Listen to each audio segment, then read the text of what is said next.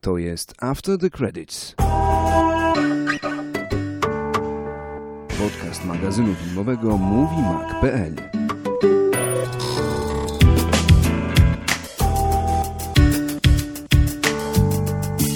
Witajcie drodzy słuchacze, 11 odcinek After the Credits, y, odcinek y, podcastu bloga moviemag.pl, jak głosi nasza czołówka bloga, jak y, niektórzy, a w zasadzie to sporo całkiem osób zauważyło, który świecił pustkami przez ostatnie miesiące. Wszyscy zauważyli. Wszyscy.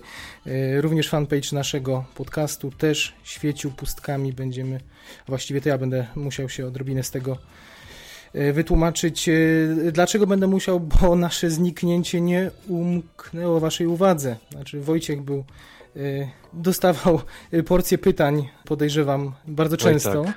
Y, Co z nami? No i biedny nie, nie, nie wiedział, co odpowiedzieć w zasadzie. Ja tych pytań dostawałem odrobinę mniej, bo im mniej mnie było w internecie, ale, ale te pytania też przychodziły i, i równie podobnie jak Wojtek też nie bardzo wiedziałem, co odpowiedzieć, ale, ale tym, którzy pisali jakieś e, wiadomości e, prywatne, czy przysyłali maile, to starałem się naj, na, na tyle, na ile to możliwe odpowiadać, co tam z nami, i, e, a przede wszystkim, kiedy możecie się nas nas e, spodziewać. Także e, może po pierwsze, zanim, zanim za, za, zaczniemy się, czy zacznę się tłumaczyć, to, to podziękuję za, za te wszystkie dobre słowa, bo takie, takie przeważały, znaczy takie, w zasadzie tylko takie były, nie usłyszeliśmy, na szczęście, nie wracajcie już, spalimy was na Dzięki stosie. Bogu. Dobrze, że was nie ma, tak, tak, tak.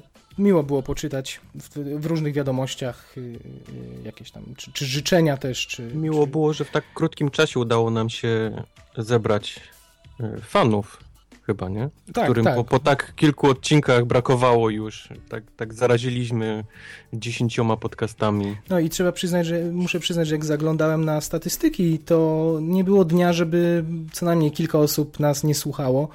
Yy, Także cały czas te statystyki sobie żyły. Yy, To pozwalało nawet nam na tyle, na ile yy, rankingi iTunesa są wiarygodne. Nie, znamy się na tym Nie za są. bardzo, ale, ale bywały dni, że, byli, że windowały nas nawet do pierwszej czwórki, trójki podcastów o, o filmach i rozrywce w Polsce. Także bardzo wam, wam też za to dziękujemy, że, że cały czas nowe osoby przybywały. Być może niektórzy słuchali archiwalnych odcinków w, w oczekiwaniu. Tak. I, I no i te maile, wszystkie wiadomości, sł- słowa jakieś otuchy, czy, czy po prostu tego, że cierpliwie czekacie, no to też dawały nam jakiegoś kopa, żeby pracować nad tym, żeby móc wrócić, a nie, a nie zrezygnować z nagrywania. Także bardzo, bardzo y, za to wszystko dziękujemy. Y, I y, no, cóż możemy powiedzieć? Y, Chyba nie za wiele, bo jesteśmy podcastem o filmach, a nie o, o życiu, więc, więc skupiamy się na filmach. Y, Słuchajcie, no, najkrócej rzecz ujmując, y, sprawy rodzinne, które, które Mhm. mocno pozmieniały pozmieniały dużo rzeczy i po prostu no, nie byliśmy z Wojtkiem Czas w, pier- zabrały. w, pierwszych tygodniach czy, czy, czy, czy miesiącach zabrały w zasadzie 100% wolnego czasu, a no a potem trzeba było pomyśleć nad tym, jak to wszystko na nowo poukładać, żeby znaleźć czas na nagranie, bo, bo przecież chyba większość osób zdaje sobie sprawę, że to nie jest tylko te czasem dwie, czasem trzy, a czasem też cztery godziny, bo i tyle nam zabierało nagranie, Mhm. ale, ale to są też godziny, żeby, żeby to wszystko przygotować, potem zmontować, zrobić No e, to jest okładkę. też czas na obejrzenie filmów, prawda? O właśnie, i to jest druga kwestia.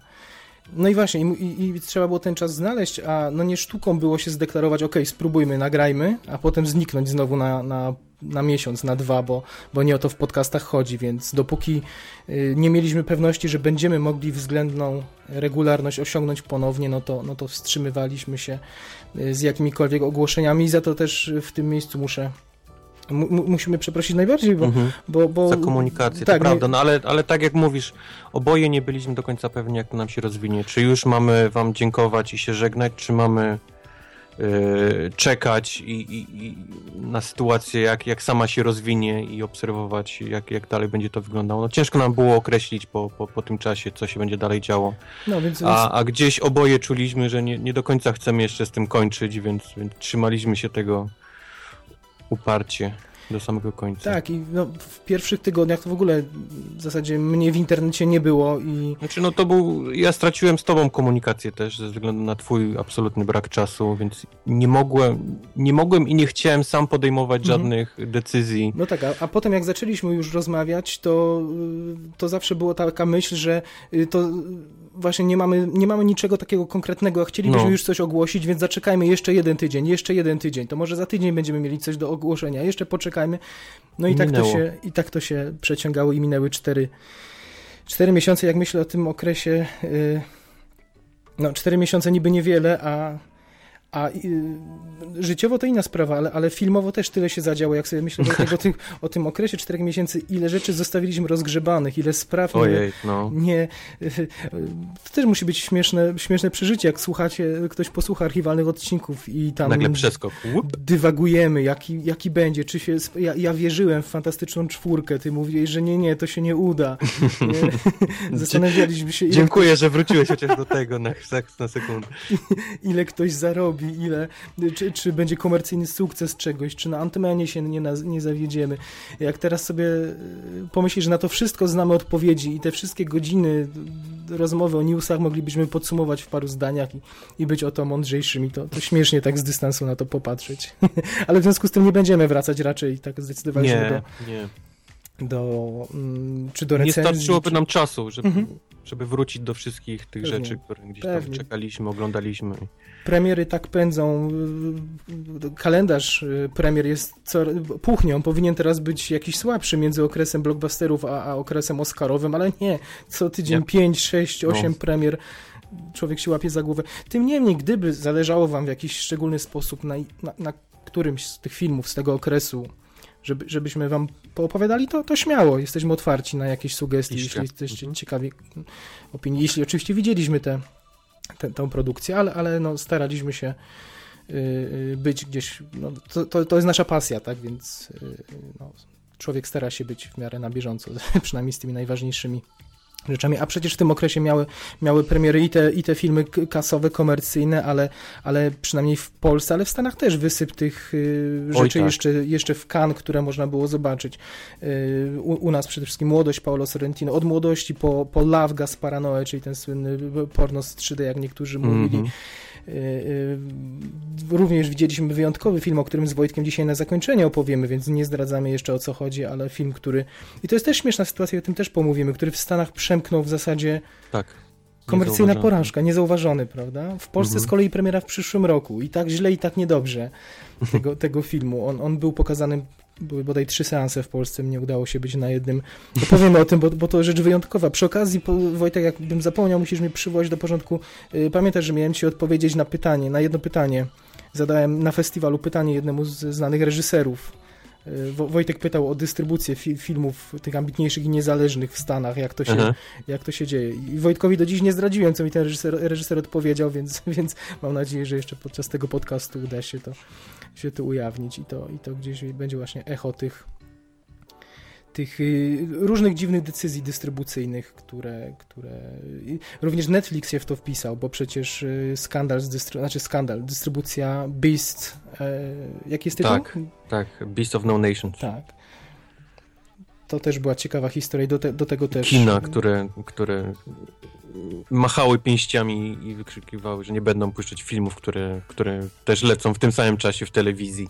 No właśnie, a sytuacja, a sytuacja zdaje się być coraz bardziej powszechna, prawda? Mm -hmm, Trochę zmierzamy mm -hmm. do tego, ale to nie ubiegamy. Myślę, że przy okazji właśnie tego ostatniego filmu chwilkę o, o ogólnie o, o takim kinie, ambitniejszym kinie niezależnym opowiadamy. Także słuchajcie, no, no, nie będziemy was katować filmami sprzed y, dwóch, trzech miesięcy, co najwyżej z ostatnich dwóch, trzech tygodni, tak sobie założyliśmy, że dzisiaj spróbujemy sięgnąć y, pamięcią, co tam ostatnio w Polsce się pojawiło i takim najdalszym przedstawicielem tych filmów będzie, będzie co chyba zrozumiałe, ostatni James, Powiedz, Bo James Bond. jeszcze, czy, czy nagrywamy regularnie, czy znowu znikniemy po... Właśnie, y, no ustaliliśmy wspólnie, że taka, taka deklaracja tej względnej regularności, czy nie możemy obiecać, że to będzie co dwa tygodnie, ale myślę, że nie rzadziej niż co trzy tygodnie, że te trzy tygodnie mhm. to jest taki plan minimum przyzwoitości, który, który nam nakazuje, no, no żeby się z wami spotykać, że, że, że no, bo co miesiąc trochę nie ma sensu, prawda? Nie, nie, nie.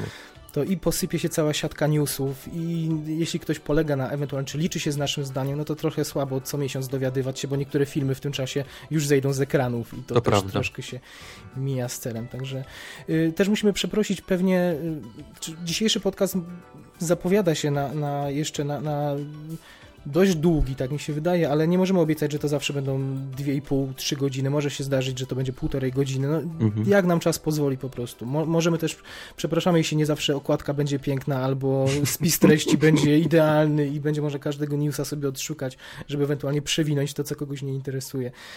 No nie w tym momencie.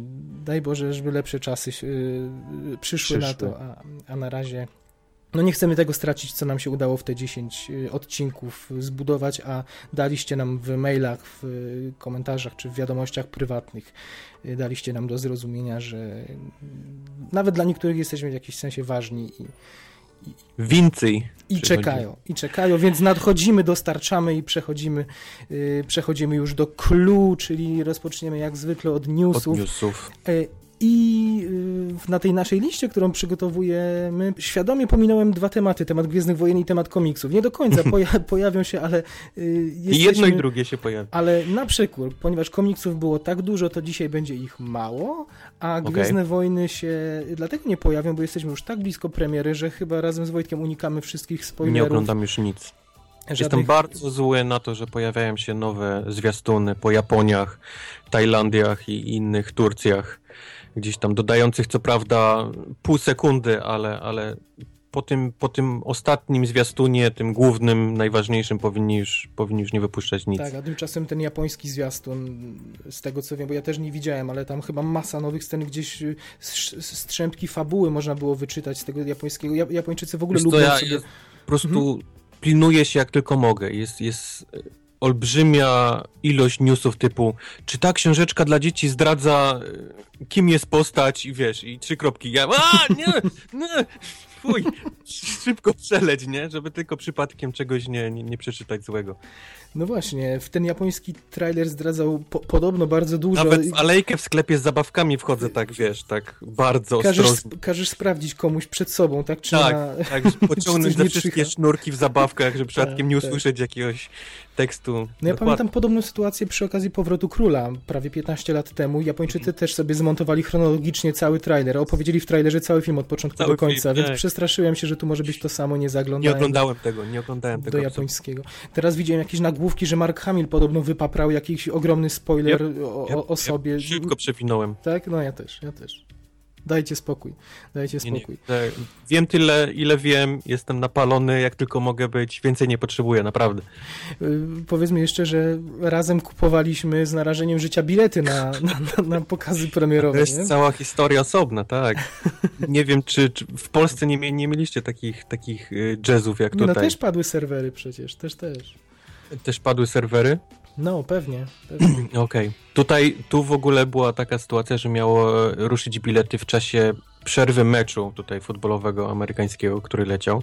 Nie wiem dlaczego, to te, te, ta sprzedaż ruszyła dużo wcześniej, bo, Mhm. bo zaraz po tym jak się, jak się mecz zaczął. Pół sekundy po tym jak ruszyło, e, padły absolutnie największe i wszystkie te, te online'owe sklepy z biletami. Więc ja gdzieś tam odświeżając po prostu miliard razy stronę, po, po kawałku szedłem, wiesz, od zaznaczenia biletów, godziny, ilości osób i tak dalej, i tak dalej. To wszystko trwało tak z 4 godziny, klikając odświeżając. Doszedłem w końcu do, do, do kupna biletów. Ale jaka satysfakcja potem, nie? Że się ma. Stary, ja byłem po prostu cały mokry. Leżałem, leżałem po prostu jakbym po jakimś, nie wiem, treningu co najmniej. Była wojna. No, no u nas to samo. U nas kina dodawały pojedynczo se- seanse, więc ludzie też jednocześnie na fanpage'ach ich atakowali. Dlaczego nie ma seansów nocnych? Oni dopiero je dodawali. Więc ja kupiłem najpierw na seanse wieczorne, piątkowe. Potem nagle uruchomili e, nocne seanse z czwartku na piątek. No to oczywiście też musiałem kupić. A z- bilety znikały co sekundę. Po prostu taka rozchodziło się. jakby się mleko rozlewało po prostu. Coraz gorsze, coraz gorsze miejsca. No. A ciągle A wyskakiwały widzisz, bo ty jesteś w dużo lepszej sytuacji, bo ty masz konkretne no miejsca. tak. Ty idziesz, wiesz, ty idziesz, możesz przyjść 5 minut przed Tak. filmem, siądziesz i jesteś. Ja będę miał taką sytuację, że będę musiał iść pół dnia przed tym, stanąć w kolejce i modlić się, żeby nie być na tym, wiesz, Tak. najgorszym krzesełku z przodu po lewej. No tak. No tak, ale świetnie. Obaj mamy, obaj mamy co najmniej. Ja mam na Mam. dwa seansy, ty masz chyba na Mam cztery. cztery, tak? No, mhm. To jest w ogóle. No ale to. To chyba pokazuje skalę zaangażowania. To tak właśnie 4 do 2, jeśli chodzi o bycie fanboyem Gwiezdnych Wojen, tak? tak mi No, się wydaje. czwartek, piątek, soboty i niedzielny. Wspaniale, wspaniale. Gorzej jak film będzie kiepski, to Aj, cicho! będziesz, będziesz potem... Odpukaj. Nie no, nie, nie będzie. To ja tu jestem tym niepoprawnym optymistą, nie? To... Ale chyba ty też wierzysz po, po finalnym dobrze. trailerze. że Będzie, będzie dobrze. będzie dobrze. Więc dzisiaj y, no, wyszła nam opowieść o biletach, ale jedynym newsem, jakim mieliśmy z wami do powiedzenia, był news y, troszkę żartobliwy. Mianowicie J.J. Abrams ustosunkował się do swojego ulubionego efektu wizualnego, czyli do tej słynnej flary, którą stosował nabożnie w y, Star Trekach i, i w Super 8 i w, i w zasadzie Mhm. w każdym W każdym filmie, ale myślę, że w Star Treku tak po, popłynął No, na, konkretnie. naliczyli mu, że w drugiej części Star Treka ponad 800 razy użył Tak, efektu tak, flary. Tak, tak, tak, tak, no. I, co on tam takiego powiedział? Yy, No powiedział tylko tyle, że się postara ograniczyć. No. Mhm. Troszkę obrażając Zobaczymy, chyba, jak, jak dużo, wiesz, jak on potrafi się ograniczyć, ile to, jaka to jest ilość flar. troszkę obraził fanów Star Treka, bo powiedział, że yy, no, nie będzie opierał na tym bajerze, cy- cytuję, tak, filmu, ponieważ chciał się skupić na historii. No to gratuluję, że w Star Treku nie miał ochoty Jak nie miał się na historii, oparł się na bajerze. Tylko flara, flara, flara, tak, ale, ale Dan Milde, y, Mindel, który jest na- nadwornym, można by powiedzieć, operatorem J.J. Abramsa i Mhm. współpracował z nim przy większości jego filmów, y, ukuli sobie takie powiedzonko, ilekroć miałby pa paść w ogóle temat flary, to mówi, to nie są flary, których szukamy, czyli parafraza słynnego cytatu Tak. Bena Kenobiego i, i w ten sposób możemy zamknąć temat Gwie- Gwiezdnych Wojen. I o komiksach mieliśmy nie mówić, no ale nie mogę cię nie zapytać, Wojtek, jak ci się podoba e, trailer, który y, dzisiaj nad ranem w Polsce, a u ciebie wczoraj wieczorem się pojawił, czyli, czyli Civil War Captain America. Jak ci się podoba? Jak ci się podobają się pierwsze podoba. fragmenty? Bardzo mi się No, podoba. rozwiń, rozwiń. E, Podoba mi się to, że dalej czuć e, ducha poprzedniej części, a to już dobrze wróży, Mhm. czyli, czyli Winter Soldier. To, to, to jest chyba dalej mój ulubiony film Marvelowy, Okej. jeżeli, jeżeli się zastanowię, więc cieszy mnie to, że, że mm, nie pachnie e, Age of Ultronem, tylko Mhm. pachnie właśnie Winter Soldierem. No tak, to mi się podoba. zostawili najwidoczniej wolność artystyczną jednak braciom Russo i, i wbrew temu, co Mhm. Wedon zda, zdawał się sugerować, że jednak są ogro- jest jakiś ogromny wpływ, no to tutaj chyba zaufanie do nich Kevin Feige dalej ma i, i ten styl jest, jest widoczny, to co mówisz Zgadza się. Zgadza się. Y, Na, na, jeszcze prze, przerwę ci, bo przypomniało mi się, muszę o tym powiedzieć, y, tytuł w Polsce. Jak jest tu... Tytuł jest, tytuł jest Tak, fantastyczny. wszyscy no, mówili, że to ma być y, Kapitan Ameryka Wojna Domowa, a tutaj nie. Okazuje się, że w Polsce ten tytuł będzie brzmieć Kapitan Ameryka Wojna Bohaterów. Bohaterów. Jakiś- Pani czuje, czuje ten. Gałązkę panią Salamon. Gałązkę Salamon, no. Pozdrawiamy panią, ale to nasza stała słuchaczka, na pewno czuje to. Mhm. Y, Wojtek, dalej jeszcze, co, co tam byś wyróżnił w tym tra- trailerze? Ja się spodziewałem troszkę większego rozmachu. Znaczy jasne, że to jest pierwszy, pierwszy fragment, ale... A widzisz, właśnie mi się podoba to, że skupili właściwie cały Mhm. zwiastun tylko na, na problemie, który się rodzi gdzieś tam między kapitanem Ameryką, Steve'em Mhm. Rogersem, a, a Tony Starkiem, czyli Iron Manem. Mhm. I właściwie od tego się zaczyna i tym się kończy e, wybuchowo. Ten, ten. To jest e, dobre, dobre posunięcie dla ludzi, którzy nie wiedzą tak naprawdę o co chodzi w Civil Mhm. War, czym, czym jest komiks i na czym polega. To pokazuje idealnie, że, że to będzie film, który skłóci. No tak, bo nastawiają i że dlaczego, co się stało, prawda? Mhm, Buduje, buduje za- zainteresowanie. Jasne, ja nie mówię tutaj, że nie podoba mi się ta y, kameralność tego filmu, bo ja sobie cenię y, też te skromniejsze filmy Marvela, tylko po zapowiedziach, jak wiele postaci ma się pojawić y, y, i, i po tych spektakularnych, nie wiem, zdjęciach z planów zbudowanych, z planów Mhm. zdjęciowych i tak dalej, to wydawało się, i tak też mówiliśmy na poprzednich odcinkach, że to takie Avengers 2,5 będzie. Mhm. Y, A tutaj się wydaje, że jednak ta ilość bohaterów nie przysłoni dramatu i, i może być znowu powrót do dobrej formy Marvela po, po tym no, klopsie, którym się okazał, okazał Ultron. Nie? No. Znaczy tam miała być rozwałka, a tutaj najwidoczniej znowu będziemy rozwijać fabułę i i te, a czy coś cię, coś cię zaskoczyło w takiego, nie wiem, w, w, względem komiksów na przykład? Czegoś, czego się nie spodziewałeś, jakieś nawiązanie, że o, E, wiesz co, tak dobrze już wiedziałem o czym będzie film, że, że nie będę udawał, że, że zaskoczyło mnie coś w stosunku do Mhm. komiksu. Komiks jest całkiem inny. Tam jest, tam powiedzmy ta historia e, tego konfliktu jest Tak, troszkę całkiem na czymś inna. innym jest ten konflikt zbudowany, to tak, prawda. tak, Mhm. tak, tak. Tutaj, tutaj wreszcie właściwie możemy zobaczyć i połączyć znowu z poprzednimi częściami, czyli możemy zobaczyć, dlaczego Iron Man jest po tej stronie, po której jest, prawda? Czyli sam namieszał z Ultronem i, i, i nie ufa już sam Mhm. sobie, nie ufa nikomu i stara się, aby ta ustawa o legalizacji superbohaterów przeszła. Mhm. Widzimy też, e, e, dlaczego kapitan jest, e, ma takie stanowisko, a nie inne. No, broni swojego najlepszego przyjaciela, który zostaje niesłusznie, tak mi się wydaje, zgaduję w tym filmie, oskarżony, jakieś tam wybuchy też pokazują je. E, więc no, no ciekawe, to, to mnie bardzo ciekawi. I muszę ci przyznać, że mnie się przede wszystkim dobrze te sceny dialogowe oglądało w tym trailerze. Co u Marvela nie jest zawsze E, Świetna nie jest scena, w której wchodzi Iron Man, prawda? Mhm. I mówi, dla, czemu masz tarczę, nie? Przede Mhm. mną. No, no, kapitan, no długi, długi, ty, długi dzień, I prawda? ciary, i ciary. Ale wtedy. wiadomo o co chodzi. No, I muzyka też bardzo dobrze podłożona. Nie wiem, czy to jest już.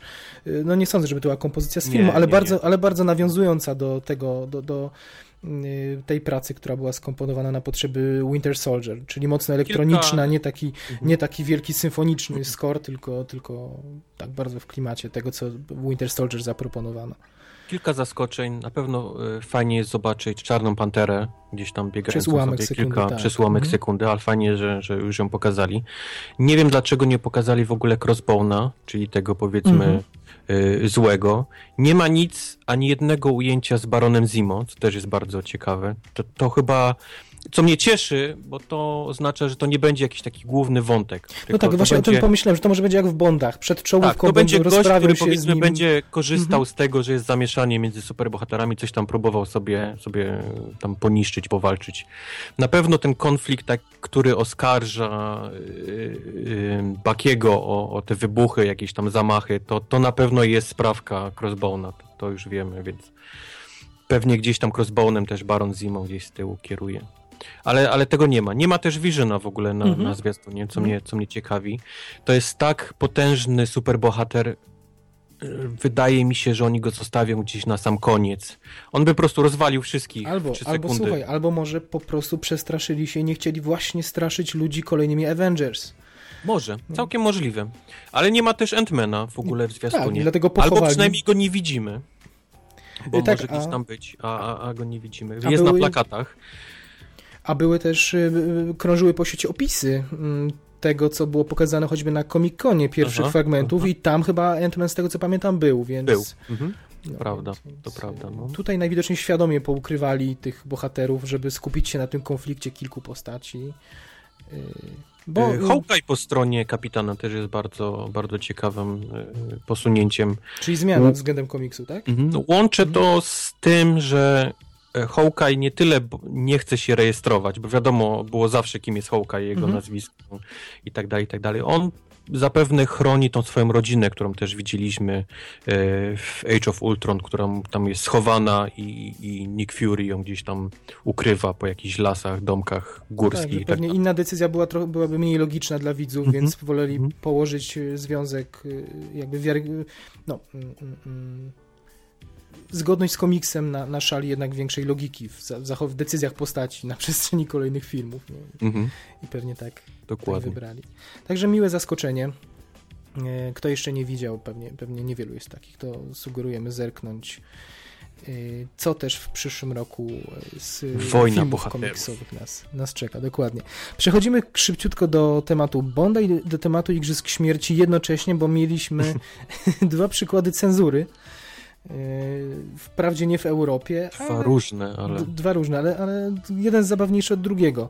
Czy nie, może nie, może nie. Jeden, te Igrzyska Śmierci może nie są zabawne, znaczy Nie są zabawne. zabawne o tyle, że coś takiego jeszcze na świecie się dzieje, nie? Ale, ale, ale powiedzmy o co chodzi.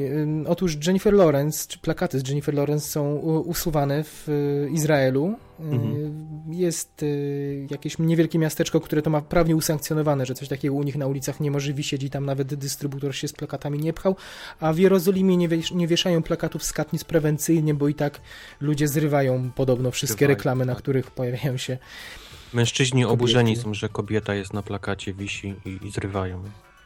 Więc ja wiem, że u nas zdarzają się skargi do jakiejś rady etyki na, na nie, niemoralne reklamy, deprawujące, sugerujące jakieś rzeczy. To się jeszcze w Polsce zdarza. Ktoś wyleje farbę na, na jakąś reklamę. Też się zdarza, ale, ale to są incydenty, a nie żeby, żeby... No skoro dystrybutor nie wiesza plakatów w całym mieście, to znaczy, że to musiała być nieźle zorganizowana akcja mm -hmm. i, mm -hmm. i zrywanie w całym... E, także no, troszkę, troszkę okej, okay, no inny, inny region kulturowy, trzeba Dokładnie. się z tym pogodzić. Nie? Ale to też jest ciekawe, że mimo wszystko dystrybutorzy się pchają w takie miejsca, prawda? Że da się takie przeciwności przezwyciężyć.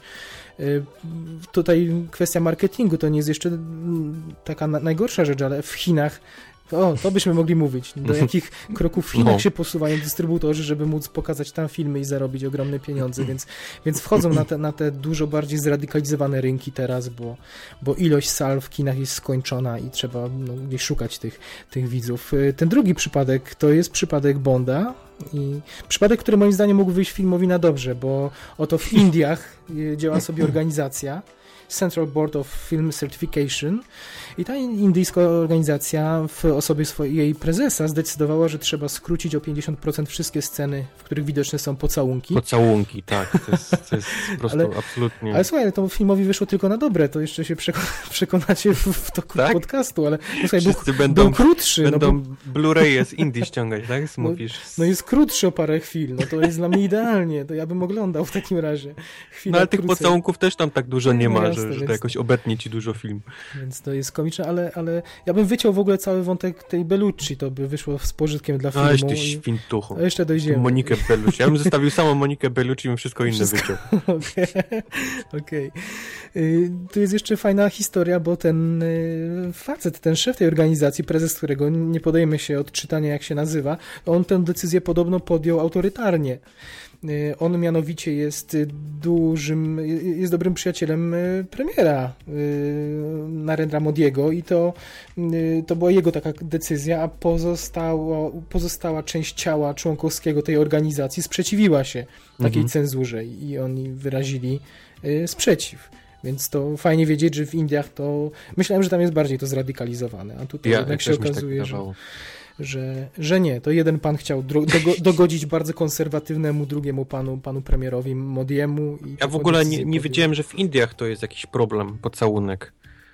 No właśnie, myśląc o Bollywood, prawda? Wydaje mi się, no. że, że... No, oni te filmy, gdzie oni się tam całują, tańczą, całują, znowu no. tańczą, tańczą i całują, a tu nagle w Bondzie i, i przecież wiem, może, musieli o 50% poobcinać, bo... Może, nie wiem, z automatu europejskie kobiety skąp, bardziej skąpo odziane to są grzesznice, się kwalifikują. Nie wiem, nie chcę gdybać, bo jeszcze nas ktoś oskarży no tutaj o, o, jakieś religijne prześladowania, a to teraz temat jest y, też drażliwy, więc, więc może przejdźmy już dalej, ale takie, takie y, no, temat cenzury nie mogliśmy nie, o nim nie powiedzieć. Przechodzimy do tematu zabawniejszego yy, i na pewno mniej szkodliwego. Shia LaBeouf, yy, nasz ulubiony aktor. LaBeouf. Jego yy, hashtag All My Movies, czyli trzydniowy performance, jakiego, na jaki się zdobył. Jak to Wojtek oceniasz w ogóle? Zanim opowiedz może, co to było i, i, i co ty o tym sądzisz? Znaczy myślisz, że to było że co to było? To, to, to była sztuka, to był performance, to znaczy, sztuka współczesna, to był żart jakiś? To, że Shia LePouf oszalał, to już wiemy od jakiegoś czasu. On, on próbował różnych takich myków flashmobowych, y, które chciał gdzieś tam pod sztukę podpinać już od jakiegoś czasu. No, mhm. no, papierowe torby na głowie. Tak, na premierze. Nie tak, mhm. nie jestem sławny, czy, y, czy jakieś inne, już nie, nie mogę sobie teraz dokładnie przypomnieć, bo, bo szkoda nawet w pamięci na, na co no. no ja pamiętam, że zaczęło się chyba od tego, że nakręcił jakiś film krótkometrażowy, wysłał go na festiwal, a potem stwierdzono, że to jest plagiat tak. udowodniono mu to, na co on wydał oświadczenie, które to oświadczenie było też plagiatem i które tak. chyba głosiło, że ten film jako plagiat miał być właśnie y, wydarzeniem artystycznym, że to wszystko było zamierzone, więc pogubił się gdzieś chłopak. Y, potem była ta, ta słynna torba na głowie, z którą potem z tą torbą chyba do jakiejś galerii sztuki poszedł i każdy później mógł... Tą... przez długi czas y, jeździł po pijaku po Los tak, Angeles, tak. później biegał w różowych leginsach z jakimiś różnymi napisami na tyłku. No, on próbuje co może, żeby gdzieś tam jeszcze zaistnieć e, w, w, mediach, bo, bo w filmie już mu niestety nie idzie. No, no Shia LaPouf oszalał, ale... Ale fajna akcja, poszedłby, żeby ale to mu wyszło, miał... Ale no. to mu wyszło, muszę przyznać. No bo powiedzmy o co chodzi. Chłopak wynajął na trzy dni salę kinową i oglądał swoją całą filmografię. Chyba w, w chronologicznej kolejności. Od, od najnowszych do najstarszych oglądał. A, w ten sposób, okay. e, tak, powiedzmy od końca, nazwijmy to mhm. E, oglądał ją bez większych przerw, wiadomo, jakieś siku, jedzenie, ale, ale właściwie non-stop przez, przez trzy dni oglądał Ale widzisz, to, to, że oglądał od końca, to by tłumaczyło, że na początku zdarzyło mu się regenerować siły i przysypiać, bo to był okres Transformersów, a potem jakby te siły odzyskał i było z czasem dużo lepiej zamiast mm -hmm. dużo gorzej. Mm -hmm.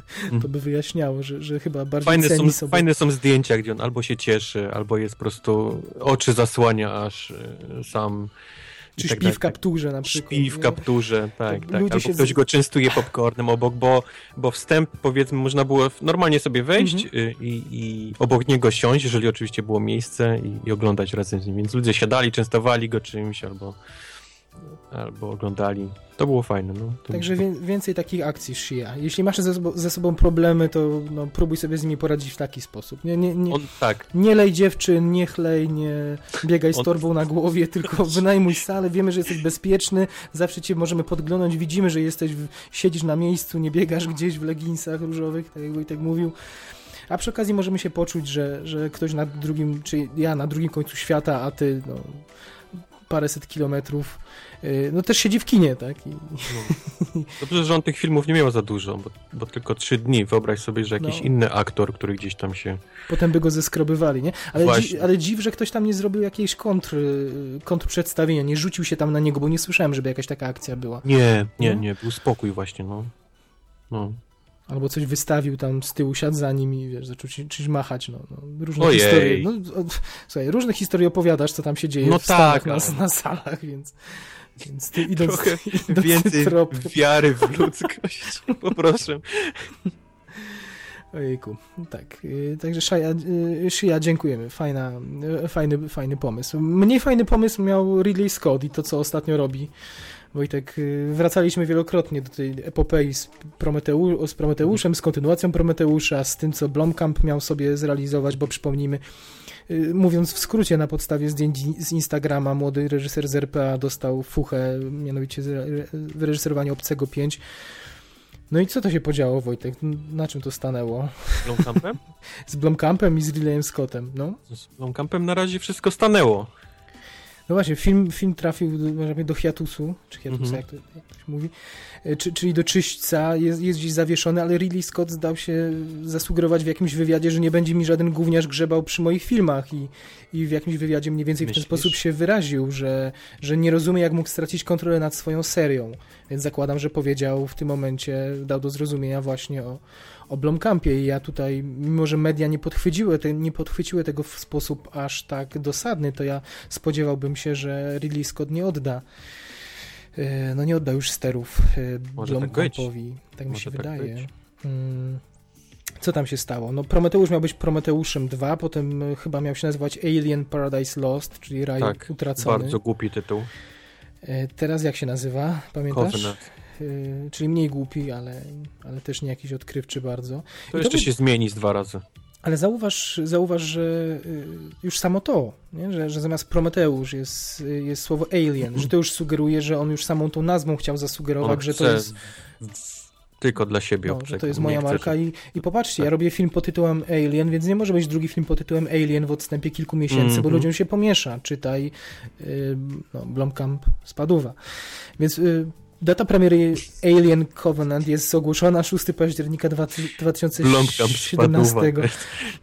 To jest strasznie smutne, no bo chłopak wykonał no smutne, no. ogrom pracy. Widać, że był strasznie zaangażowany. Obaj wyrażaliśmy przekonanie, że dużo bardziej jesteśmy ciekawi jego pomysłu niż tego, co nam Ridley znaczy mam wrażenie, że, że dzięki e, szarym ludziom, takim jak my, nie? Gdzieś dostał tą propozycję, mhm. bo, bo, zobaczyliśmy te zdjęcia na Instagramie i się pisało, tak, mówiło tak. o tym i, i, on faktycznie to dostał tak, i nagle rację, go... bo to świat zareagował na tak, to. Tak, tak, tak. zdjęcia, to jest Nie jakieś tam studia czy coś, tylko powiedzmy my wiesz, jakoś go tam do tego, do tego filmu dopchaliśmy, a nagle przychodzi sobie Ridley Scott i wiesz, Blumkamp spadł. Tak. No i nie wiem, czy, czy czytałeś te wypowiedzi z wywiadu, przecież jeszcze jakiś czas temu Ridley się odżegnywał, że te elementy obcego w Prometeuszu to są rzeczy trochę dodane na siłę, bo on chciał, już nie chciał się babrać w mitologii mhm. obcego, chciał zrobić y, coś o, o tych inżynierach, czy o tej, o tej filozofii Danikena, y, a że studio troszkę wymogło na nim, żeby te elementy Aliena dodać na jakimś późniejszym już etapie i trochę tak to wyglądało i to nagle zmiana o 180 stopni i nagle to już nie jest Prometeusz, tylko Alien i to ma historia ma w ogóle opowiadać o tym, zmierzać do tego, skąd się wziął obcy na, na statku no. Nostromo. Także Ridley, biedny staruszek, któremu zawdzięczamy, no jest y, kamieniem milowym rewolucjonistą gatunku horroru i, i science fiction, science fiction hybrydy. No. Tych dwóch Czemu gatunków. tam tego drugiego tytułu nie chce ten odzyskać? Tupnąć nóżką i powiedzieć, że nikt mu nie będzie w...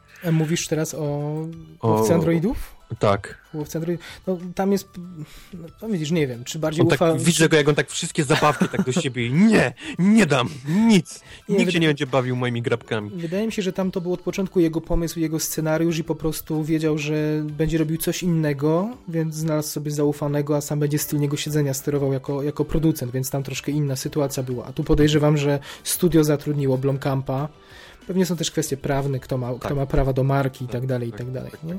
A tutaj widocznie Ridley potem się postawił studiu i, i troszkę nie mieli wyjścia z tym, z tym Alienem. Niby nie miał aż takiej kontroli, a, ale jednak. I mnie się też tak wydaje, że on się mógł przestraszyć, bo popatrz, y, no niezbyt cenimy jego ostatnią filmografię, to co ostatnio, to ostatnio tworzył w ostatnich latach. Marsjanin, o którym no, no, nie opowiemy, bo jest już filmem wiekowym, można by powiedzieć. Nie zachwycił tak, jak powinien chyba. Nie, nie, był ok. Ale... Był ok, prawda? Ale, ale to był samograj. No, dostał książkę samograja, którą, której nie dało się zepsuć i nie dodał tam moim zdaniem nic ponad to, co, co chyba w książce jest po prostu. Mam wrażenie, że każdy inny by nakręcił to yy, tak, Ciekawie, nie? Tak jak, Jakiś, no. Ale że, że, tak, że, tak, masz rację, że każdy inny nakręciłby tak samo, a jakby się zabrał za to ktoś z głową, jakiś wizjoner, to mógłby zrobić coś, Nawet tego, lepiej, coś no. interesującego, no. dodać coś od siebie. A Lily po prostu Y, wybrał bezpieczny film, po, ponieważ po kilku porażkach y, o, ostatnich, no, potrzebował takiego bezpiecznego projektu, którym wróci do gry. Nawet, nawet mówił to w wywiadzie tym ostatnim, mhm. gdzie, gdzie padła ta nowa e, nazwa. nazwa filmu, że m, to był okres, kiedy nie mieli absolutnie fabuły do, do Aliens. Chcieli kręcić, ale jeszcze nie mieli. Potrzebował coś, żeby się powiedzmy na chwilę oderwać mhm. i, i, i, wyczyścić głowę, przeczyścić i wtedy wpadł mu właśnie w scenariusz do Marsjanina, którego mówi, że przeczytał chyba w godzinę, półtorej, jakoś tak i, i zdecydował się momentalnie. No pewnie wyczytał, nie, że to jest historia dość prosta do, do zekranizowania. Tak, to chyba w ogóle miał, tak, jeśli dobrze pamiętam, Drugodart chyba pisał scenariusz, miał tak. reżyserować i nagle Ridley mu projekt dziabnął. No, czy nie, no nie wiemy, czy, czy oddał, czy, czy jakieś tam inne zakulisowe rozgrywki były, y, czy po prostu się z kolegą swoją pracą podzielił, a sam poszedł do jakichś innych projektów. No fakt faktem, że, że to Studio Fox miało prawa do książki i pewnie mogło zdecydować, kto finalnie ten film zrealizuje. No i co? I słuchaj, i, i podejrzewam, że się przestraszył po prostu, że y, podejrzewam, że już od kilku lat ma jakiś taki, taki no, obawia się o to, czy jeszcze uda mu się stworzyć, jak wielu artystów, prawda? Luc Besson tak mhm. miał, tak miał James, y, James Cameron. Oni no, boją się, że nie, nie będą w stanie przeskoczyć swoich tych największych dzieł. Siebie. Siebie no. samych i mam wrażenie, że Ridley też się boi. W związku z tym Bezpieczny Marsjanin, który słabym filmem przez to, jaka książka jest, być nie mógł i, i po prostu był, był poprawny, a teraz się przestraszył, że dzieciak, który wprowadzi obcego na przestrzeni kilku miesięcy od premiery kontynuacji Prometeusza, że po prostu pokaże Ridleyowi, gdzie jest niestety jego miejsce i no i tyle. I pewnie nie wytrzymałby Ridley konfrontacji z, film, z filmem mhm. Blomkampa, a przynajmniej tego się podejrzewam bał i, i stąd te wszystkie ruchy. Nie, tak. nie wiem, czy, czy masz jakąś inną teorię może? Nie, czy... podobnie to widzę. Podobnie widzę, że bał się, bał się nie tyle straty marki, co bał się, że właśnie, że film się okaże lepszy pod innymi skrzydłami niż pod jego. Co ciekawe, w ostatnich dniach jeszcze uaktywnił się Michael y, Bien, tak? Dobrze mówię? Dobrze, dobrze Mhm. wymawiam? Czyli aktor z już klasycznych filmów z części obcym, który miałby się pojawić w tej nowej wersji Blomkampa, który wie całkiem, wiedział całkiem wiele o tej, o tej wersji i faktycznie on zasugerował, że, że te filmy Blomkampa faktycznie, to co myśmy zaprzeczali w jakimś, w którymś momencie, bo sam Blomkamp się odżegnywał od tego, że faktycznie miały zanegować istnienie trzeciej i czwartej części, że faktycznie tak miało być, że y, bohaterką miała być y, ta młoda dziewczyna Newt. Tak. Y, I to byłoby fajne, bo wprowadzenie no, nowej, żeńskiej, takiej silnej heroiny byłoby bardzo mile widziane. Więc no ta, ta Naomi Rapace, sierota w Prometeuszu, no ciężko o niej mówić jako o pełnoprawnej następczyni Ellen Ripley, nie? No, No, więc y, Michael Bien y, mówi y, bezpieczniej, że ma wielką nadzieję, że jeszcze ten film Blomkampa powstanie i jemu się wydaje, że to jest tylko na jakiś czas odłożone, że, że rozumie, że te filmy miały mieć podobny klimat i że film Blomkampa jest tylko opóźniony. A jaka Zobaczy. jest prawda? Zobaczymy. Y, Króciutko o Fantastycznej Czwórce 2, już wspomnieliśmy wcześniej. A ty, ty, Wojtek, nie gadaliśmy o tym. y, nie. Ty byłeś w ogóle na... Czy widziałeś, czy nie widziałeś? Widziałem w końcu, Widziałeś, tak. tak? No. Piękny koszmarek. Piękny koszmarek, no ale ja powiem ci, że jakoś tak perwersyjnie lubię ten film, wiesz? Po, tak? tych, po tych wszystkich informacjach, po tym, że staliśmy się niemal ekspertami w dziedzinie tego, co tam się działo na planie, no dobrze jest coś takiego obejrzeć, bo film, w którym widać jak na dłoni te wszystkie łaty, te wszystkie sklejki, to wszystko jak to było nieporadnie ratowane, No. E, to ja, wiesz, jak jest się jakoś bliżej związany z tą, z tą branżą filmową, to, to dobrze jest czasem obejrzeć y, coś, co pokazuje, że nawet za wielkie pieniądze nie wszystko się udaje, nie? I że jest potrzebna naprawdę ogromna współpraca, że kino to jest praca zespołowa, że już jest, żyjemy w takiej epoce, że y, minęły chyba czasy kina indywidualistów, kina, czy nawet powie, powiedziałbym dalej arcydzieł, bo, bo najczęściej arcydzieła były tworzone jednoosobowo. Ktoś miał jakąś wizję i po prostu parł do niej do przodu. Tutaj Josh Trank miał jakąś wizję, która potem została storpedowana albo przez studio, albo przez niego samego i jego On zachowanie. chyba sam sobie to Nie, storpedował. To No. już wielokrotnie o tym, o tym rozmawialiśmy. Yy, No więc dowiadujemy się, yy, chociaż chciałbym, chciałbym bardzo pogadać o Fantastycznej Czwórce 1, Mhm. ale, ale nie, nie, takie mamy ustalenia, że nie wracamy, Yy, więc yy, tylko tyle. Fantastyczna Czwórka 2 wypada z planów studia 20th Century Fox, które jeszcze nie tak dawno w osobie Simona Kimberga komunikowało, że nie, że ten film, że ta marka ma dalej potencjał, że ten film nadal Mhm. ma szansę na powstanie. No niestety. Kolejny, kolejna fantastyczna czwórka, która gdzieś zamykają szybko, żeby nikt nie widział. Y, Podejrzewam, że ten y, slot, który się zrobi na 2017, że zajmie Gambit to miejsce, prawda? Bo Gambit miał mieć premierę w 2016, Mhm. tam y, reżyser Rupert Wyatt zrezygnował, mieli już wchodzić na plan. Teraz Doug Liman robi Gambita, ale to wszystko się przez to poopóźnia. Doug Liman, czyli twórca The Edge of Tomorrow, Tak. bardzo zacnego filmu z Tomem Cruise'em. Y, No, więc podejrzewam, że, że właśnie ten slot y, czasowy na premierę zajmie właśnie Gambit, jako że i to, i to to jest to jest studio, studio Foxa. Wracamy na polskie podwórko. Wiedźmin, Wojtek, powiedz, co Ameryka mówi na ekranizację aktorską naszego towaru Nic. eksportowego? Nic, tak. Przykro mi. tak myślałem właśnie. Bo u nas Przykro. widziałeś te artykuły wszystkie, prawda? No, Wizyty w Dzień Dobry TVN, pielgrzymki twórców, Bo- najdroższy polski film w bywając historii. na, na polskim Facebooku, było Mhm. bardzo trudno nie, nie zobaczyć tego wszystkiego, tak.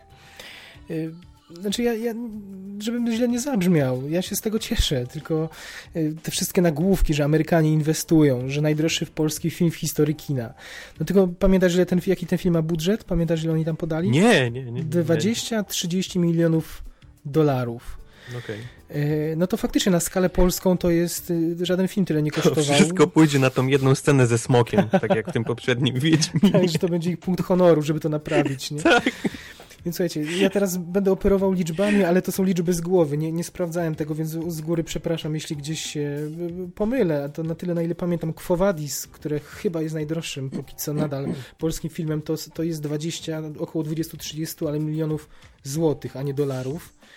Czyli A i tak dużo, gościa dużo w tych w butach sportowych. Nie no, tam to, tam to już kiedyś mówiliśmy, że tam po, poszły niezłe, nie, niezłe marmury, poszły gdzieś z, z planu, zostały przetransferowane. No nieważne, nieważne. Nie, nie, nie jeszcze pozew dostaniemy. Nie, to, to żarty, to żarty. Wink, wink. No, w każdym razie tyle kosztował. Polska, Polska najdro, najdroższa gra wideo. O Wiedźminie mówiło się, że 40 milionów chyba złotych, jeśli dobrze pamiętam. Wydaje mi się, że Bulletstorm robiony przez People Can Fly za pieniądze bądź co bądź jednak amerykańskie Epika, no. Epika to było chyba 60 milionów Jakoś złotych. Tak. Mówię, to, to, to cyferka sprzed paru lat, no ale tu mamy 30 milionów dolarów, czyli dolar teraz jest najdroższy od kilku lat, dzisiaj akurat najdroższy, ponad 4 zł. Dzisiaj akurat. Tak, tak, tak mi się wydaje, no. No, więc mamy 120 milionów złotych. No, olbrzymi, olbrzymi skok. Tylko, że to jest dalej niewiele. No. Pamiętasz ten film Super 8 J.J. Abramsa, który przywoływałem? On miał, budżet, on miał budżet 50 milionów, czyli dwa razy więcej niż ten Wiedźmin będzie miał, a przecież to było skromne filmidło dziejące się w małym amerykańskim miasteczku z jedną wielką sceną kraksy mm -hmm, i, mm -hmm. paroma minutami wielkiego potworka gdzieś biegającego. A tak to był skromny film dziejący się w małej mieścinie. A to było 50 baniek, tu ma być 30. No jasne, że w Polsce czy w Europie filmy, znaczy w Polsce nie do końca, ale, ale w Europie, w innych krajach filmy robi się taniej dzięki zniżkom, jakie zapewniają kraje, czy zniżkom podatkowym. Chociaż nie, no, Europa na pewno ma, na pewno ma, spokojnie w Polsce znajdziemy tanią siłę roboczą, jeśli o to chodzi, więc tutaj... Chyba, chyba wolałbym jakąś animację od Bagińskiego, mhm. szczerze mówiąc, mhm. niż, niż film tak naprawdę. Właśnie co on mówi? On mówi, że to, on, on, to nazywa filmem hybrydowym, ale ja jeśli dobrze rozumiem, to po prostu będzie film aktorski z dużym wykorzystaniem komputera, nie? że aha, to, to przed czym J.J. Abrams w Gwiezdnych Wojnach ucieka, to on, on troszkę jak, tak, jak Lucas z tą nową trylogią zrobił. Nie? Czyli pewnie... Chcą Warcrafta zrobić, tak żeby Wiedźmi tylko wyglądał żywo, a reszta... No widzisz, ale Warcraft może nie wygląda po trailerach za dobrze, ale Warcraft w teorii jest bardzo, w bardzo dużym stopniu kręcony jednak w naturalnych ple plenerach i tam są tylko aktorzy w, perform w performance czego capture, widać. czego nie widać. Nie, nie widać e, No, a tutaj jednak e, Plated Image specjalizuje się w e, animacjach komputerowych, więc podejrzewam, że tutaj tła będą w dużej mierze robione w komputerze i, i, i potwory również, czyli troszkę coś, od czego kino ostatnio no, odchodzi przynajmniej niektórzy. Patrz J.J. Abrams, tak? I na tym budują nawet marketing Gwiezdnych Wojen, prawda? Na tej zamiłowaniu ludzi jednak do praktycznych efektów specjalnych. No i też ta firma, nawet nie pamiętam nazwy, ta amerykańska, to są twórcy serialowi głównie, więc to, że Amerykanie zainwestują w Polsce, to, to... Tam jest jakaś pani chyba, która serial Grimm robiła, no... Mhm. Świetnie, no, to, to na pewno jest jakieś doświadczenie, ok, ale nie ma się co spodziewać, że nagle rozbiliśmy bank tym i podbijemy świat. Tym bardziej, że to co mówisz, że, że w, jednak w Stanach to nie jest ta skala, prawda? To, że gra jest popularna, to nie mhm. przekłada się, żeby, żeby nagle miliony ludzi uderzyły do sal kinowych. Niestety, póki co jeszcze. Kiedyś oglądałem recenzję filmu tutaj przez Amerykanina robionego, to było mhm. coś pięknego. Tego, tego, wiesz, tego pierwszego. Tego serialu, okej. Okay. Mhm. Serialu i filmu kinowego, tak. Tak, tak, tak, tak, tak. O, no, że to dotarło w ogóle, Boże, jakiś wstyd. No, bo to wiesz, był taki moment, że Wiedźmin był tu popularny. Mhm. Mówię o dwójce, tak? Aha. Czy jedynce w jeszcze tych czasach. E, no on jest, jeżeli chodzi o PC-towe, to no, Wiedźmin jest jednak, jednak dość znany tutaj, dość znaną, cenioną grą. Więc koleś postanowił, że skoro gra jest taka dobra, to, to ściągnie jakimś cudem film, ściągnął, obejrzał i załamał się chłopaki. Nakręcił recenzję aż tego. No. Co jeszcze wiemy? No wiemy, że aktor ma być, e, czy nie wiem, czy amerykański, czy w każdym razie anglojęzyczny. Internet podjął jednogłośnie decyzję, że chciałby Matsa Mikkelsena, e, o. Co jest niezłym wyborem, prawda? Okay. Tak, internet wy, wytypował ludzi. w co drugim nagłówku informacji o... o... Matt? Jakoś próbuje go siwiem i włos... Nie wiem. No, nie wiem. blizny na twarzy i siwe włosy. Chyba nie.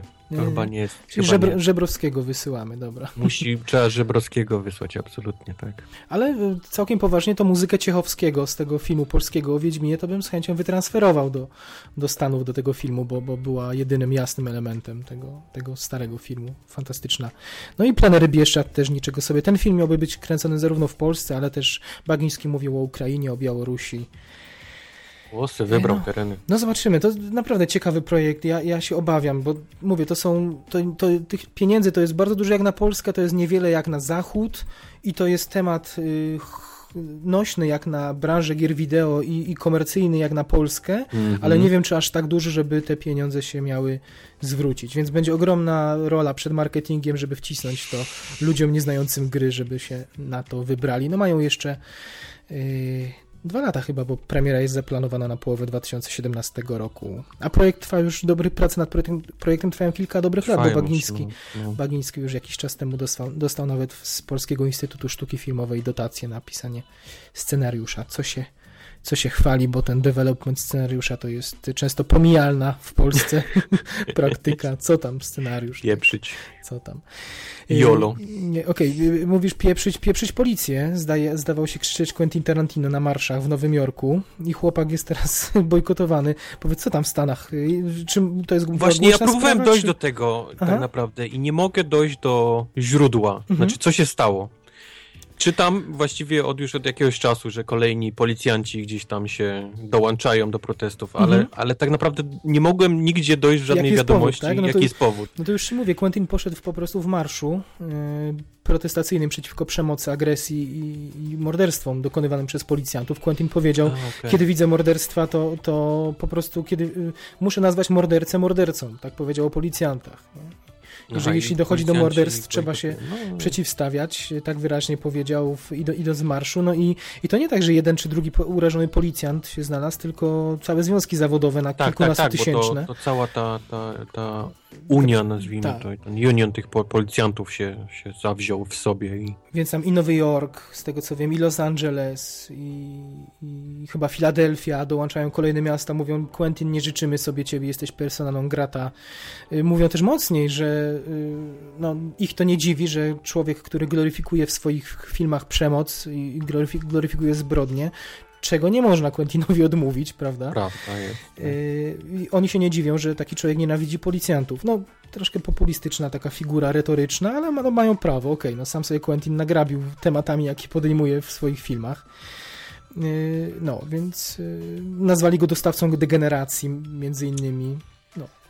No, tak. Tarantino zawsze miał niewyparzoną mordę i, i nie wiem dlaczego nagle się oburzać o to, co on mówi. No fakt, no to jest chłopak z ludu, tak można by powiedzieć, prawda, nie obrażając. Gorsze go, rzeczy Tak, krzyczał w telewizjach i, i obrażał jakichś tam prowadzących i, i tak raz słusznie, raz nie, ale, ale Quentin Tarantino jest raczej taką bombą, która nie wiadomo kiedy wybuchnie. Nie wiem dlaczego aż tak się irytować tym, co, co on mówił. O, o, o no, no, no. brutalności policji mówi się tutaj wszędzie właściwie i każdy, i, i na każdym kroku. Nie wiem dlaczego akurat sobie wybrali Tarantino. Poszedł w marszu i pewnie był jednym z... Można było wreszcie kogoś znaleźć, nie? W tym tłumie. No chyba że, można- chyba, że chodziło o to sformułowanie o tych mordercach, nie? No bo to, to pójść w marszu poparcia dla ofiar, a jeszcze powiedzieć, wskazać palcem i powiedzieć, jesteście mordercami, nie? No, ale to wiesz, odpalisz y, serial, który się nazywa Mhm. Cops, o który opowiada o policjantach to łapiących ludzi. Tam masz, możesz zobaczyć, jak ludzie krzyczą, wiesz, aresztowani, wiesz, do, do policjantów. Mhm. To są gorsze wyzwiska niż zdanie Quentina Tarantino w marszu o, o brutalności. No. Mhm, mhm. No temat jest, y, jest nośny, nie dalej jak y, wczoraj były marsze też, chyba w Nowym Jorku, y, bo tam chyba prawomocny wyrok skazujący właśnie jednego z Mhm. policjantów na morderstwo, stwierdzający, że, że no, no po prostu zabił cza- czarnoskórego chłopaka i, i kolejne marsze protestacyjne, więc y, no, takie oprotestowanie przez policję też ma jakiś, y, jakiś skutek, bo wszyscy o tym mówią, więc a że premiera nowego filmu y, Quentina, czyli nienawistna ósemka, Hateful Eight z zapasem, to no to też było dobrze, prawda, na, na, być może na fejmie tego wydarzenia sobie, sobie pojechać. No, nie, wiem- nie wiem, nie wiem, zastanawiam się, jak Hollywood to odbierze, bo... To właśnie, kto wyjdzie lepiej na tym, Mhm. tak naprawdę, albo gorzej. Jak tak się zastanawiam, wydaje mi się, że większość Hollywood jednak stoi po stronie ofiar. Tak mi się wydaje, prawda? Mhm. Że Mhm. tak bardzo generalizując jednak. Hollywood jest lewicowy, wydaje mi się, że ta część lewicowa jest tutaj. Y, A, a nawet nie, nie patrząc na te polityczne konotacje, to, to już sporo filmów na ten temat powstało. Więc choćby, choćby to, to i, i te filmy były nagradzane, więc y, ten temat jest y, w cudzysłowie mile widziany tak, przez Hollywood, więc, więc samo poparcie przez Quentina nie powinno zaszkodzić Hateful Eight. No tyle tylko, że Nie, ogólnie nie, wątpię, żeby... tyle tylko, że zastanawiam się, bo He He Harvey Weinstein, czyli, czyli no jeden z y, producentów mm. Hateful Eight, słynny Harvey, Harvey, człowiek, który produkuje filmy pod Oscary, który, który rokrocznie ma tych nominacji, zbiera multum. Jego filmy zdobywają. Y, po, jakby próbował wymusić nawet na Quentinie jakieś przeprosiny no i właśnie się... No nie z Quentinem chyba. Takie, no właśnie. Takie, takie, zabawy, no. Dlatego mówię, to jest człowiek, którego powinno się po prostu zostawić, no. On, on coś tam palnie, coś powie, nie, nie powinno mhm. się tym przejmować. No ja się tylko jednego boję, że jak taki członek, że to może o to chodzić, że taki członek Akademii Filmowej siądzie, obejrzy te filmy, weźmie kartę do głosowania i, i, i zastanowi się, że teraz jego krzyżyk Hateful Eight będzie po prostu wyrazem protestu, że, że ewentualne zwycięstwo w jakichś kategoriach tego filmu będzie odczytane jako wyraz poparcia jednoznaczny, no to może wtedy się dwa razy zastanowi i może tego boi się Harvey. Nie, nie, mam, nie mam pojęcia. No, ale, może. Ale może. przyznaj, to... Na to... pewno Quentin Tarantino ma wyrąbane na Oscary. To wiemy już. Myślisz? On myślisz, że... wielokrotnie, że to, mhm. to, jest głupia statuetka i absolutnie on no nigdy nie walczy o może się, tak, może się tak kryguje, no, jako... No nie wiem, nie wiem. Jakoś mi się nie chce wierzyć, że człowiek, dzieciak wychowany na kinie, yy, pracujący w wypożyczalni wiele lat, że nie... Tak, ale to też tak mówiłeś, to jest nie jest dla niego, ludu, Nie jest dla niego wiesz? bożkiem Oscar. No, a z On... drugiej strony, no tak. No.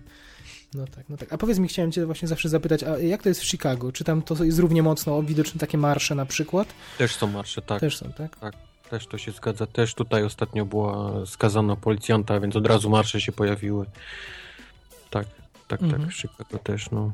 A widzisz, to może pomieszałem miasta, może to o Chicago chodziło z tym skazaniem Chodziło o Chicago, tak, mhm. tak. No to, to przepraszam, pomieszałem. Tym niemniej temat, y, temat na czasie. Y, Wojtek, próbuję znaleźć y, jakieś połączenie mm, Quentina Tarantino z kolejnym newsem, ale na poczekaniu nie jestem w stanie wy, wymyśleć. Patrzę na obsadę tego filmu, o którym chcemy teraz powiedzieć. Obsada niezła. Czy Charlie Theron grał u Tarantino? Czy Charlie Steron grała Tarantino? Nie. Nie. Dobra, to chyba jesteśmy kryci. Chris Hemsworth tym bardziej, Emily Blunt też nie grała, okej, okay, czyli nie dało się znaleźć. Słuchaj, Łowca, Łowca i Królowa Lodu, taki polski tytuł ma, kontynuacja Królewnej Śnieżki i Łowcy. Mówię o tym temacie, bo pojawiły się pierwsze fragmenty, mówię też o tym, bo mam do tego filmu, mimo że jest przeciętny, mam duży sentyment do, do, tej pierwszej części. Tutaj w kontynuacji, a w zasadzie w spin-offie nie ujrzymy już Kristen Stewart, co mnie bardzo smuci, bo z każdym miesiącem, z każdym rokiem coraz bardziej tą dziewczynę lubię. E, powiem ci, że lubię ją za to, co robi. Znaczy, to jaką karierę obrała i mhm. jakie fi filmy wybiera nie we wszystkich jest niestety bardzo dobra. Kristen Stewart niestety no, nie, aktorstwem nie naprawi swojego aktorstwa, wybierając dobre filmy, ciekawe.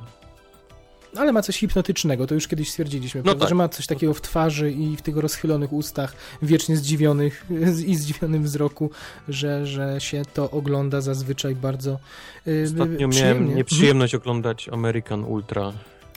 O! Był... Tam JC Eisenberg zdaje się. Tak, tak, tak. To był... Niedobrze? To był nie, nie, najlepiej, nie no. najlepiej. No. To właśnie jeden z tych filmów, które trafiły chyba jednocześnie na, do kin i na VOD, prawda? Czy nie wiem, czy w ogóle w kinach były, czy, czy od razu Było w kinach, było, było w kinach. Mhm. mhm. Tak, tak. No tym niemniej, co myślisz o królo... o łowcy i królowej lodu? Jak się na to w ogóle zapatrujesz? To będzie okrutny film. Słuchaj, nie mogę zrozumieć, dlaczego e, takie nazwiska. Jeszcze Chris, Chris Hemsworth, no to rozumiem, bo poprzednia część, ale Charlize Theron, no okej, okay, też zagrała w poprzedniej, ale czemu Charlize To jest dobre pytanie, skąd, skąd taką obsadę? Emily Blunt i Jessica Chastain. Jessica Chastain jest w tym, tak, co mnie najbardziej po prostu rozwaliło, gdy zobaczyłem jakieś e, sceny, gdzie rzuca toporkami, czy, czy gdzieś tam przeskakuje nad... To absolutnie nie, nie pasuje aktorka do tego filmu.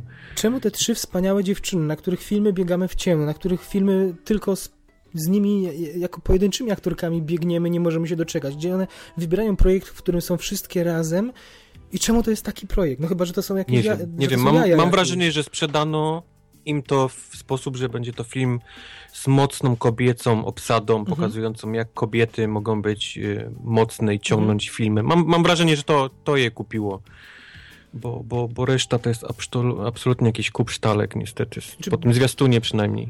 Wiesz, być może po prostu chciały się dobrze zabawić, bo nie ukrywam, że, że po zwiastunie widać, że tam poza charakteryzacją wielogodzinną, to, No, to musiała być niezła no. zabawa na, na planie i, i to będzie chyba dużo bardziej film akcji niż ten, ta poprzednia Królewna Śnieżka. Y, Oj tak. Więc po prostu Oj może, tak. chciał, może chciały odpocząć. Emily Blunt po Sicario może ma zryty beret i chciała się zregenerować, nie? Char Charlize po, Charlize po wygrzewaniu się na pustyni w Mad Maxie też potrzebował i po rozstaniu z Seanem, z Seanem Pennem też chciała odpocząć. No, Kto wrócą wie, do nie? siebie. Myślisz? Oni są, oni są na zawsze. No dobra. Rubryka to towarzyska. No, więc chyba tyle. No. Chciałem tylko zaznaczyć, jak bardzo nie rozumiemy tych, tych trzech dziewczyn w jednym filmie, jak bardzo jednocześnie czekamy przez, przez tą trójkę, nie? I chyba sobie nie odmówimy jak, a jak seansu po nazywa się pol, polski tytuł? Łowca i Królowa Lodu. Serio? No bo Huntsman jest głównym Huntsman bohaterem. Winter's War. No, a tutaj Królowa. Królowa Lodu, może to z krainy lodu, może jakieś dzieci pójdą, nie? Pomyślałem, że, że Elsa jest tutaj, a, a że to jest ol, olbrzymie. oj, oj, to No. będzie przykryte. Nagle zobaczą, że zaskoczenie. Elsa walczy, to El, Els, tak. Elsa tam ktoś toporem dźga. Oj, oj. Yy, No, takie, takie historie. I reżyseruje jeszcze bardziej no-name'owy człowiek niż pierwszą część, bo pan od pierwszej części, którego imienia i na- nazwiska nie pomnę, chyba wyleciał ze stołka przez rok. Pilotopoulos? Proszę? Z Pilotopoulos? Kto tam, kto tam jest?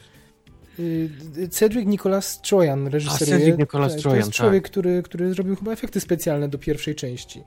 A gość, który robił pierwszą część, wyleciał przez to, że romansował z Kristen Stewart na planie, no więc Tak, tak, tak. chyba nie za bardzo może liczyć teraz na jakieś porządne angaże. Przykro nam. Przykro nam. E, Mamy kolejny film fantazy na naszej liście, film dużo bardziej znaczący dla no dla historii kina na pewno, czy seria Władca Pierścieni, ale czy film lepszy od Królewnej Śnieżki i Łowcy mówi o Hobbicie, tego już nie wiem, na czym się No. lepiej bawiłem, nie? Czy na, czy na Królewnej Śnieżce, czy na Hobbicie. Ciężko, ciężko powiedzieć. E, Ale o Hobbicie chcemy powiedzieć, no dlaczego nie mówimy rok od premiery ostatniej części?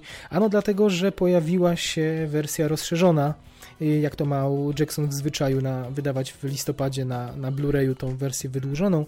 Y, Tutaj jest o, ty, o tyle ważne, że ta wersja y, bitwy tak, pięciu armii, dobrze mówię? Mhm, mhm, Ona w mhm. kinach była po prostu niedokończona. Tam ten film nie, nie zdążyli wykończyć efektów specjalnych, więc część scen wyleciała Znaczy, z filmu tylko czuć, przez to. a teraz to wiemy już na 100%. No właśnie, i ta, ta wersja wydłużona ukazała się, ludzie doceniają, mówią, że jest troszkę lepsza, no na tyle, na ile można było poprawić film, w którym historii prawie nie ma, ale y, oto ludzie są ogromnie zaskoczeni, że okazało się, że w dodatkach do filmu, no właśnie, co się okazało, Wojtek?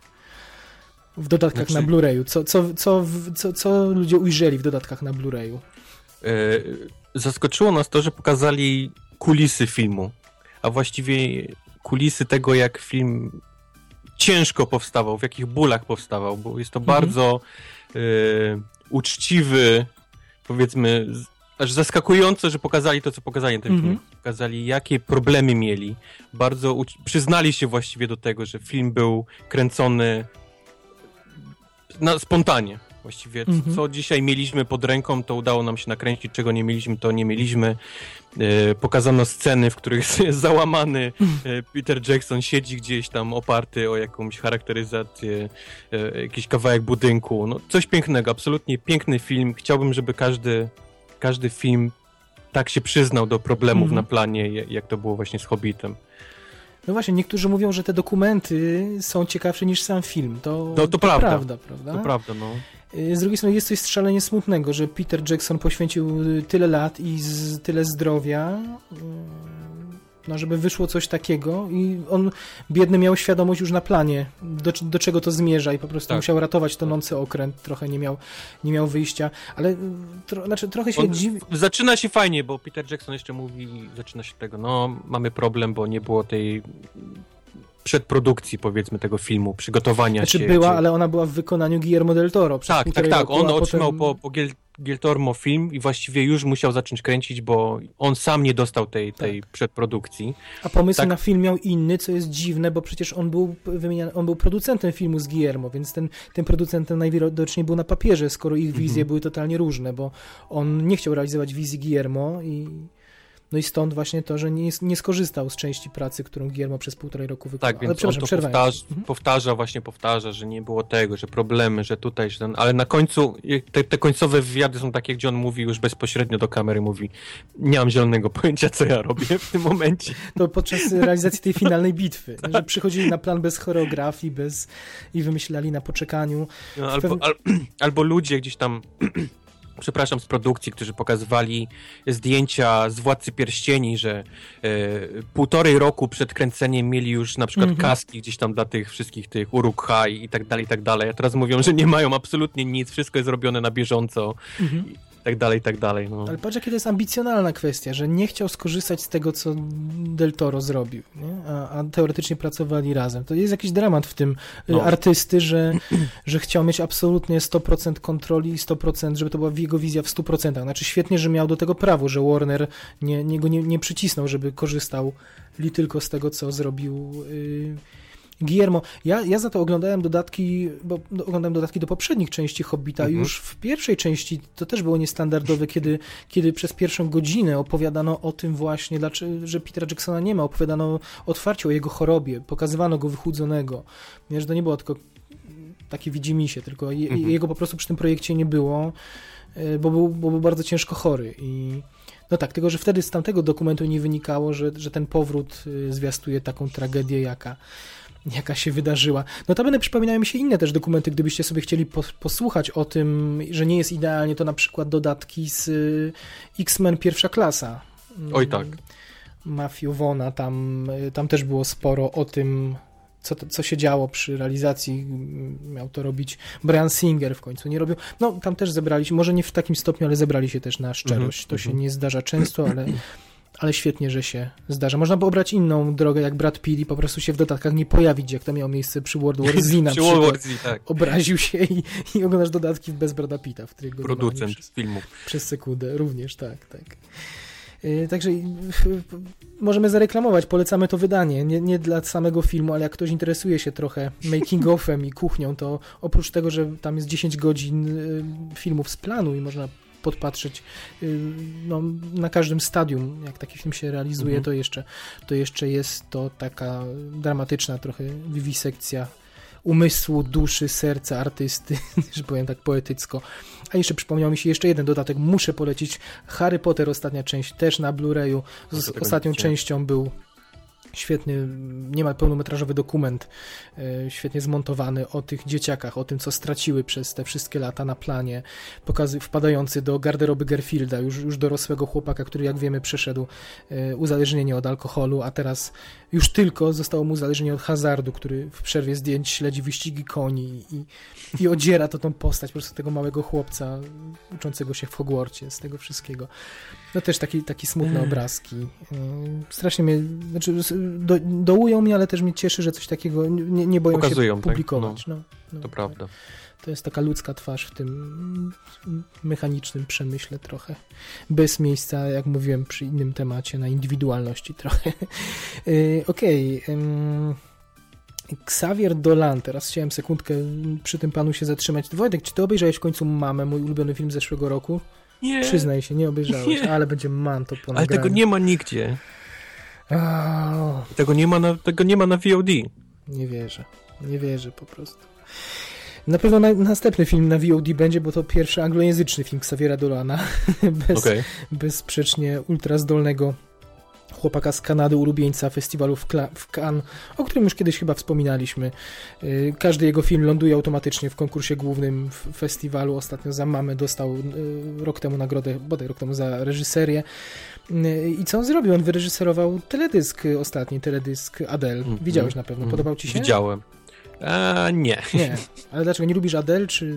E, nie, Adele jest okej, okay, ale takie jakieś tam śpiewające Adele futrze w lesie z takim puszczonym wiatrakiem na ale, twarz. Ale jaki ten las był, Bożysz ty No, mój. no okej, okay, to było fajnie nakręcone, ale jakiś sam pomysł e, albo ten, nie, nie pamiętam, e, ten czarnoskóry znaczy, akt. podobały mi się kadry, mhm. podobały mi się kolorystyka mhm. tego, tego teledysku, tylko sam pomysł na, na jakąś tam gadającą twarz, no tak, albo właśnie no. na na wiatrak w twarz, gdzie włosy i ona, ona próbuje śpiewać, ale widać, że ją wiatr dusi. E, jeszcze futro do tego wielkie, no... tak średniawo. No dobrze, ale, ale, ale, tak, ale te elementy, które mają ci się podobać, bo mówimy tutaj o, o głównie o, o, o wizualiach, Tak, czytałem, a to, to ci się podobają, prawda, nie? Prawda, tak, Ten, tak, tak. ten czarnoskóry aktor, nie pamiętam jak się nazywa, ale grał Dixona w nowej, pamiętam w Beverly Hills 9210, w tej nowej wersji od, odświeżonej sprzed paru lat on tam grał y, głównego bohatera, w zasadzie był takim Brandonem współczesnym Teraz, teraz mi przypomnę. No. i on się tu pojawia bardzo fajnie, taki wykrzykujący w slow motion, zlany deszczem, ślicznie to wyglądało, no i trzeba powiedzieć, że Xavier Dolan po raz pierwszy użył kamer IMAX do realizacji teledysku, co widać w tych twarzach pełnych szczegółów, co widać, bo, bo nie wszyscy wiedzą, y, że są wielokrotnie mówiliśmy o technologii IMAX, bo wiemy, że w y, Kapitan Ameryka jest na przykład realizowany po raz pierwszy nowymi miniaturowymi kamerami IMAX, dzięki temu Mhm. można cały film nimi nakręcić, bo te ustrojstwa są tak olbrzymie, że normalnie y, Nolanowi starczało cierpliwości na godzinę, mimo że nakręciłby cały film IMAXowymi kamerami, to, to nie miał na to cierpliwości. Więc te olbrzymie szkła IMAXowe rejestrują, to jest tak olbrzymie jakby pole, ta siatka, jeśli możemy tak powiedzieć, która, która ten przechwytuje obraz, prawda? No jak to, jak to w aparacie fotograficznym. Ten, ten ol, olbrzymie ob- obiektywy po prostu taką ilość szczegółów rejestrują, że, że ta Adele stojąca nad jeziorem, to co mówisz z tymi liściami wpadającymi jej do, do ust do, do, podczas śpiewania, to, to wygląda wygląda przepie, przepięknie. A mówimy też o, o Xavierze Dolanie i o Adele, dlatego że Adele ma zagrać w jego filmie, w filmie The Death and Life of John F. Donovan, w tym O. pierwszym anglojęzycznym filmie, w którym to główną rolę gra Kit Harington y, z gry o Tron, znany chyba najbardziej. Będzie dużo tych, dużo brytyjskich akcentów czuję. Mhm. Również Jessica Chastain jest tam, jest Susan Sarandon, jest Kathy Bates Okej, I to, już to- mniej. i to jest historia hollywoodzkiego gwiazdora, który gdzieś tam prowadzi korespondencję z dzieciakiem kilkunastoletnim i potem te listy zostają ujawnione przez brukowce i tam jakiś skandalik się robi. Ja nawet nie chcę domniemywać o, o co może chodzić, ale brzmi intrygująco i Adele miałaby tam nie śpiewać, ale zagrać y, jakąś niewielką rolę. Więc Ciekawe. na tyle się... Ja odbierałem Adele jako taką bardzo osobę, która nie lubi się publicznie pokazywać. Chyba taka jest, nie? Ale najwidoczniej Tak mi się musieli- wydawało, a Mhm. nagle film? Musieli taką miłością do siebie za, zapałać najwidoczniej z, z Dolanem. Ojku, widzisz po obsadzie, że Jessica Chastain znowu i Susan Sarandon u dwudziestoparolatka. Boję się, że z miłości do Jessiki, wiesz, jak tak dalej pójdzie A, z nią. No tak, że, że będzie wyskakiwać z lodówki. No. Y, Tak, y, tak. Zobaczymy. Y, Natomiast nie zobaczymy filmu Nie zobaczymy. 100 Years.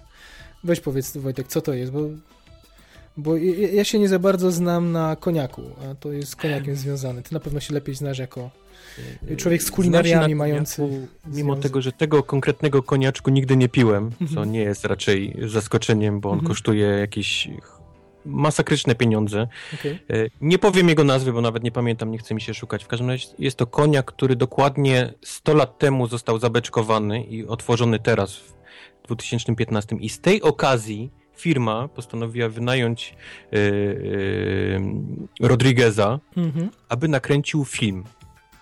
I teraz nie wiem, czy, jak dużą częścią tego filmu jest film, a jak dużą częścią jest reklamówka Reklama, tego mhm. koniaku.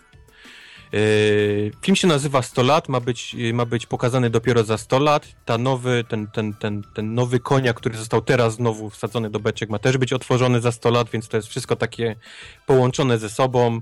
Yy, John Malkowicz do tego gdzieś tam jest, został nawet wrzucony. Poza tym ciężko No więcej, powiedzieć. Malkowicz napisał scenariusz do tego. Malkowicz napisał scenariusz Mhm. nawet do tego, tak, tak, tak. Dlatego jestem ciekaw, czy to jest film, czy to jest bardzo droga reklamówka. Mhm. No tak, bo za 100 lat może nikt nie pamiętać o, tych, o tym tysiącu biletów, które rozdano y, jakimś ludziom, którzy zaproszą swoje, swoich potomków za 100 lat na ten seans. Nie? Być może ludzie zapomną o tych biletach, a teraz o, o tym koniaku o tym koniaku mówimy. A widziałeś fragmenty tego filmu? E, widziałem zdjęcia z tego, tak, widziałem jakieś No, takie ujęcia. Z... Jest, są chyba dwa albo trzy teasery, które mają mniej więcej tą samą konstrukcję, y, że John Malkowicz o- rozpieczętowuje ten koniak w przyszłości właśnie. I to są No różne właśnie. wizje przyszłości. Jedna No. przyszłość wygląda trochę jak z The Last of Us z gry wideo, gdzie świat jest porośnięty, bez energii, porośnięty drzewami, roślinnością. Inne trochę wygląda jak, jak Star świat Wars. się zmienia, Tak, nasz tak. koniaczek nie. Dokładnie. I, i, i czy, czy inne wizualia sugerują coś, świat ala Gwiezdne Wojny, czy ala Tron nawet. tak to odebrałem. Takie różne wersje przyszłości, to, ale to, to, to, jest bzdurna. Te miniaturki są, to tam nie ma, tam jest zero treści po prostu. To mogą być spoty telewizyjne tego koniaku, nie? Pytanie, czy to, są, czy to jest część składowa tego filmu, czy to jest tylko reklama całej akcji, a film mówi Właśnie. o zupełnie czymś innym, bo to wygląda marnie, to wygląda gorzej niż te Gwiezdne Wojny Lukasa jeszcze. Strzelam, że to jest naprawdę bardzo droga reklamówka bardzo drogie jak na reklamę, ale jak na film to wygląda bardzo biednie te, te fragmenty, prawda? No bo to jak, jak jest reklamówką, to nie jest filmem, no. czyli, czyli oni będą się w tym chwalić w 2115, że, że taki mają kapsułę czasu mhm. i, i, nasz koniaczek teraz otwieramy i, i w ogóle, no ludzie się oburzyli, bo... bo że to, że nie są, będą mogli zobaczyć, tak? No bo są i fanami Rodrigueza, A, okay. i oburzyli się fani Malkowicza, no, no jak to tak robić, film, którego... nawet jakbym się urodził dzisiaj, to pewnie bym nie dożył, żeby, żeby zobaczyć. Mhm. Ale to te oburzenie trochę daremne moim zdaniem, bo nie wiem, czy się zgodzisz, Malkowicz... Znaczy, wydaje mi się, że to są ludzie, którzy myślą, że to jest film po prostu... Film, a nie reklama. Mhm. A ja mhm. strzelam, że to jest raczej reklamówka. Że, że, nie, że nie, nie istnieje ten pełnometrażowy film, strzelasz, tak? Znaczy to jest pełnometrażowa reklamówka, okay. gdzie, mhm. gdzie są, tak jak mówisz, różne światy, różne czasy, ale wszystko się opiera o tym, że jest ten koniaczek otwierany. Świat się zmienia, a nasz koniaczek jest wiecznie zajebisty. Tym niemniej nie rozumiem też oburzenia, bo tak, może ktoś mnie za to będzie chciał biczować, ale wydaje mi się, że Malkowicz trochę zdziwaczał na starość i i najlepsze lata ma już za sobą. Już dawno. Od, wie, od wielu lat nie zagrał. Tak, nie zagrał. E, Rodriguez może się też komuś narażę, ale dla mnie to jest reżyser jednego czy dwóch filmów, który, który ma więcej, nie wiem, samozaparcia, ambicji, woli niż talentu i też od lat nie, nie, nie zrobił niczego interesującego. No, wiesz, nie, nie kręci tego J.J. Abrams i nie gra tam nie wiem kto. Jessica Chastain. Jessica Chastain, no. George Clooney. Nie. Tylko mamy Malkowicza i Rodrigueza, no to też jest jakiś, jakiś hint. No, no że to, to nie, na pewno ci garze tych ludzi nie kosztowały tyle, co ten koniaczek będzie kosztował za 100 lat pewnie. No. To jest też trochę dla nich obraźliwe, myślę. Po, po, policzek trochę. Y, dobrze, nie ma co, bo krypciochę robimy temu koniakowi. On się chyba Louis XIII nazywa, coś no Właśnie jakiś Louis III czy XIII. Ta, ta butelka zresztą wygląda tak dziwacznie i nieprzystająco do przyszłości, bo ona wygląda jak z jakiegoś statku pirackiego. Znaczy, mówię, ja się nie tak. znam na koniakach, ale, ale to ni przypiął, ni przyłatał do tego Future is Now dziwny projekt, no ale nie da się nie odnotować, bo to jest też akcja no interesująca. Interesujące, zdziwaczałe nieco nazwiska za nią stoją.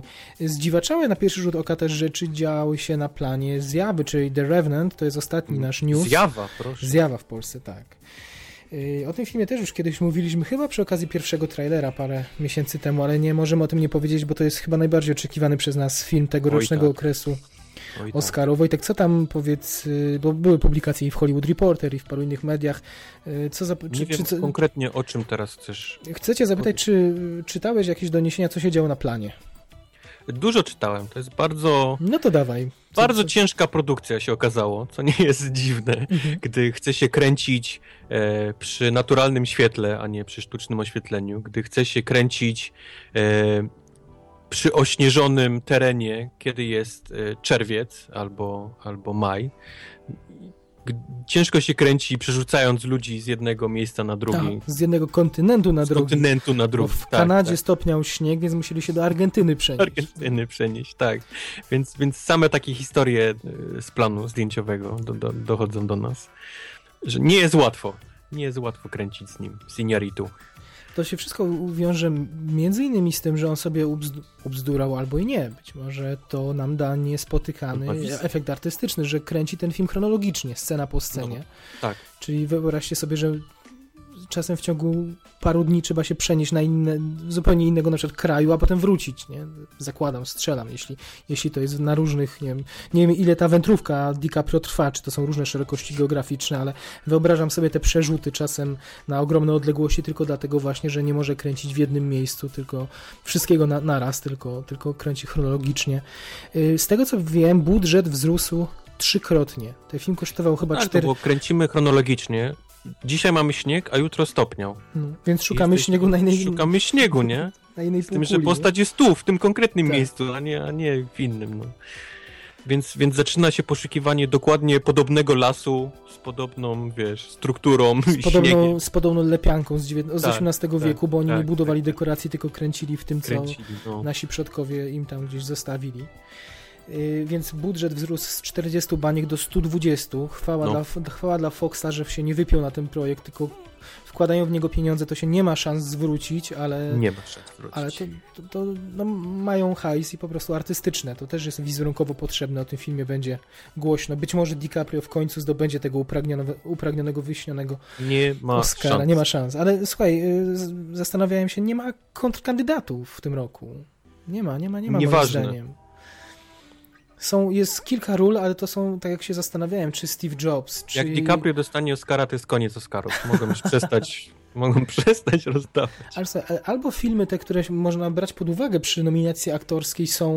y, No, wyszły nie tak dobre, jak się, jak się ludzie spodziewali, albo to są role bliźniaczo podobne do czegoś, co było w zeszłym roku nagradzane. No, Eddie Redmayne nie dostanie raczej Oscara ponownie, tym bardziej, że The Danish Girl nie, nie ma aż tak entuzjastycznych recenzji. prawda.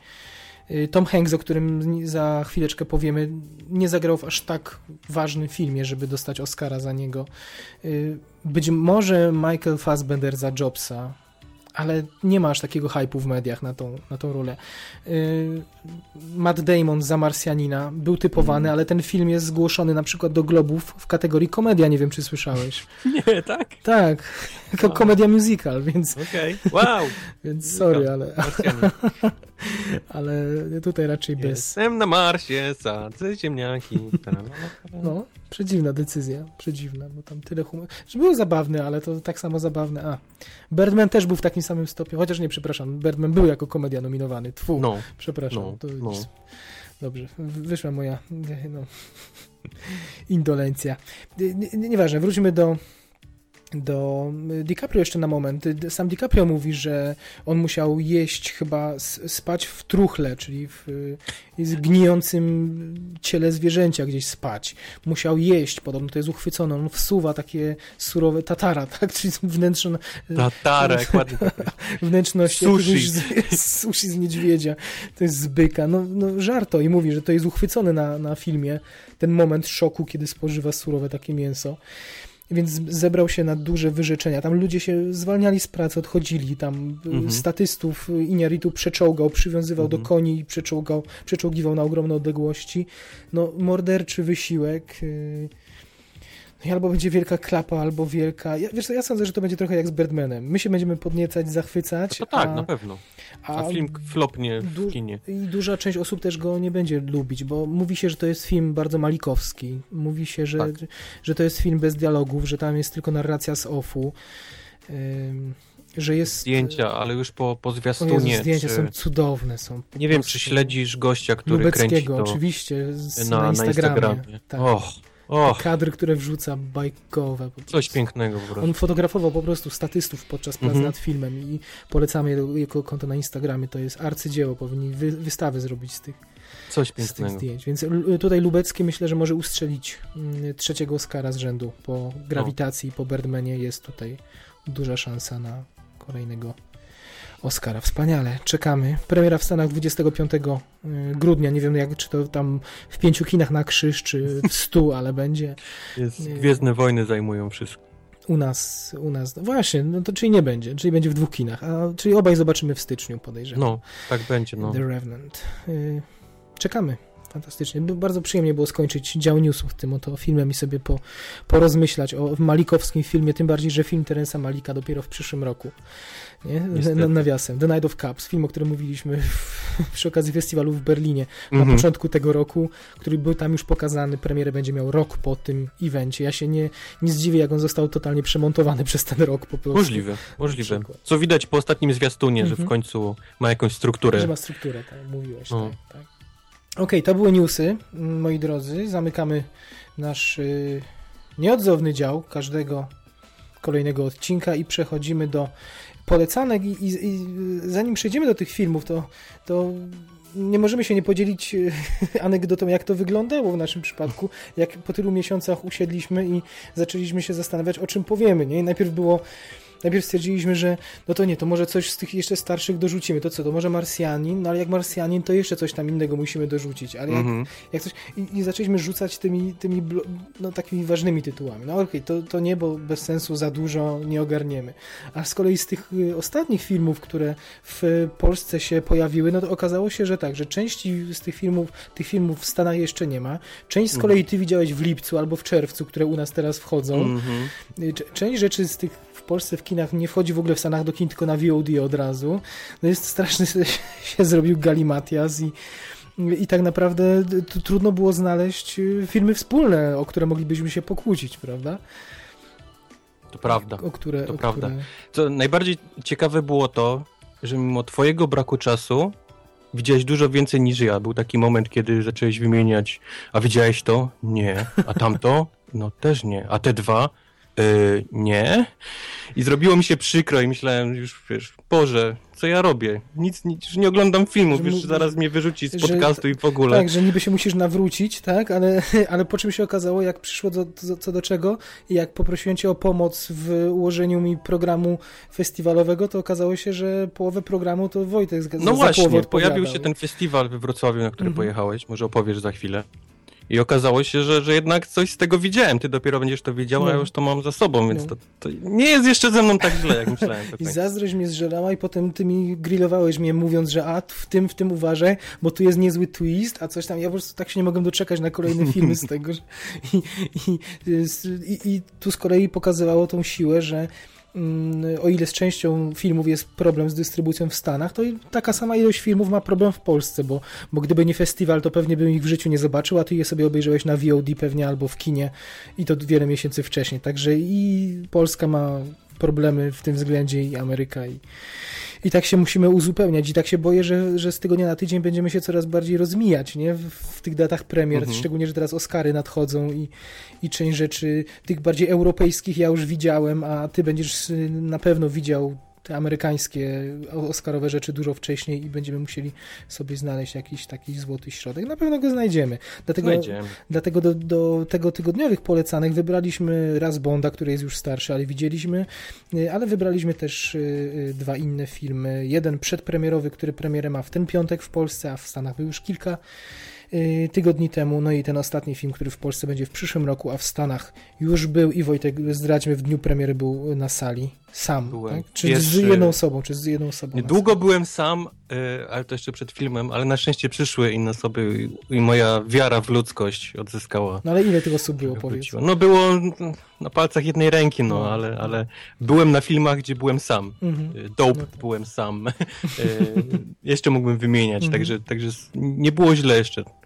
No właśnie, i Mogło do, być tego, gorzej. I do tego nie zapomnij mi, proszę, że, żebym o tym opowiedział a propos tego reżysera, tak? Bo to też jego wypowiedź, odpowiedź Ale na to twoje też związane pytanie z wiąże. festiwalem, Z tak? festiwalem, tak. No to tak, może tak. opowiedz o tym festiwalu. To może, ale to taki, muszę, muszę króciutko, słuchajcie, bo, bo ja bym się rozgadał o tym i, i mógłbym mówić e, bardzo, bardzo długo, bo widziałem No tych filmów i widziałem tych filmów bardzo dużo, bo, bo prawie 20 w ciągu pięciu dni. Spałeś coś? Ty chyba nie spałeś, bo u mnie były już godziny takie, że ty powinieneś spać, a pisałeś jeszcze wciąż, że gdzieś No. przechodzisz dalej. No bo trzeba było jeszcze Z sali do sali. tak. No. A, a potem jeszcze trzeba było przetrawić to, co się obejrzało, bo po, po takiej dawce emocji to, to od razu się nie, ciężko było zasnąć od razu.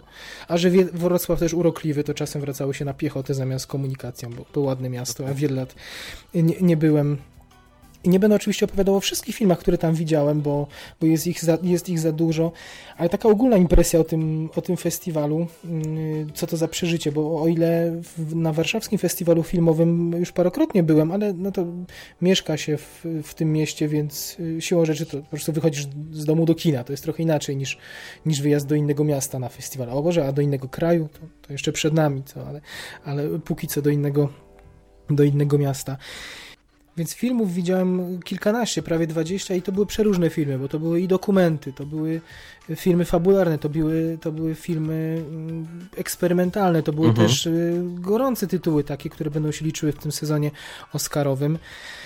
E, No i to, dawka piorunująca. Jeszcze y, fantastycznie było mieć Wojtka po drugiej stronie telefonu, który na bieżąco mógł coś dopowiadać, coś sugerować, ewentualnie mnie zwodzić za nos z jakimiś podpowiedziami, że coś mnie zaraz czeka, bo bo, bo trafiłem na przykład na takie filmy jak y, Ja, Earl i Umierająca dziewczyna, które Wojtek Oj, tak. widział y, parę tygodni wcześniej, prawda? Zresztą mówiliśmy na naszym ostatnim podcaście, na odcinku 10 w lipcu o tym filmie. Mhm. Już, już wtedy to był zwycięzca festiwalu Sundance ze stycznia i już wtedy spodziewaliśmy się, że to będzie coś. Nie będziemy mówić o tym filmie ten, ale polecam jak najbardziej. Tak, na pewno nie, nie, nie dzisiaj, prawda? On jest, Nie, jest nie. o tyle jest problem z tym filmem, że on miał polską premierę i nagle ta polska premiera zniknęła Zniknął, i, tak. i nie będzie go na polskich ekranach, więc prawdopodobnie wrócimy do niego w trakcie sezonu nagród, bo, Bo wtedy o nim się bo zrobi. wtedy on się zrobi No, głośno. no. A może nie wrócimy, bo, bo tak po prostu, nie? bo tak zdecydujemy. Mając swoje pobudki, zobaczymy mm, jak to się potoczy. Y, Tak, ale z tym też się wiąże anegdota, nie? Bo ty wiedziałeś już jak ten, o czym ten film jest, y, Tak. wiedziałeś, jakie emocje wywołuje, a już Mhm. ustaliliśmy jakiś czas temu, że, że gdzieś tam nas wzru- wzruszają podobne rzeczy i, Mhm. i cały dzień od rana po prostu Wojtek mi grillował, pytając, czy to już, czy to już i że mam przysła- przysłać selfie, jak tylko wyjdę z seansu, że ma być dowód na, na Z to... rozmazanym tuszem. do rzęs, tak, jak, jak, jak, w jakim będę stanie, no. No i, i, no i tak było, no. I, i, i, to nie jedyne takie przeżycie, bo takich filmów było więcej, tak jak mówię, nie chciałbym tutaj, to znaczy one zasługują na zbyt wiele czasu, żeby, do, żeby im poświęcić, yy, a nie mamy tego czasu, więc nie chciałbym Tak. też poświęcać dwóch zdań, bo nie zasługują na tak krótkie Jasne. potraktowanie. Ale wykrakałem, widziałem tam Dope, które polecałeś na jednym z pierwszych podcastów. Mhm. Fantastyczny Haste Movie z filmem o dojrzewaniu również. Mhm. Wspaniały, z, z Zoe Kravitz cudowną, y, którą błysnąłem. Widziałem y, Carol Toda Heinza z Kate Blanchett, y, który, nawet nie wiem, czy ma polską datę premiery, ale który wygrywa kolejne, kolejne mm, pierwsze y, w tym roku już nagrody, jakieś Independent Spirit Awards i tak dalej, i tak dalej, więc to może być główny kandydat do... Miałem iść i nie poszedłem, a później jakoś czytałem takie nie najlepsze opinie i jakoś już straciłem całkiem ochotę na ten film, nie wiem dlaczego. No będziesz musiał i tak nadrobić przed lutym, No, przed Oscarami, no, bo tam no. Blanchett y, czy Nie, no, mają, mają pewną nominację. Trafiłem też na dokument o krytyku kulinarnym o, i wtedy od razu powiedziałem o Wojtku, że to jest dla niego... Jest, Pomyślałem, że, że to jest film, to byłby film roku, gdyby Wojtek na Tego niego ci trafił. zazdroszczę. Ja byłem na jakimś Ben z Bradleyem Cooperem, który był obrzydliwy. Tak Ale, ale tego nie, nie sprawdzałeś, czy to było w ogóle w Stanach ten... ten y, Nie było. Nie, nie było, nie. Nie. Nie rozumiem. Tak rdzennie amerykański Po film. co? I... Po co miałoby być, wiesz, film o taki właśnie Nie stąd, było. nie? O jedzeniu tutaj. No, Nazywał się City of Gold. Gold to nazwisko tego krytyka kulinarnego i człowiek jeździ po całej y, Kalifornii, po Los Angeles i okolicach i odkrywa knajpy, ale nie te knajpy nowobogackie, jakieś lansiarskie, tylko speluny, food trucki, mm, no, często jakieś budy z dziwnym, na pierwszy rzut oka jedzeniem, które prowadzą, okazuje się, rodziny z dziada, pradziada, przekazują wspaniałe przepisy i i są tam cytowane fragmenty tego jego recenzji, to naprawdę no, ludzie mogliby się uczyć pisania w ten sposób o jedzeniu. No, wspaniale czytać te opowieści, y, które jednocześnie są opowieściami o jedzeniu, ale też o, o, o całej kulturze Los Angeles i kulturze amerykańskiej. Y, No, genialna sprawa. Y, Także, także ten dokument bym wyróżnił jako jeden z wiodących, ale, ale na przykład Krisha, jejku, co za film w ogóle, nigdy o nim nie słyszałem. Wspaniały film o rodzinie, film w zasadzie z jedną wiodącą rolą kobiety alkoholiczki, która wraca do, do domu na taką kolację z okazji Święta Dziękczynienia i wyobraź sobie, że pierwsze 15 minut to jest master shot, to jest Birdman. o, Po prostu kamera, ona nie może trafić do domu tych ludzi, kamera lata cały czas za nią i zresztą jest, jest bardzo w, w ten sposób y, prowadzona, ona potrafi się na jednej osi przekręcać, y, filmując otwartą kuchnię i pokój dzienny i w związku z tym zmieniała się przy jej obrotach na jednym ujęciu zmieniała się muzyka, zmieniało się tempo filmu. Po prostu w kuchni były kobiety, które przygotowywały kolację świąteczną, a w salonie mężczyźni oglądali sport, nie? I mówię, na jednym długim ujęciu ta kamera latała w tej i we w te i i, I można było wtedy właśnie poczuć, yy, no z jednej strony, że to jest rodzina, a z drugiej strony, jak bardzo to są odległe gdzieś bieguny i czym innym zainteresowane. I takich zabiegów była, była masa. W takim, kurczę, niepozornym wydawać by się mogło, mogło filmie, który niestety nie, nie trafi pewnie do, do polskiej do dystrybucji. A pamiętasz sytuację z The Overnight, czyli Szalona Noc? To było, Mhm. to było śmieszne, bo Wojtek mówi tak, raz, spodziewaj się twistu, dwa, zapamiętaj, jak wygląda plakat tego filmu. Plakat. Mhm. No Teraz i, wiesz, o czym i, mówiłem, I dobrze, że zap- tak, tak, ale w ogóle się nie spodziewałem, że to w tę stronę pójdzie.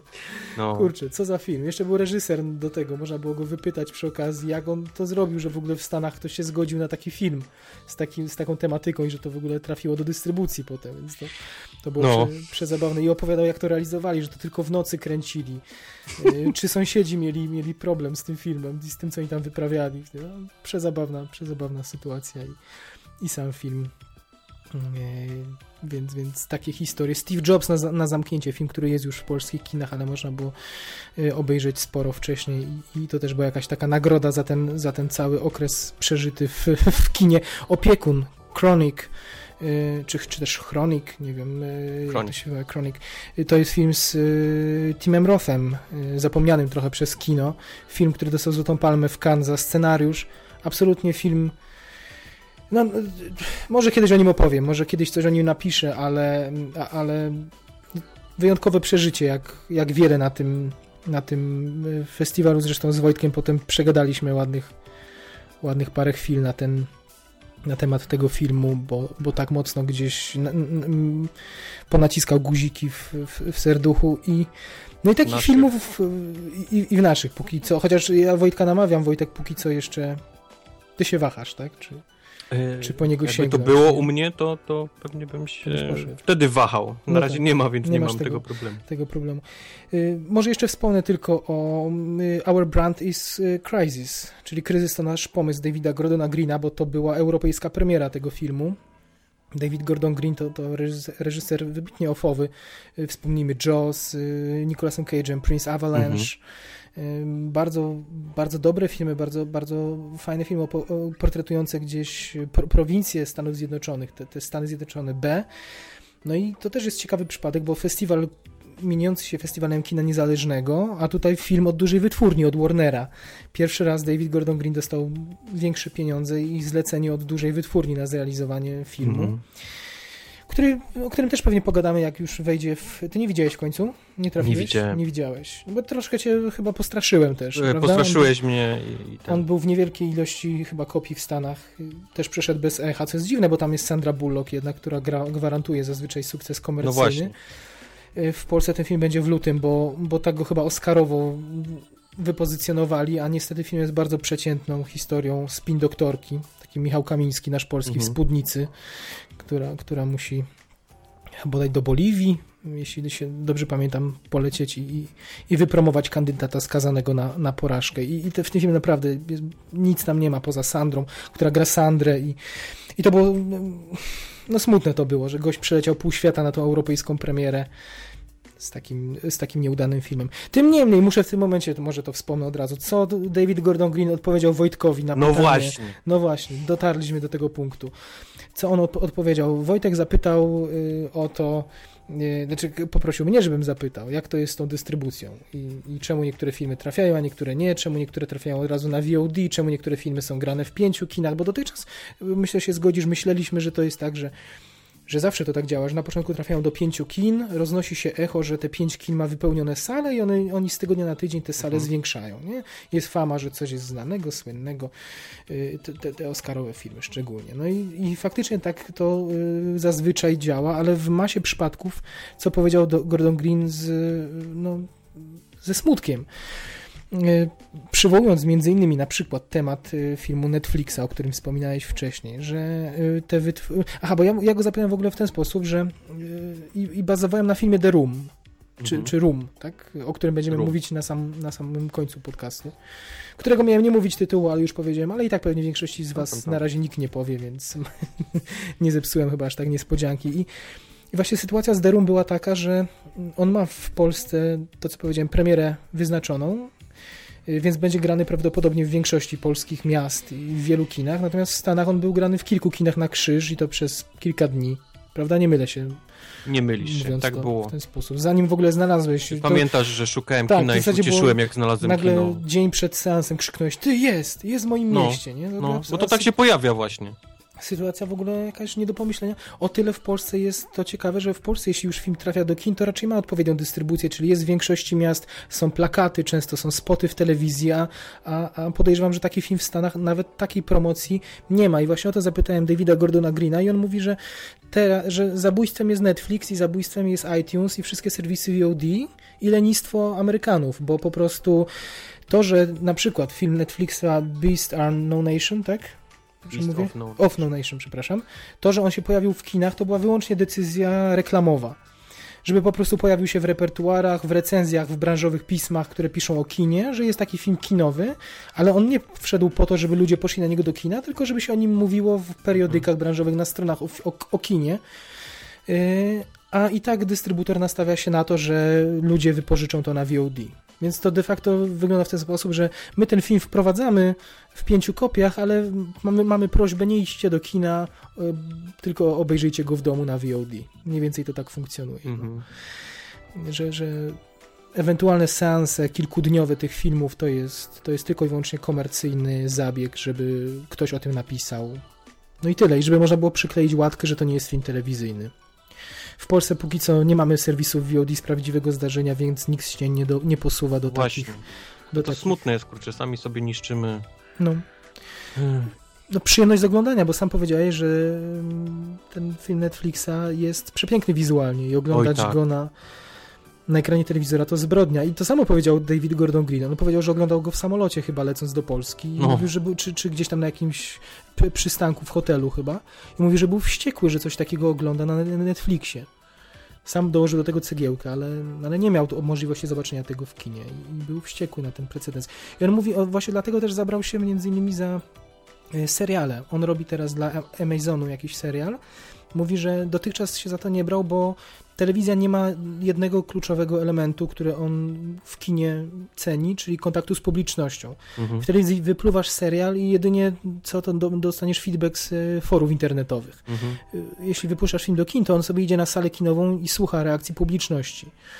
Y, Zresztą wydaje mi się, że siedział z nami też na y, Okej. kryzys to nasz pomysł i oglądał razem z nami i słuchał śmiechów na sali ewentualnych i, i przeżywał, a telewizja tego nie daje. No ale skoro kino przechodzi do telewizji i do serwisów VOD, no to co to za różnica, nie? Więc, więc jeśli większa wolność artystyczna będzie w telewizji i w serialach, to nie zdziwię się, że za parę lat ci najzdolniejsi twórcy przejdą w całości do, do seriali. Taki, taki taka historia, może przydługa, ale, ale chyba ciekawa i no i specjalnie dla Wojtka udzielił tej odpowiedzi, więc nie mogliśmy się nie podzielić. Wojtku, czy jesteś usatysfakcjonowany odpowiedzią Davida Gordona Greena? Odpowiedzią jak najbardziej, tylko no tak jak mówisz, zrobiło mi się teraz bardzo smutno, bo z jednej strony uwielbiam oglądać filmy w kinie i, tak wybieram powiedzmy premiery, ale, ale lubię też oglądać na Netflixie, no. I, i to jest ta, to, to lenistwo Am- Amerykanów, o którym wspomina, to, to jest prawdziwe i tak jestem rozdzierany No. gdzieś.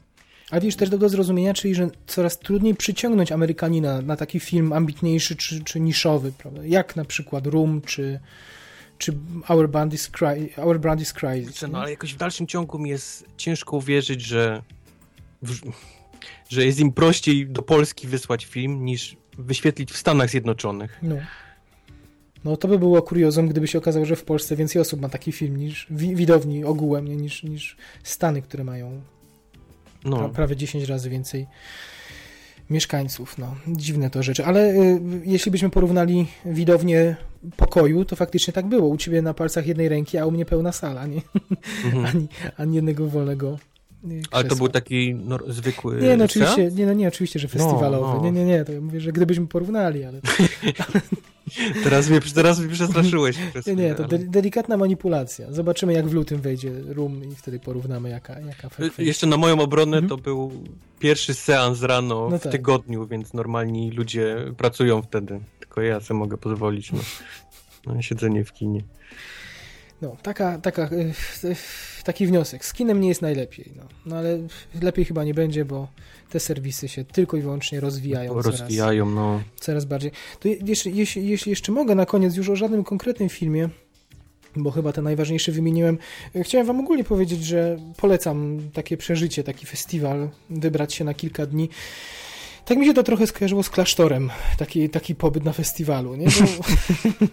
I, I, jeszcze jednego użyję liturgicznego... Mycie się w miejsce, tak? I jeszcze użyję jednego liturgicznego pojęcia i takie rekolekcje trochę. Podcieranie się liściem łopianu. I filmowe rekolekcje, no bo no bo faktycznie koszarujesz się w jednym miejscu, spędzasz dzień od rana do nocy w jednym budynku w zasadzie. Po jednym dniu kojarzysz z widzenia tych wszystkich ludzi, z obsługi i ludzi, z tak, którymi... świetna, słuchajcie, opowiem wam historię. E, Marcin nie ma strachu w sercu. E, dowiedziałem nie, się nie po, tym, tego, po, tym, po tym festiwalu. Marcin nie. jest w stanie podejść i pierdyknąć zdjęcie komukolwiek, czemukolwiek, bez żadnych zażenowania. Przysyłał mi zdjęcia pana starszego, który również uwielbiał filmy, ale niestety odpoczywał w przerwach między seansem. Odpoczywał śpiąc po prostu na krzesełkach, gdzie mu się usiadło, tam podsypiał, więc mam całą galerię tego pana gdzieś tam z siatką z Biedronki, który sobie pod, podsypia gdzieś w różnych kątach. Coś to, pięknego. Ale to urocze było, że nikt go nie przeganiał, tylko mógł sobie odpocząć. No. Także y, no, relacjonowałem ci cały festiwal. Każdy, Świetne, każdy, rewelacje. Każdej, od każdej Tylko mówię, strony. że ja, ja bym miał, wiesz, wojnę w mózgu, czy powinienem. Co się, co się stanie, jak on się obudzi nagle w momencie, kiedy ja trzymam komórkę przy jego twarzy, nie? I wciskam zdjęcie. Ty widzę zero strachu. No, inna sprawa, gdybym to publikował gdzieś na Instagramie, czy gdziekolwiek indziej, to bym się, to bym się mógł bać, a tutaj to, to było do użytku wewnętrznego, więc nie wiem, Jasne. nie wiem czemu to zdradzałeś. O, będzie foch. Nie, nie, żartuję, żartuję. Nie, nie, nie. Żartuję. No, takie, no to też była forma z jakiejś zabawy, humoru. Trzeba było czasem rozła rozładować emocje po jakimś poważnym filmie, więc, więc wymyślaliśmy różne głupie historie i podsyłaliśmy sobie jakieś dziwne rzeczy. Wojtek mi podsyłał ze sklepu wycieczki, zdjęcia ze, z wycieczki do sklepu po, po, jako, po grę wideo na przykład, a ja przysyłałem śpiącego pana i tak. I, i, i tak, tak sobie wysyłamy. urozmaicaliśmy historię. Więc słuchajcie, no, takie rekolekcje. Y, muszę przyznać, że że to niesamowity czas był, mówię znowu rekolekcja, ale, ale taki nie chcę nadawać tego zbyt dużej wagi, ale dla mnie to miało olbrzymią wagę te, te parę dni, bo yy, pewnie niektórzy traktują kino jako no po prostu idą obejrzeć, pośmieją się, zaśmieją, wrócą, zapomną, nie? ale myślę, że się zgodzisz, że nas te filmy zmieniają, prawda? Nie mhm. każdy, bo jasne, że Marsjanin nas nie zmienił, może tylko tyle, że potrafimy ziemniaki zasiać na Marsie teraz, nie mielibyśmy problemu. Yep. Yy, ale jeden film potrafi nam coś pozmieniać. Może niekoniecznie cały światopogląd, ale gdzieś zasiać jakieś, jakąś wątpliwość, gdzieś zasiać jako, jakieś zastanowienie się, ale, ale i emocjonalnie nas często przeorają i, i no i generalnie nas zmieni, sztuka, kultura potrafi człowieka zmieniać i, i, nas te filmy gdzieś, gdzieś kształtują i sprawiają, że, się, że stajemy się innymi ludźmi na przestrzeni miesięcy i lat dzięki kinu. No i jak jeden film potrafi tak człowieka zmienić, to wyobraźcie sobie, jak dostajesz taką pigułę z 20 filmów w ciągu 5 dni, ze skrajnych emocji. Nie? Masz, masz filmy komediowe, masz filmy dużo bardziej poważne, masz, masz dokumenty, które cię za, za, po prostu dają ci odpoczynek. Właśnie, bo... zwłaszcza, że na festiwalach są takie filmy ambitniejsze, prawda? Zarówno dokumenty, przeróżne, jak... Przeróżne, jak się dobrze usta- ułoży program, a dzięki Wojtkowi między innymi, ale w dużej mierze. Miałem, miałem ten program, mieliśmy ten świetnie ułożony, bo, bo między tymi filmami totalnie miażdżącymi, poważnymi były filmy z, takie, żeby, żeby był oddech. Dokumenty są takie, bo dokumenty mhm, najczęściej są tak mogą mówić o poważnych rzeczach, ale są raczej, ich struktura nie wymaga tak, aż takiego zaangażowania, więc zazwyczaj na dokumentach odpoczywam, mimo że, nie wiem, Steve Jobs, Człowiek Maszyna, to nie był przyjemny dokument, bo, bo raczej nie przedstawiał tego człowieka w zbyt dobrym świetle, albo o ultra konserwatywnym odłamie hardkorowym y, tych mormonów z Utah, Oj tak. Którzy tam, już takich, którzy, którzy w pierdlu siedzą, przynajmniej niektórzy z nich, którzy potrafią całe miasteczka sobie zakładać i przenosić się w ciągu doby, bo, bo ich policja ściga. No, niesłychany. W ogóle produkcji Rona Howarda, Nick Cave narratorem był Ofiary Proroka, zresztą tytuł, gdyby ktoś kiedyś gdzieś, też niesamowite. Więc, więc tego jest, jest masa. Y, nie wdając się w szczegóły, jeszcze się biję z myślami, być może o tym kiedyś coś napiszę, bo, bo tak za mną chodzi. Też trafiłem filmy na, na ważne dla mnie o czym potem z Wojtkiem też dyskutowałem, po prostu w tym, w tym okresie akurat y, ważne, istotne i, i to też pewnie nie był przypadek, że, że one się tam znalazły i no i to wszystko naraz y, no dużo, dużo, dużo mi na pewno dało i no i tak i, i na pewno jeśli ktoś kino traktuje nie tylko jako, jako taką prostą rozrywkę, ale, ale jako coś więcej, to, to takie użyję tego kolejny raz rekolekcji, jak najbardziej polecam, bo... Wróciłeś, wróciłeś i jesteś innym człowiekiem po tym festiwalu, tak? E, mo, może powiem, być może dzięki temu festiwalowi tutaj siedzimy i nagrywamy, o. No okej. Okay. Myślę, że myślę, że... Myślę, że tak. Chociaż e, nie wiem, czy przypadkiem pierwsze, pierwsze próby nie pojawiły się właśnie po, po powrocie z Wrocławia też, takie pierwsze przymiarki, więc, więc nie, nie wykluczyłbym. E, no. Także tyle. Amen. Sło, słowa Bożego, nie Bożego, słowa kinowego. Chodźcie na festiwale, jak kochacie kino. Chodźcie, ale nie róbcie tego, co ci ludzie na ciebie tam na tych seansach. Nie wychodzi się po napisach, A. nie zostawia się puszek po piwie. No. Nie wychodzi się przed napisami, zwłaszcza jak jest jeszcze reżyser tego filmu. To, to jest ta ciemna na... strona, o której nie chciałem mówić, ale, ale tak było. No. no, sorry.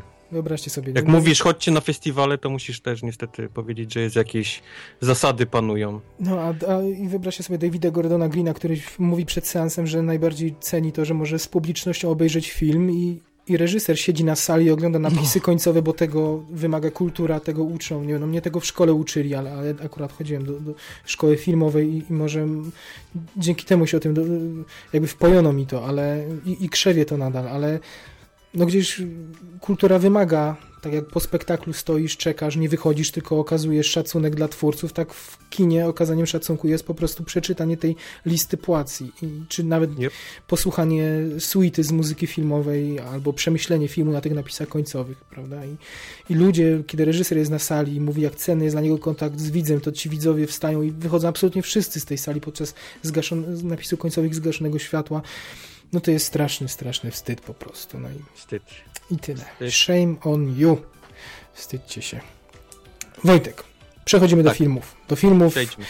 Y, premierowych albo niemal premierowych, ale nie, zanim te filmy premierowe, weź ty mi powiedz, mój drogi, bo muszę się dowiedzieć, jak ty przetrwałeś seans maratonu Jessica Jones, czyli serialu Marvela, serialu produkowanego, współprodukowanego razem z Netflixem, czy to jest lepsze niż Daredevil, czy to jest takie samo, czy to jest gorsze, czy mam oglądać chociaż no, powiedzmy sobie szczerze, nie, nie będę miał na to czasu, ale spróbuj, spróbuj mnie, mnie przekonać. Co ja mam teraz?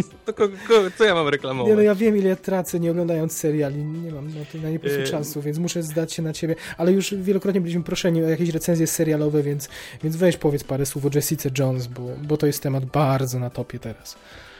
Maraton był ciężki. 13 godzinnych odcinków to nie jest e, łatwa sprawa, strzelić w dzień. To się czuje dopiero następnego dnia tak mm -hmm. naprawdę. Mm -hmm. Ale, ale to akurat nie jest wina serialu, tylko, tylko spędzonego czasu przy nim. Jak dobrze wiesz albo nie wiesz, yy, jarałem się strasznie na ten mm -hmm. serial.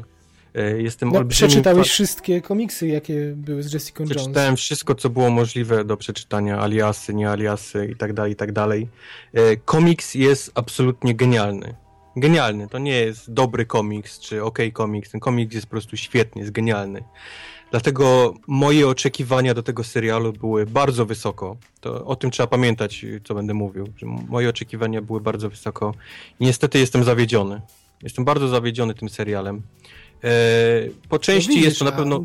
To od razu ci powiem, że tak wydaje mi się, że internety twierdzą inaczej, więc to jest... Internety twierdzą inaczej, tak. Czytam recenzje i czytam e, więc... też recenzje ludzi, którzy czytają komiksy mhm. i to się mniej więcej pokrywa. Ci, więc co czytali komiksy... Usadawiam się w fotelu jeszcze wygodniej i słucham w takim razie krytycznej opinii. No. Ci, co czytają komiksy narzekają, ci, co nie czytali uważają, że jest to świetny serial. Ja też uważam, że to jest ok serial, tylko biorąc pod uwagę to, jakie ma źródło, mhm. jaki mógłby być, to jest bardzo źle niestety bardzo słabo. Y, pomijam już fakt, że ten serial był pisany pod stację ABC, czyli pod kablówkę i tych odcinków miało być chyba 8 do 10. Mhm. I mówi, że to na... czuć, tak? Czuć, czuć, do... naprawdę, bo po ósmym mniej więcej odcinku widać, że skończyły im się pomysły na to, co robić. I, i zaczęły się dziwne dokrętki scen, mhm. zaczęły się dziwne wątki, które się zaraz urywały, bo, bo to nie miały sensu i oni też to widzieli. Widać chaos, tak mniej więcej po ósmym odcinku, który jest te osiem, pierwszych osiem odcinków jest naprawdę niezłych. I później zaczynają się głupie rzeczy, przeciąganie. Ale, ale czuć to, czuć taki, jak na przykład w The Affair było, że czuć, że po ósmym odcinku mogliby skończyć w ogóle tą historię tak, i tam jest dopisane, tak, czy one tak. są rozciągnięte? Nie, czuć, widać, że mogli spokojnie mhm. to w 8 odcinków skończyć, 8-10 powiedzmy, mhm. y, a jest nakręconych 13 i to boli bardzo boli. Te, te kilka ostatnich odcinków jest naprawdę bardzo złych i, i, i rzeczy dzieją się głupie, których nie powinno być. Są rozciągnięte zbyt bardzo na właśnie na te pięć odcinków Mhm. już tak nawet. To się oglądało bardzo źle. Ja byłem Niestety. zaskoczony, bo mówię, Daredevila obejrzałem y, dla świętego spokoju i z obowiązku jak, w jakimś sensie, żeby, żeby wiedzieć o, o co chodzi. Jeden odcinek, tak samo obejrzałem jeden odcinek Jessica Jones i tam ta, y, mówisz ABC, tak? Czy CBS? Mhm. ABC. ABC, ono jest cały czas w napisach końcowych, jakby było współproducentem jest. dalej. Mhm. To jest Mhm. To w ogóle dziwna sytuacja. Nie mam pojęcia, chciałbym, żeby mi to ktoś kiedyś wytłumaczył, jak co to tam robi po prostu, jaki to ma związek Netflix z. No, nieważne. Widać coś, po części było już kręcone, przygotowywane, może coś mieli już, y, gdy, gdy robili to dla ABC, nagle się pojawił Netflix z większą ilością Mhm. pieniędzy. Netflix niestety wymaga tych, tych 13-14 odcinków i, no i musieli do, kręcić, musieli wymyśleć cuda na kiju no i niestety powymyślali. Słuchaj, ale muszę przyznać po jednym odcinku, że ta bohaterka jest strasznie ciekawa i urodę ma niesamowicie oryginalną i hipnotyczną i Jest ciekawa, słuchaj, nie wiesz, mom, ba- momentami naprawdę... nie wiesz, czy to jest piękna kobieta, czy to jest szalona kobieta, tak po, ze wzroku, chociaż to się nie wyklucza, tak, jak jej z oczu patrzy. Niesamowita rola. To jest ciekawa postać z, z tragicznym, co dowiadujemy się też w serialu, powiedzmy, Mhm. jakąś przeszłością i uzasadnia to jej yy, nawyki do alkoholizmu, czy do uprawiania seksu z kim popadnie w, w komiksach. Yy, no, serial jest ugrzeczniony, tak jakby pachnie kablówką, wiesz? To nie jest poziom Netflixu. Ale mój drogi, ale i tak się nie pieścili w tańcu, jeśli mogę tak powiedzieć.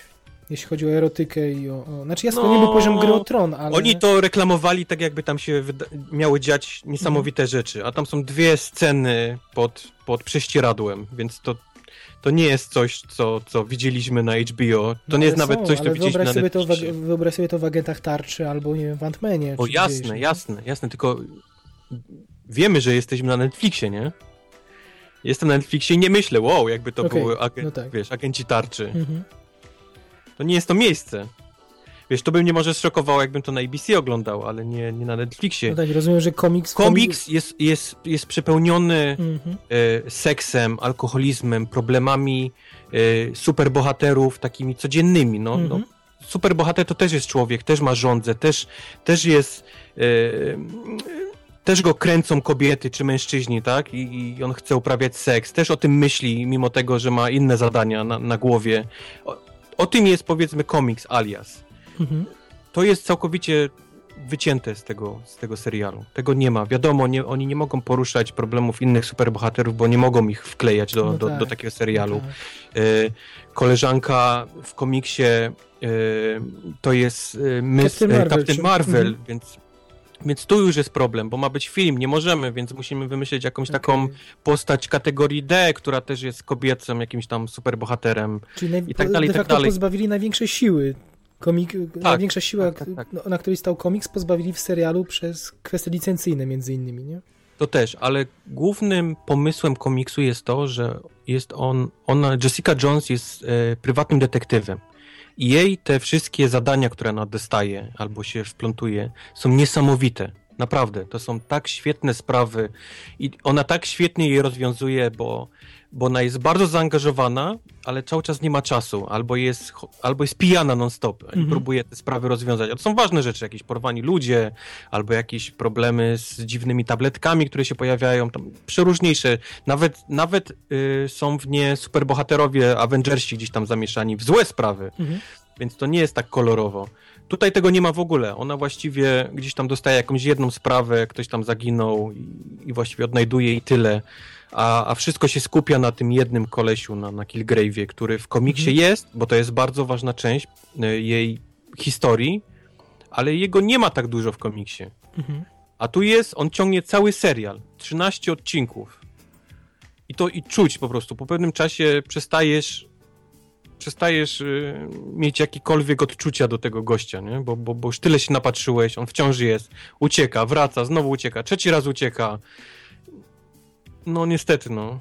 Byłem A- zawiedziony. A, a nie sądzisz, że na przykład, tak jak słucham ciebie, że oni troszkę musieli na przykład odtworzyć strukturę Daredevila, który zakładam, że też stał Kingpinem i tym głównym złym i, chcieli jakby Daredevil stał Kingpinem i Kingpina nie pokazywano za dużo. Mhm. I to był plus. Mhm. Bo za każdym razem, jak widzieliśmy Kingpina, to, to się cieszyliśmy, bo, bo był zagrany fantastycznie i, i, i pasował idealnie do tego. Tutaj mamy. Yy, mamy. Jak on się nazywa? Ma... David Tennant. David Tennant, właśnie. Mhm. Który, yy, którego dostajemy tak dużo, że nam się przyjada po pewnym czasie. Czytałem gdzieś nagłówek, że to najlepszy czarny charakter w Marvelu w ogóle, w jego wykonaniu. Mm. Jest okej, jest okej. Jak naprawdę. I jego zdolności, i jego gra aktorska i, i wszystko jest okej. Przez, przez 8 odcinków. Później zaczynały się jakieś takie dokrętki, gdzie on ucieka. Y, zabili go i uciekł 7 razy.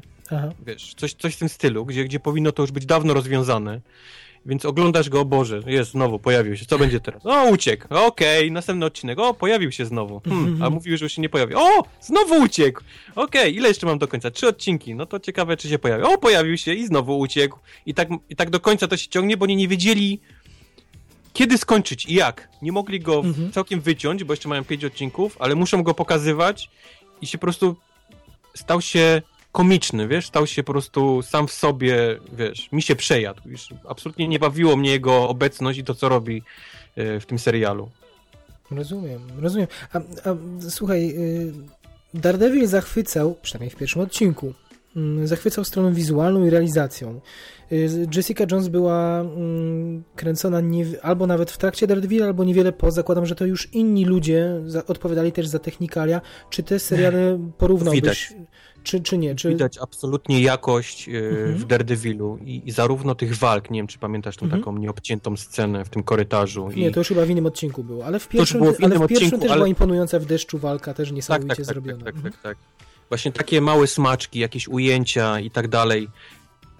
W Jessice czuć, nie czuć tych pieniędzy Netflixa, wiesz? Okej. Tak naprawdę. To- jest dalej to zdanie, do którego wrócę. Ten serial śmierdzi kablówką w dalszym ciągu. Wiesz o czym mówię. Tak, tak. Niby jesteś na Netflixie, niby tu powinny, powinieneś czuć te pieniądze, tak jak to było w Daredevilu. Tego, tego właśnie tutaj ciężko jest gdzieś to odnaleźć. To, to takim agentami tarczy lepszymi, nie? Trochę bardziej zajeżdża niż, niż napra- tak naprawdę gorszym Daredevilem. Mhm. O. To, jest, to jest to moje porównanie. Przy czym ja narzekam bardzo, tylko w dalszym ciągu chcę powiedzieć, że to jest niezły serial. To jest ok serial, tylko to, gdzie ja myślałem, że on będzie i gdzie mógłby być, gdyby zaczerpnęli dobrze z źródła, z komiksu, to byłby genialny serial. Widzisz, To byłby... najwidoczniej, najwidoczniej ta pani, która była prowadzącą, showrunnerem, co innego Mhm. troszkę ją interesowało w tej postaci najwidoczniej Widać tak, niż widać tak, ta- no. ta relacja z tym Killgrave'em głównym. Być może sama miała jakieś traumatyczne przejścia i o tym chciała opowiedzieć, a nie interesowało jej ta, ta dete- detektywistyczna strona. Nie? No, no. Widać też, że Luka Cage'a, którego będą kręcić, y, pilnował też ktoś inny, bo jest zagrany świetnie i odwzorowany świetnie. Widać, że ktoś tam na niego miał oko, chyba z serialu, który będzie dopiero kręcony, bo jego ruchy, jego, jego teksty, jest wszystko przypilnowane rewelacyjnie. Aha, super. Ale to nie jest ten gość, który prowadzi bar w pierwszym odcinku, czy to jest właśnie on? To jest Luke Cage, To tak? jest Luke Cage, tak? Mhm, mhm, Okej. mhm. To nie wiedziałem, że oglądam stosunek płciowy między Yep, dwoma superbohaterami. yep, yep. Okej. No. No. dobrze, dobrze mieć taką wiedzę. Jakbyś, jak przeczytasz może kiedyś komiks pewnie, nie? To jeszcze byś zobaczył stosunek płciowy między różnymi innymi superbohaterami. W, w, w Aliasie, tak? Czyli w Jessica Jones, Mm. tak? Okej. Jeżeli, jeżeli chcesz zobaczyć, jak wygląda e, seks z Antmanem, który się What? powiększa, po, pomniejsza, zapraszam do komiksu. Okej. No to by nie, prze, nie przeszło. Może w jakieś pornoparodie No wiem, żeby nie przeszło, jasne, ja nie mówię, że to, to No. musi być do jeden, ale, ale ten, ten, ten, ten komiks jest bardziej dojrzały. Mhm. No rozumiem. I serial też mógłby być, ale tak się nie udało niestety. No. No żal, bo, bo ta postać kobieca już po pierwszym odcinku niesamowite wrażenie na mnie zrobiła. Fajna dziewczyna, no po prostu. Świetnie się to oglądało i, i kino ma deficyt takich y, poturbowanych przez życie silnych babek. Znaczy silnych i kruchych jednocześnie. Nie? No, no. Jest, to jest ciekawe, ciekawe bo, bo e, jest fajna fabuła i nie czuć pieniędzy, a, a powinno być, nie? Na, na, Netflixie. A jak weźmiemy ten, ten e, Man from the High Castle, który się pojawił teraz na Amazonie, Mhm. Amazon z kolei ma świetne fabuły, ale czuć jeszcze brak tych pieniędzy w tych serialach i, i to jest takie powiedzmy dwa, dwa takie same niby źródła oglądania, a jednak Mhm. bardzo różne od siebie. Mhm. Nie, a ten, nie a ten Amazon serial y, śledzisz też, czy... Tak, oglądałem też go cały. Ojej. Wi- Widziałem jakiś, m, nawet dzisiaj w telewizji. Było wielkie oburzenie. tak, o, o kampanii reklamowej, prawda? Aha, o tym, że aha. w metrze krzesełka były. z- Ze swastykami, tak, tak. Rewelacja. Ciekawe, nie? Ciekawe. Znaczy, z jednej strony na pewno to jest pra- symbol prawnie zakazany, więc z literą prawa idąc pewnie nie mieli, nie powinni tego zrobić, nie? A z drugiej strony, y, no to jest. Ale wraca, powiem ci, że Mein Kampf wraca do Stanów Zjednoczonych legalnie. Tak? No, No. Więc, więc widzę, pomału zapominamy już o. o Tym niemniej, takich- jeśli to jest. y, To, to, to No nie, jest, ale cały wagon, wiesz, metra no oklejony. jest to przerażające, no jasne. Jak, jak ci wsiądzie jakiś. y, No. mm, Boże, wypadło mi słowo. Weteran wojenny, no to faktycznie może na zawał umrzeć, że zobaczy te krzesełka No. ze swastykami. Okej, faktycznie, bo tu chciałem już tyrady na temat wolności wypowiedzi, wolności. No nie, są rzeczy, sztuki. które... Znaczy wiesz, to jest inna sprawa, to nie jest prowokacja, to jest element scenografii tego serialu, więc to nie jest tań, taniocha, to nie jest tania prowokacja, no ale faktycznie może kogoś skrzywdzić tym, no to No, chyba nie mam zdania. W takim, nie wiem po czyjej stronie stanąć. lepiej, lepiej nie, lepiej nie. Dobrze, czyli y, serial Amazonu przynajmniej na razie sobie... y, y, Nie, o, o tym nie będziemy tak, mówić. o tym nie będziemy. Powiemy za to, pogrillujemy przez chwilę Bonda, bo to jest bardzo ważna premiera, chyba najważniejsza premiera listopadowa, przynajmniej Mhm. frekwencyjnie, z którą w Polsce mogą się równać tylko listy do M2, a w Stanach nie macie listów do M2, więc nic nie zagrażało Bondowi do momentu, aż się Katniss Everdeen nie pojawiła i, i Kosogłos część druga. No i Wojtek, co, po, powiedz, co, co z tym Bondem? Bo powiedzmy od razu, mamy chyba podobne zdanie. Mamy chyba Mamy podobne, podobne, zdanie, niestety podobne znowu. złe zdanie, natomiast y, ten film się podoba wielu osobom. To nie jest tak, że on jest gnojony absolutnie przez, przez O, wszystkich. ja czytałem całe, jak go rozkładają na części pierwszej i porównują z, z oryginalnymi Bondami. Jak, Wręcz, jak porównują tak, sceny doceniają wręcz ludzie, się. prawda? Tak, Mhm. tak, tak, no. Y, Tylko jest taki problem, bo. Mm, A w ogóle jeszcze taka ciekawostka, przeczytałem, że podobno w dużej mierze za ten sukces komercyjny odpowiadają kobiety, bo kobiety wystawiły praktycznie w 100% maksymalną ocenę pozytywną temu filmowi. To w Stanach jest badane dokładnie, te przepływy właśnie, bo to potem z kolei to się przedkłada na polecenie znajomym i, i ten drugi weekend, a Mhm. Bond miał bardzo dobry drugi weekend. Tak. Y, I no i właśnie, między innymi dlatego, że, że paniom się bezkrytycznie ten film podobał. I dobrze, i dobrze. No. Dobrze, dobrze. Ja dobrze. jestem daleki od, od życzenia Bondowi jakichś tam potknięć czy ten. No, mi się nie podobał, no. Co sobie napisaliśmy po seansach, że nuda straszna, prawda? Nuda, przede wszystkim nuda, no. Długi, dużo za długi. To jest argument, który można, który mi się bardzo łatwo szafuje i rzuca się, że film jest nudny. To jest strasznie subiektywne, bo to też liczy się dyspozycja dnia dla kogoś, ale, ale chyba tu mamy przemyślany ten argument, bo i, i możemy go jakoś umotywować. To, to jest film ze, z, tam ta historia jest szczątkowa tak naprawdę. No, Patrząc na no. poprzednie filmy, tutaj mamy do czynienia z najprostszą grą komputerową, w której Bond odhacza kolejne etapy, w których musi kogoś odwiedzić gdzieś. I naprawdę to, to, to jest ja nie chcę mówić obraża dla, obraz dla inteligencji, no ale trochę tak, po, po Skyfallu i po, po Casino Royale, kiedy, kiedy Bond musi jechać w Alpy, żeby wejść do jakiejś lepianki, do jakiejś szopy, bacówki, żeby kogoś znaleźć, ktoś tam siedzi. Ten ktoś powie mu, że na szczycie góry jest szpital psychiatryczny, w którym przyjmuje jego córka, więc Bond tam jedzie. Kto w ogóle na szczycie Śnieżki buduje szpital psychiatryczny, w którym dwudziestoparoletnia dziewczyna przyjmuje na... Cześć, idziesz, idę do psychiatry, tak? Gdzie? No na, na, do, w Alpy jadę do psychiatry, na, na szczyt góry jakieś, nie? Więc no, bzdura kompletna. Jedzie tam tylko po to, żeby mógł potem zjechać pod, z tej góry na... No nie na nartach, na nartach zjeżdżał chyba Roger Moore, więc tutaj Tak. puszczamy takie toporne oczko do widza i spuszczamy Craiga w samolocie z tej samej góry. Potem gdzie ma pojechać? Ma pojechać, no to gdzie dalej go wysiemy? Do Maroka, bo Maroko jest popularne, bo w Maroko był y, Tom Cruise w Mission Impossible, więc dlaczego Bonda nie dać w Maroku? Bond w Maroku znowu coś znajduje, jakieś współrzędne jedzie. To nie są spoilery, bo to wszystko i na trailerach widać, zresztą omawiamy tylko lokacje. Myślę, Mhm. że nikomu nie psujemy filmu. Jedzie do tego Maroka, zresztą jedzie pociągiem, Bonda, nie wiem, na samolot nie stać, helikopter, jedzie pociągiem. Ech, No i, i tak odhaczamy te kolejne miejsca i zastanawiasz się, po co, nie? Po co? Równie dobrze mógł te wszystkie informacje, notatki, nie wiem, współrzędne znaleźć w zupełnie innych miejscach. Jest, jest... Nie ma tutaj dramaturgii przede wszystkim. No, nie mówię, że w innych Bondach on nie odwiedzał też miejsc, ale to miało dużo więcej sensu i, i powodów, dla które odwiedza. Ale dodajmy, że na przykład w Skyfallu Tam ponad połowa filmu trwa, działa się w Londynie. Tak. Była potrzeba takiego silnego ukierunkowana na historię rodzinną, na M i nie mieli problemu z tym, żeby zostawić akcję w Londynie i zrobić tam widowiskowe sceny fajne. No ale tutaj nie, tutaj Bond musiał mieć turdę cały świat. To miałem wrażenie, że oni wybrali sobie lokacje, a potem wymyślali na poczekaniu do nich historię, co on w tych lokacjach będzie robić. No nie, nie tak było? Wiemy, jak wyglądała sytuacja z Meksykiem i, i, mhm. i, dlaczego było kręcone w Meksyku, dlaczego było, dlaczego tam dokręcali jeszcze w tym Meksyku i tak dalej. Kto wie, czy nie było takich samych dealów gdzieś tam w innych, wiesz, Marokach, czy, czy cholera wie jeszcze gdzie.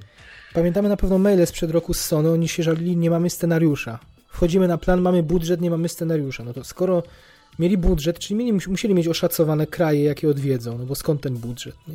No tak. A no. żalili się w tych mailach, że scenariusza nie ma, więc więc nie wiem, no mnie to jako widza obraża, tym przez to, że nie oczekuję cudów po Bondzie, bo wiemy jakie były te Bondy w latach 90., no ale skoro już poszli w odważną stronę w poprzednich filmach i pokierowali Bonda w rejony, w których jeszcze nigdy nie był, to ja oczekuję konsekwencji tutaj, a nie sprowadzania go do, tych, do tych wzorców Bonda z lat 90., 80., prawda? I, no nie wiem, ty bronisz Moniki Bellucci. Ja Oj, rozumiem, no bo jest, bo jest piękną szanuj, kobietą. Monikę tak? szanuj. No Monikę szanuj, no tylko, że Monika na czerwonym dywanie powiedziała, że to jest rewolucja, bo dziewczyna Bonda ma lat 51, no tylko co z tego, skoro pełni funkcję najgorszą z możliwych, taką jak pełniły w najgorszych latach 90. i 80. w Bondach, w tych najbardziej mizoginistycznych, gdzie, gdzie kobiety były tylko przedmio- przed, prawie że przedmiotem, aż mi to wiesz, ciężko przychodzi przez... Oj tam, ale, oj tam, w Matrixie też tam gdzieś tam grała jakąś taką No i trochę podobną miała rolę. No i podobną miała rolę.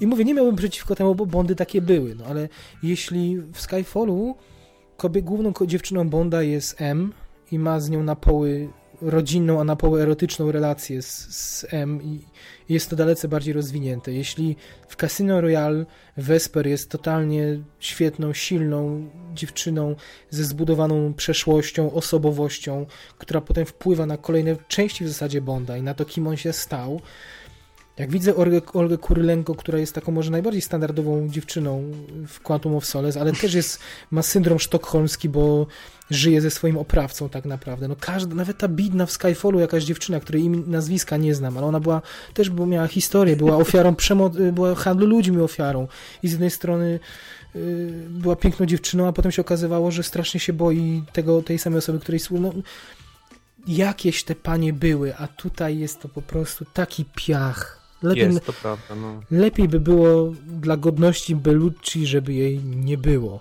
No, tak powiem. Wojtek, a coś ci się podobało? Każda, ja tak... każda minuta z Moniką Bellucci dla mnie jest, jest cenna. No jest cenna, a ty cię, mi chcesz jeszcze odebrać te krótkie chwile. Zapraszam cię do, w Polsce w kinach przed filmem masz reklamę Cisowianki Perlage, w której występuje Monika. O mój Boże. Mówi, że chce tam... Musisz ga... mi zgrać. Gazozo, że chce gazowaną, wiesz, Gazozo. przepięknie. Tam, tak. Co mi się podobało? Podobało mi się no bo ja tak marudzę, zaskakująco... Na, narzekam, a, a no. Może nie Podobał mi się zaskakująco Meksyk. Ta scena otwarcia. Początek filmu, mhm. tak, scena otwarcia. Już myślałem, o czym, znaczy, wiesz, oglądałem ten Meksyk, zamyślałem, o czym ty mówisz? Świetny film jest, już widzę, że będzie genialny. No tylko niestety po Meksyku już jest pochylnia w sam dół, a koniec to już jest, trzymałem się za, za głowę aż to co, to, co oglądałem. Tak, no faktycznie Meksyk jest naj, najciekawszy, ale czuć tam, ja od razu czujesz najpierw tego mastershota niepotrzebnego na początku, który, bo on mógł tą trasę przebyć trzy razy szybciej i... No, o, ja mi się podobało po... właśnie, to no okej, okay, artystycznie tutaj chcą podejść do tego, wiesz. Ale od razu łamiesz, czujesz, że to jest film, czy od razu ci to burzy no nic, nieważne, ale tu się możemy spierać, to, to, to, i tak doceniam, bo włożyli w to pracę. Nie? Ale potem widzi, że to jest chamska, reklamowa fucha, żeby pokazać Meksyk, że tam się nie morduje kobiet, nie Wiesz, handluje no, dragami. My, tylko, to, my to wiemy, no. no. Tylko zapraszamy na, na karnawał. Nie? No. Ach, no ja jeszcze, jak wiesz, cenię piosenkę. Jestem w mniejszości. Oj, oj. No. To na odwrót widzę już teraz. No, no. Kawałek kupiłem, jest koszmarny. Kupiłem singiel i się nie zgadzam z Wojtkiem, ale nie będzie... Nawet, to... nawet, nawet on jak ktoś mówi, że, że nie znosi śpiewać tej piosenki. Bo jest trudna, bo powiedział, że najtrudniejsze jako nagrał. Bo, no, bo są no, najwyższe tak, no, dźwięki, no, jakie tam kiedykolwiek uzyskiwał. To dlatego... Biedny Sam Smith, no. Nie musiał takich wysokich dźwięków uzyskiwać. Mógł tylko- nagrać z Ja może tylko powiem dla, dla porządku, że mi falset nie przeszkadza, a, a tekst i aranż są dużo ciekawsze niż Skyfall, bo tam było tylko Skyfall, Skyfall, Sky... i tak 50 razy. Tak samo, tak samo yy, ta, ta czołówka, powiedzmy, kiedy Mhm. leci piosenka, te, też to były jakieś powycinane sceny z filmu, Tak, takie tak, powsadzane. tak, tak, tak, tak. Straszna No. bieda. To prawda. Ale ten film faktycznie jego robili w pospiesznym tempie. No jaki blockbuster za 300 baniek robisz w 9 miesięcy? Na Boga, oni miesiąc przed premierą muzykę nagrywali. Newman nagrywał, on nagrywał, połowę muzyki nagrał, a połowę skopiował ze Skyfall.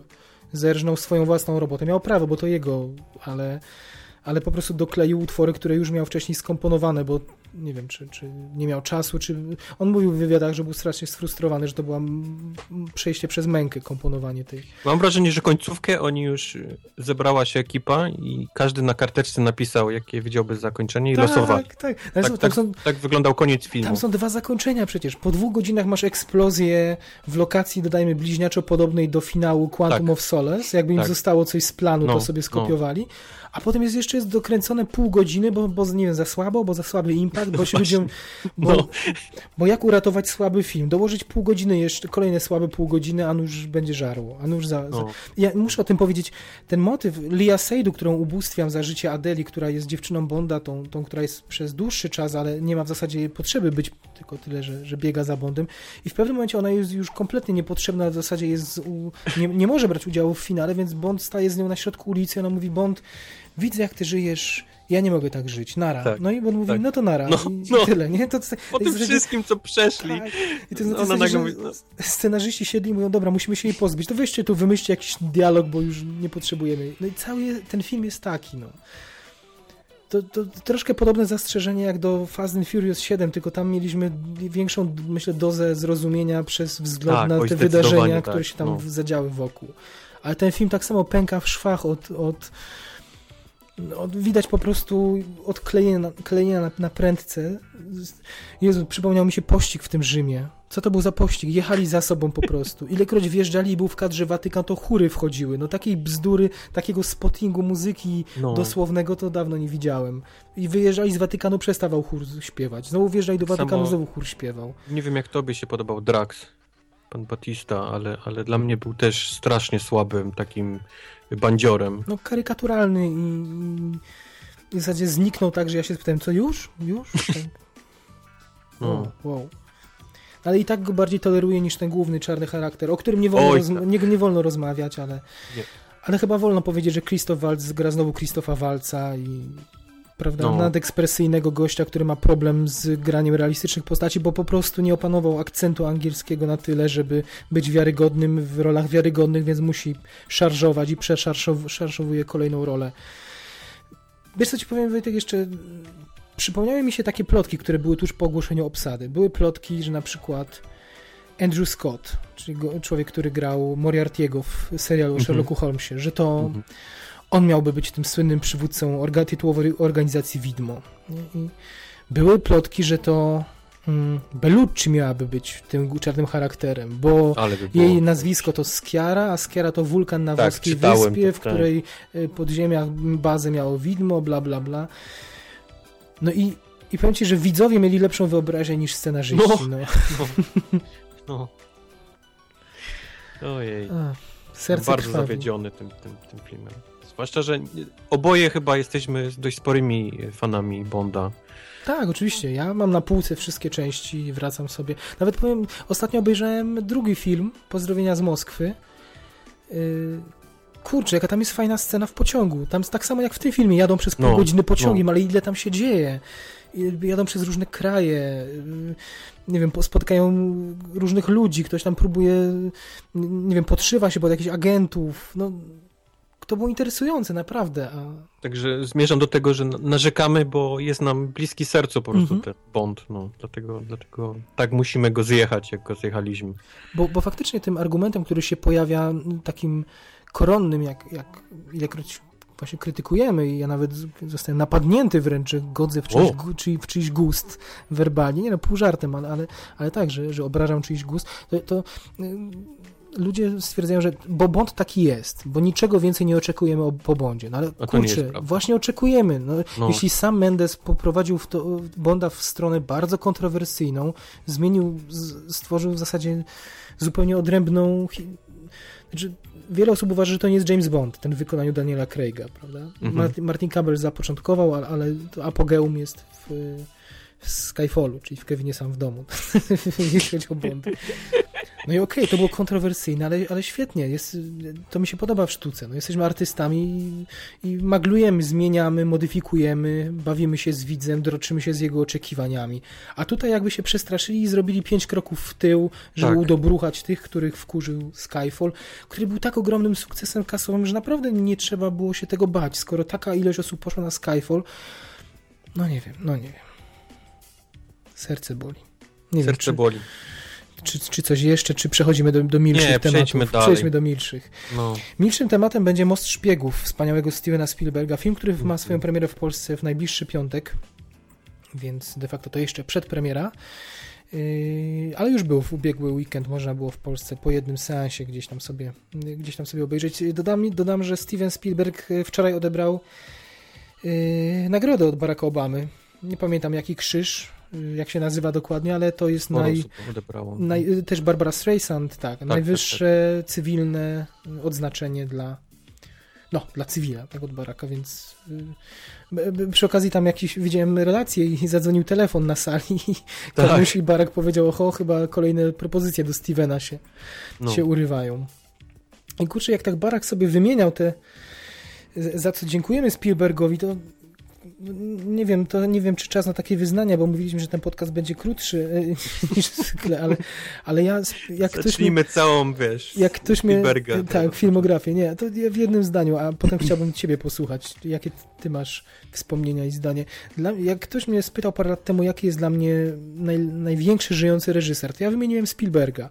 Może, okay. jeszcze, może jeszcze Scorsese bym, bym obok postawił, ale, ale Spielberg to jest dla mnie tak strasznie, najbardziej eklektyczny, tak ekumeniczny człowiek, który łączy naj, największy przedstawiciel kina środka, które ja ubóstwiam, czyli to kino, które ma artystyczne ambicje najczęściej, które nigdy nie schodzi poniżej pewnego poziomu, ale też się podoba w zasadzie całemu światu. Jak, no. jak puścisz film y, i tym, którzy chcą te, y, najprostsze rozrywki i tym, którzy gardzą, nią gardzą, to i tak będą zadowoleni po po seansie, Oczywiście to też niesie ze sobą pewne wady, bo trzeba iść na kompromisy i te filmy rzadko kiedy są arcydziełami. Tak, no bo Spielberg trafia raz na, nie wiem, 10 lat arcydzieło. Ostatni raz chyba Monachium dla mnie to, był, to było arcydzieło. Nie wiem, czy, czy, czy, czy, też tak się zapatrujesz na Monachium, czy... My God, musiałbym sobie przypomnieć, ale Zresztą w Monachium chyba Daniel Craig grał na drugim planie, no tam uh po Bonda, nie? Ale, ale, oczywiście są arcydzieła jak Szczęki, jak Lista Schindlera, te, które, czy Jurassic Park arcydzieło, kina rozrywkowego mm -hmm. arcydzieło. No, mówię, teraz jesteśmy w epoce, której już arcydzieł się nie, nie tworzy po prostu, bo kino się zmieniło, tak mi się wydaje. Ale Spielberg nie, nie robi złych filmów po prostu. I nie wiem, jaki masz, jak ty masz, czy równie go wielbisz, czy trochę mniej? Nie, też, też, oczywiście. I mam, dokładnie masz rację, że on nie schodzi poniżej jakiegoś poziomu i to jest ten taki poziom, który ja zawsze toleruję. Nawet jakiś Warhorse, który nie, niekoniecznie mi przypadł do gustu, ale to był ok film. Mhm. No dobrze, a Mostowi Szpiegów, czyli Bridge of Spies, jest bliżej do Warhorse, czy bliżej do właśnie Monachium, czy do... do... No nie chcę rzucać tutaj jakiejś jeszcze, jeszcze poważniejszej. Gdzie byś na tej mapie twórczości Spielberga umiejscowił Most Szpiegów? No właśnie bliżej do Warhorse niż do, niż mhm. do Monachium. To niby też są jakieś podobne takie, on, on uwielbia kręcić filmy, które są bardzo amerykańskie, tak? takie mhm. dla Amerykanów, czyli albo koń w czasie wojny światowej, albo właśnie szpiedzy w czasie zimnej wojny, czy, czy, czy Lincoln. Lincolny, mhm. dokładnie, no. To jest jego kolejny odhaczony kawałek historii, no. E, no się fajnie ogląda w Ameryce, ale czy to jest jakiś taki super, świetny film, to, to nie, do końca bym już tak nie powiedział, niestety. Wiesz, po, pobudki są słuszne, bo mnie wzrusza właśnie to, te y, cechy, które wymieniłeś u Spielberga. On, bo rozumiem, on jest Amerykaninem, tak, żydowskiego pochodzenia, dziecko, dziecko mhm. imigrantów. Y, chcę przyznać, nie znam tak dokładnie biografii, no ale można tak, tak, tak mi się wydaje, że to mniej więcej, ale, ale samo to, że stworzył listę Schindlera, że gdzieś go te tematy wszystkie obchodzą. Historyczne. Że, historyczne no. I, I, z jednej strony próbuje zachować to dziedzictwo narodu, z którego się wywodzi, czyli narodu żydowskiego, a z drugiej strony tak strasznie y, łaknie bycia Amerykaninem, tak strasznie no. chce podnosić na piedestał te wartości, które Amerykę zbudowały, no bo Lincoln jest, to jest fresk dla tego prezydenta, tak. który był kontrowersyjny, mimo jego wszystkich zasług, był kontrowersyjny. To jest, Oj, to, tak. jest, to, jest, to jest fresk z pominiętymi w zasadzie tymi odcieniami szarości, nie? Tutaj te, w Moście Szpiegów jest taka scena y, w pierwszej połowie filmu interesująca, znaczy interesująca, bardzo mówiąca dużo o Spielbergu, kiedy siedzą...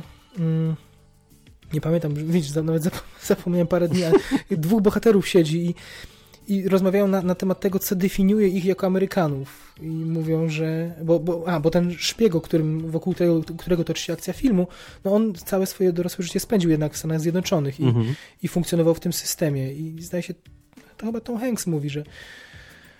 Yy, że to wiara w konstytucję czyni ich Amerykanami, prawda? Że nie pochodzenie, nie to, gdzie się urodziłeś, mhm. tylko tylko ten jeden dokument i ten spis praw, który kiedyś powstał i, i to, że się wszyscy na nie godzimy, to czyni nas Amerykanami. To Spielberg, mam wrażenie, tym wykrzykuje.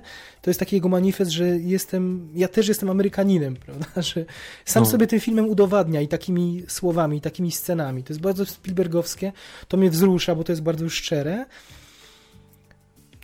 No i tak, tak ale, ale, z drugiej strony to jest taka jawna deklaracja. No. To, tej sceny nie musiało być w filmie, ale widać u Spielberga nie mógł się nie mogło się obyć. Weź to, Wojtek, opowiedz może o strukturze tego filmu, bo jest bardzo ciekawa i, i to, jak on jest zbudowany w ogóle, bo to, bo to są w zasadzie dwa filmy, prawda? No właśnie, to też jest mój kolejny argument, że ten film jest, przynajmniej interesował mnie osobiście do, mhm.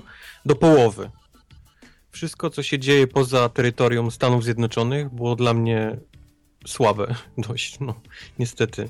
E, bardziej liczyłem i, i powiedzmy tego było częściowo takie rozgryzanie szpiegów w Stanach Zjednoczonych jak oni się komunikują ze swoimi tam powiedzmy przełożonymi, e, jak się szuka, jakie, jakie struktury e, śledzą takich ludzi, jak później się zaczyna śledzenie ludzi, którzy pomagają takim ludziom. Tutaj powiedzmy, I... wtrącę ci znakomita sekwencja otwierająca podczas napisów początkowych, kiedy ten szpieg jest śledzony w, mm-hmm, przy, mm-hmm. przez kolejne ulice Ameryki.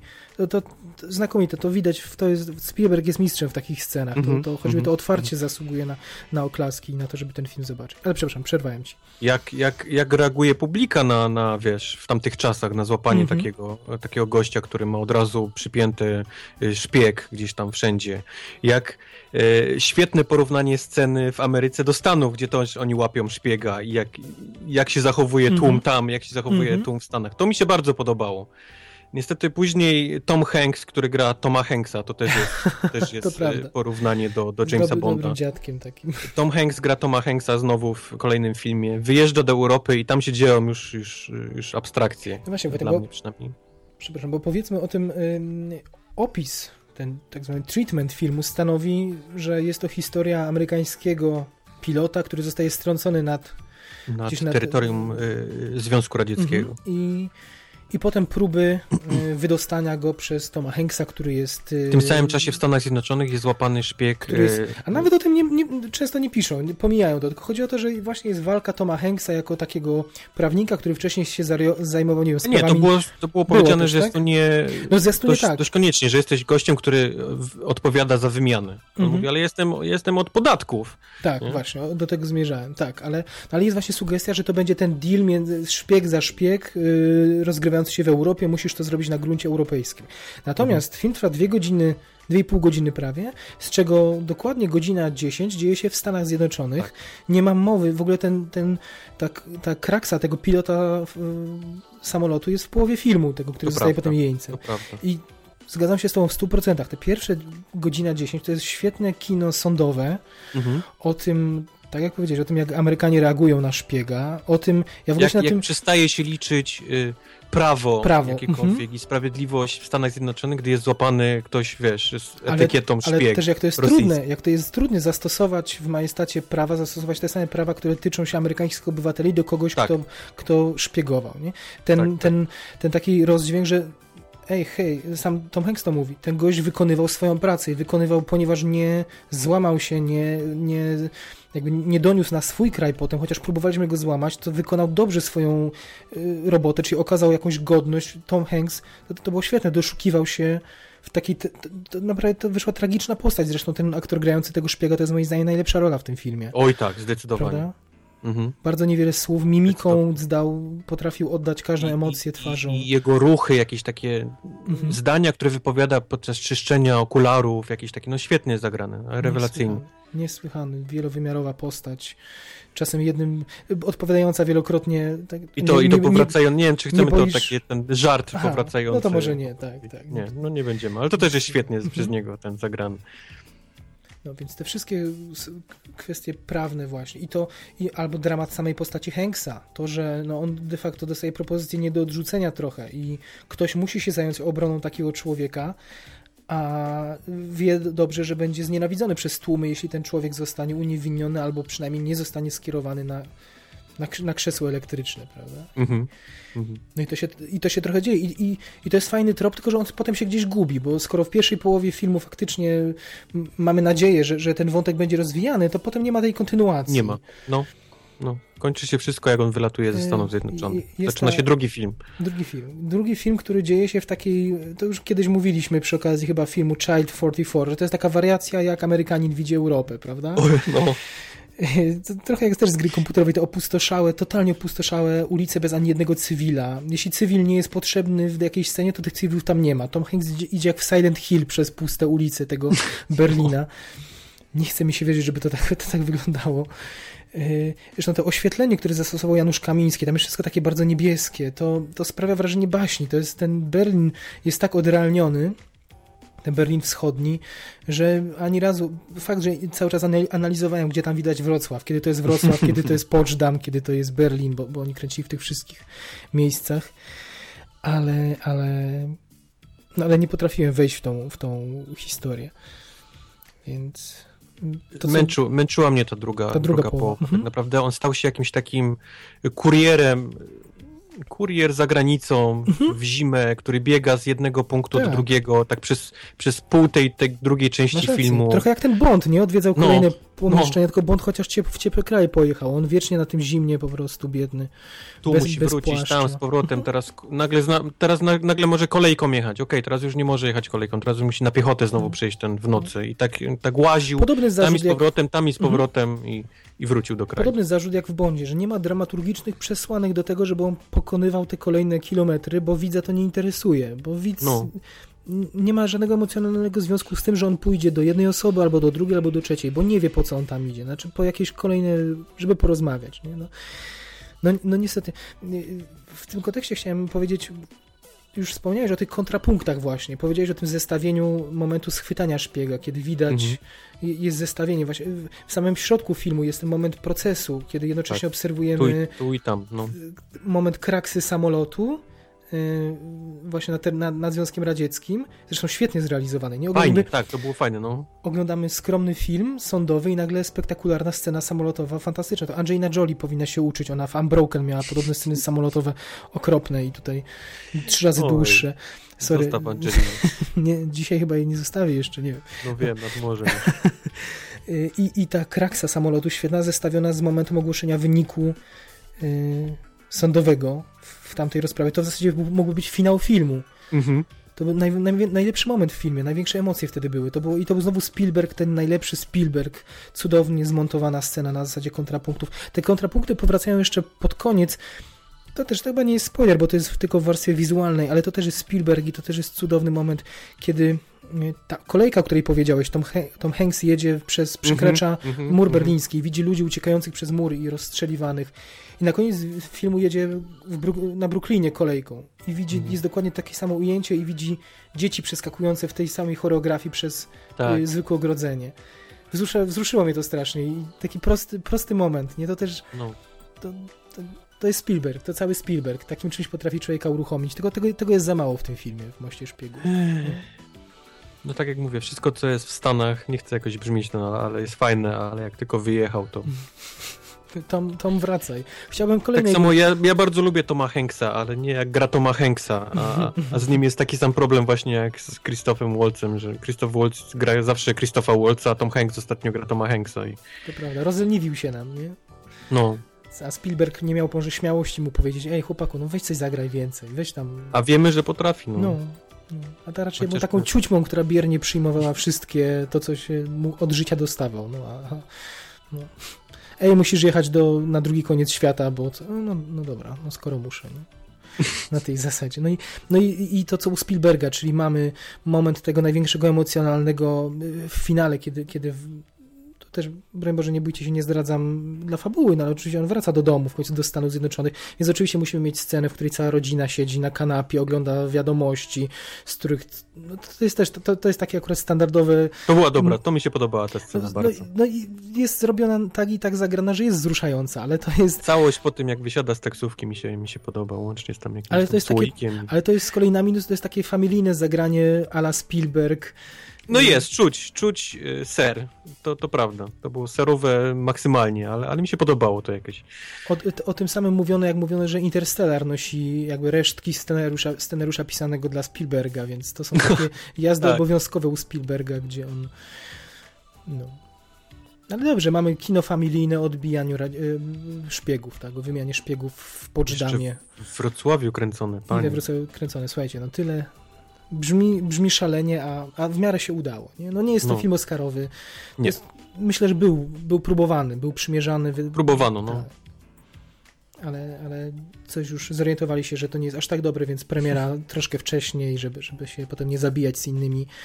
Yy, No, jak zwykle zdjęcia Janusza Kamińskiego, naszego rodaka, muzyka. Yy, Tym razem nie John, John Williams, niestety. No. Pochorował się John Williams. No, musiał mieć też czas na Gwiezdne Wojny, więc Thomas Newman, który ma dwa filmy, bo i, i Widmo, i Spectre, i, i, No właśnie, masz rację. i Też tam. tutaj Most Szpiegów. I Most Szpiegów 100 razy fajniejsza praca muzycznie od, od Spectre. I, Już nie kop, nie kop i- tamtego spektaklu. i wspaniałych, wspaniałych kilka tematów. Jak już gra muzyka w finale, to gra tak, że Wojtek mówi, że miał ciary, tak jak Mhm. w scenie po wy- wyjściu z taksówki. Na moście zresztą też, też fajnie. No więc takie kino, z liceum można zabrać dzieciaki, niech się coś tam dowiedzą historii, tylko trzeba im potem wytłumaczyć, że to nie do końca tak było, jak to tam. No właśnie. Że to, że to dziadek Spielberg i on tak ma. Nie? No ale, ale najważniejsze, bo ty mówisz, że ci się troszkę dłużył, tak? To ja na koniec powiem, że, że mi się właśnie ani przez moment nie dłużył, że, że dostrzegam dużo słabszą tą drugą część, ale cały czas się w, dobrze się bawiłem na, na, na, na Przez tą. Tą drugą część, no miałem wrażenie, Mhm. że tam się mało dzieje, No albo słuchaj, ale że... dwie, dwa, dwie i pół godziny, strasznie długi film, to i tak Długi na, film, no. Jak na No. tyle, to, to dawno nie pamiętam, żeby tak mi zleciało w kinie. Więc polecamy, kino środka, idealne na, na randkę. nie, nie, nie. No, okej. na Próbuję to jakoś ze sobą... hmm. Nie, ale była jedna pani na seansie, znaczy nie jedna, ale by, była randkowiczka, która skakała na krześle z O, tak? emocji. tak? Tak, tak. O. Ilekroć coś gruchnęło, to podskakiwała. Więc, na randkę nie tak. Ja też miałem jakiegoś tak pana, który klaskał. O, Jezu, jak ja bym chciał, jak ja bym chciał oklaski czasem w kinie. Był patriota, który, który klaskał wcześniej. Wolę, wiesz, wolę oklaski od chrupania popcornu. No. Nie, nie, oklaski na koniec jak najbardziej, ale pan klaskał w czasie filmu. No, o tym mówię. Wolałbym słyszeć oklaski w trakcie filmu, niż chrupanie popcornu w trakcie filmu. Tak. Tak? No, no, No nie. no. Jakoś y, mam chyba na, na ten dźwięk popcornu już jestem, wiesz, Uodporniony. uodporniony za to klaskanie w czasie filmu. To ja, czy jakieś wrzucanie fuck yeah, nie? no to ja pewnie Ameryka. zbrzydło by mi po chwili, ale na popcorn mam takie uczulenie, coraz gorzej znoszę seanse z ludzi, staję się społecznie w kinie, No naprawdę. chyba bardziej zapach, jak już chcemy o Aha. popcornie mówić, mnie, Okej. mnie irytuje niż... Okej. Nie, ale to zrobimy kiedyś odcinek specjalny o zachowaniu ludzi w kinach, bo to są, Oj tak. To są niezłe, niezłe traumy. To też jest kamyczek do dyskusji, czy oglądać w domu na Netflixie, czy, czy w To kinie, prawda. nie? Tam To prawda. dyskusji. Dobrze, Most Szpiegów y, zamykamy, Więźnie, więźniowie zostali wymienieni, więc możemy przejść do, do dalszych tematów. Y, I, I poza tym ostatnim filmem, o którym chcieliśmy Wam opowiedzieć na zakończenie o tej wisience na torcie, y, ja powiem dosłownie w dwóch zdaniach o czterech premierach polskich, bo, bo wypada Mhm. powiedzieć o czymś, co, co jest aktualnie w kinach i możecie chcieć się na, nie, na te filmy wybrać, a to filmy ważne. Chociaż, kurczę, o Steve'ie Jobsie nie mam trochę sumienia mówić, bo chciałbym, żebyś tego kiedyś w końcu zobaczył i to jest Miałem. temat na, na, przedyskuto- na przedyskutowanie i tak... jak postanowiliśmy, że nagrywamy, to wiedziałem, że są filmy, które muszę nadrobić, ale już było za późno. No właśnie. Dla zabra... Jobsika. Zabrali Jobsa. U nas leci, nie chcą go zdjąć, a, a w Stanach go pozbyli się biednego biednego Steve'a. Mm, ale to też jest ciekawe, prawda? Bo Steve Jobs jak, w jakimś sensie ikona współczesnej Ameryki, mm, tej, tej kapitalistycznej, technokratycznej z drugiej strony i, i nie wiem, czy za dużo filmów o Steve Jobsie na, na kilometr kwadratowy, że, że sukces raczej komercyjny nikł, no, artystyczny no. być może, ale no ale właśnie, czy, czy artystyczny, to może powiem krótko, a, a jak obejrzysz już to się przy jakichś podsumowaniach roku, mam nadzieję, zgadamy. Yy, powiem krótko, że jeśli ktoś oczekuje Social Network, to niestety nie, bo mamy tutaj Arona Sorkina jako autora scenariusza, ale no jednak David Fincher potrafi poskromić scenopisarstwo Sor Sorkina i potrafi zrobić z nim coś jeszcze, potrafi zrobić sceny bez dialogów, które trochę rozmiękczą tą wymianę zdań jak z karabinów maszynowych, a tutaj niestety mamy dwie godziny non-stop żonglerki słownej, non-stop tych błyskotliwych, szalenie takich ostrych dialogów, wymian zdań, tylko że tutaj nie ma ani chwili na momentu na odsapnięcie. Ten film ma strukturę, to są trzy sceny tak naprawdę, trwające po 40 minut, w trzech, wow. różnych, w trzech różnych momentach y, historii Apple'a i, i Steve'a Jobsa, trzech premier kolejnych literacji komputerów. Czyli tam Macintosha w latach 80., tego komputera Next, mhm. w momencie, kiedy, kiedy Jobs był, był poza Applem i potem iMac'a. No i to, to, takie trochę teatralne zagranie, interesujące, bo za każdym razem to się dzieje na, za kulisami konferencji, na których mają te komputery pokazać i za każdym razem za kulisami są ci sami ludzie. Czy jest jego żona, której y, córki on Jobs przez wiele lat nie uznawał, jest tak. asystentka Kate Winslet polskiego pochodzenia, zresztą tam pojawia się wątek polski na moment. O. Jest Steve Woźniak, czy też Woźniak, jako, czyli Seth Rogen, który symbolizuje taką bardzo szorstką przyjaźń i taki ogólnie stosunek do ludzi sobie bliskich Jobsa, który potrafił się z nim przyjaźnić, ale go za przeproszeniem na kasę zrobić, zrobić grubo, czy jakiś informatyk, jeden, który symbolizuje zapewne kontakty ogólnie z, ze wszystkimi ludźmi mu podległymi, to jaki, jak, na zasadzie co się nie da, tak? takiej mhm. postawy, mhm. która, która tam wielokrotnie się w filmie, w filmie pojawia, że, że komputer na przykład... John Ivy się pojawia?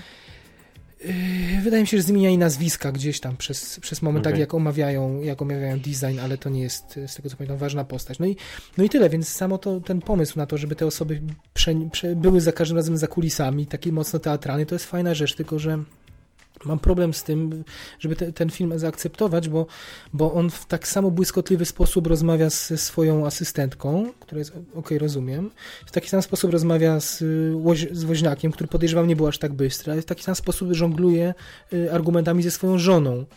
W taki sam sposób mają, mają cięte riposty i sobie dogryzają. Córka też jest nadspodziewanie bystra, no może po tatusiu to ma, nie? Ale szef tam y, kto tam gra jeszcze tego szefa Apple, Rady Nadzorczej y, z Newsroomu, przypomnij, Jeff Daniels, tak? -hmm. Jest fantastyczna rola, świetna.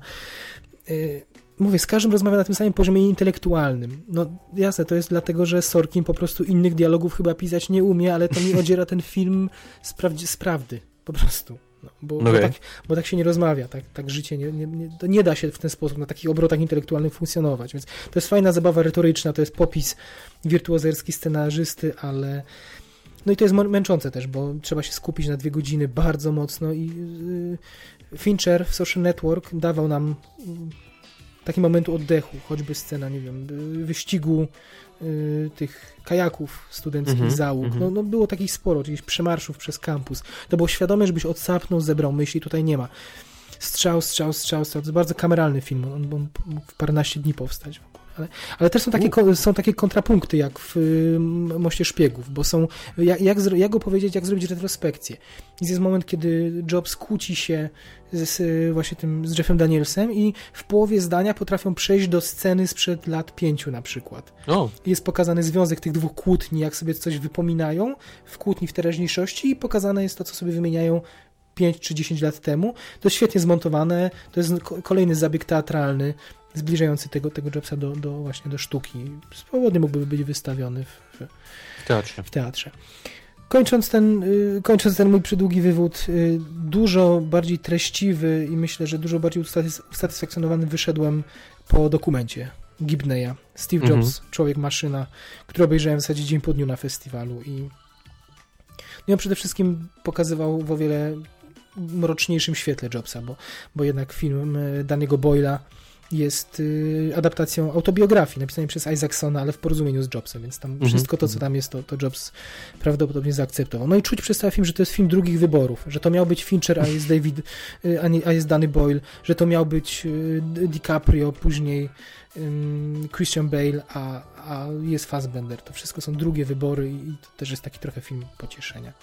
No, ale Krótki- Fassbender to tam nominację za to No ten podejrzewam, że tak, bo, bo to jest taka efektowna rola I, i on poszedł w dobrą stronę, żeby nie naśladować y, Jobsa, bo wiedział, że nie jest podobny aż tak, więc nie, jakby nie przejmował jego gestów, on, on jest trochę Fassbenderem, tylko, tylko czasem ma brodę, czasem ma łysinę, czasem ma długie włosy, ale, to się, ale, ale przez to, że ma dialogi Jobsa i w to akurat wierzę, że te błyskotliwe dialogi, które on ma, no to, to są dialogi, którymi się posługiwał Jo- Jobs, no to, no to ta postać jest wiarygodna przez to, przez Okej. słowa. I to jest świetne, że zbudować nie na gestach postać, ale na, na, na słowach, tak żeby ona była podobna. Nie? I to się chyba sprawdza. Ale czy będą nominacje jakieś za, za film roku na przykład? Nominacje wie, może będą, ale bo, bo, bo nie najlepszy rok jest. Na razie przynajmniej. No. Ale czy, czy Oscary? Króciutko Dipan, czyli imigranci w Polsce przetłumaczeni. O, To z kolei, okej. tak, tak, żeby być na czasie. Nie podoba mi się strasznie takie zabiegi. Nie podoba, wielokrotnie piętnowaliśmy tych mniejszych dystrybutorów. No. Tym bardziej, że słowo imigranci w Polsce, patrząc, to też z Wojtkiem stwierdziliśmy, patrząc, patrząc na nasze timeliny, to w Polsce raczej nie jest słowo, które przyciągnie ludzi do kin, prawda? No właśnie. No. Imigrant. No. I czasem załamujemy ręce, co ludzie wypisują na, na, na Facebooku i no ale to tak, e, taki mała dygresja. Dipan to, jest, Dipan to jest imię głównego bohatera, to jest e, członek tamilskich tygrysów, takiej chyba bojówki ze Sri Lanki, który, który musi nagle e, stworzyć fikcyjną rodzinę, ponieważ no, jego rodzinę czy, czy stracono, wymordowano i, i tworzy z małej dziewczynki i z kobiety tworzą taką rodzinę, żeby móc w ogóle wyem- wyemigrować do Europy. Y, Ten film dostał Złotą Palmę w Cannes i teraz y, obejrzałem go i w zasadzie nie wiem dlaczego. Może dlatego, że jury było pełne, y, było sporo Amerykanów, był też Guillermo del Toro. My tutaj w Europie wiemy, mniej więcej znamy te problemy, z jakimi się imigranci w Europie stykają. Sami Mhm. może w Polsce nie mamy jakichś gett dużych, ale czy, czytamy o gettach w Szwecji czy, czy we Francji, o, o takich gdzie, miejscach, gdzie takich ludzi koszarują i i to gdzieś jest, może nie codzienność, ale codzienność przekazów informacyjnych, więc może stąd był ten sukces tego filmu, bo ja na przykład, y, czy Młodość Sorrentino, czy Sicario Villeneuve'a, o którym Mhm. niestety nie pomówimy, bo było tak dawno, ale może na podsumowaniu Mhm. roku cenię sobie o wiele bardziej z tych filmów pokazanych w Cannes. Nawet bardziej cenię sobie Tale of Tales, czyli y, Matteo Garone niż, niż tego Deepana, co nie znaczy, że jest filmem złym. To jest taki trochę western, bo ten gość trafia do, tak, na takie osiedle we Francji, które mogłoby być każdym osiedlem tego typu i to jest takie miasteczko po prostu pośrodku niczego, jak w westernie. Tak. On jest ostatnim sprawiedliwym, co jest dość kuriozalne, bo jest imigrantem, ale tak naprawdę tam Mhm. wszyscy są tak zdegenerowani, że on jest jedynym, któremu jeszcze zależy, który ma nadzieję, że cośkolwiek tam osiągnie, że będzie żył względnie normalnie.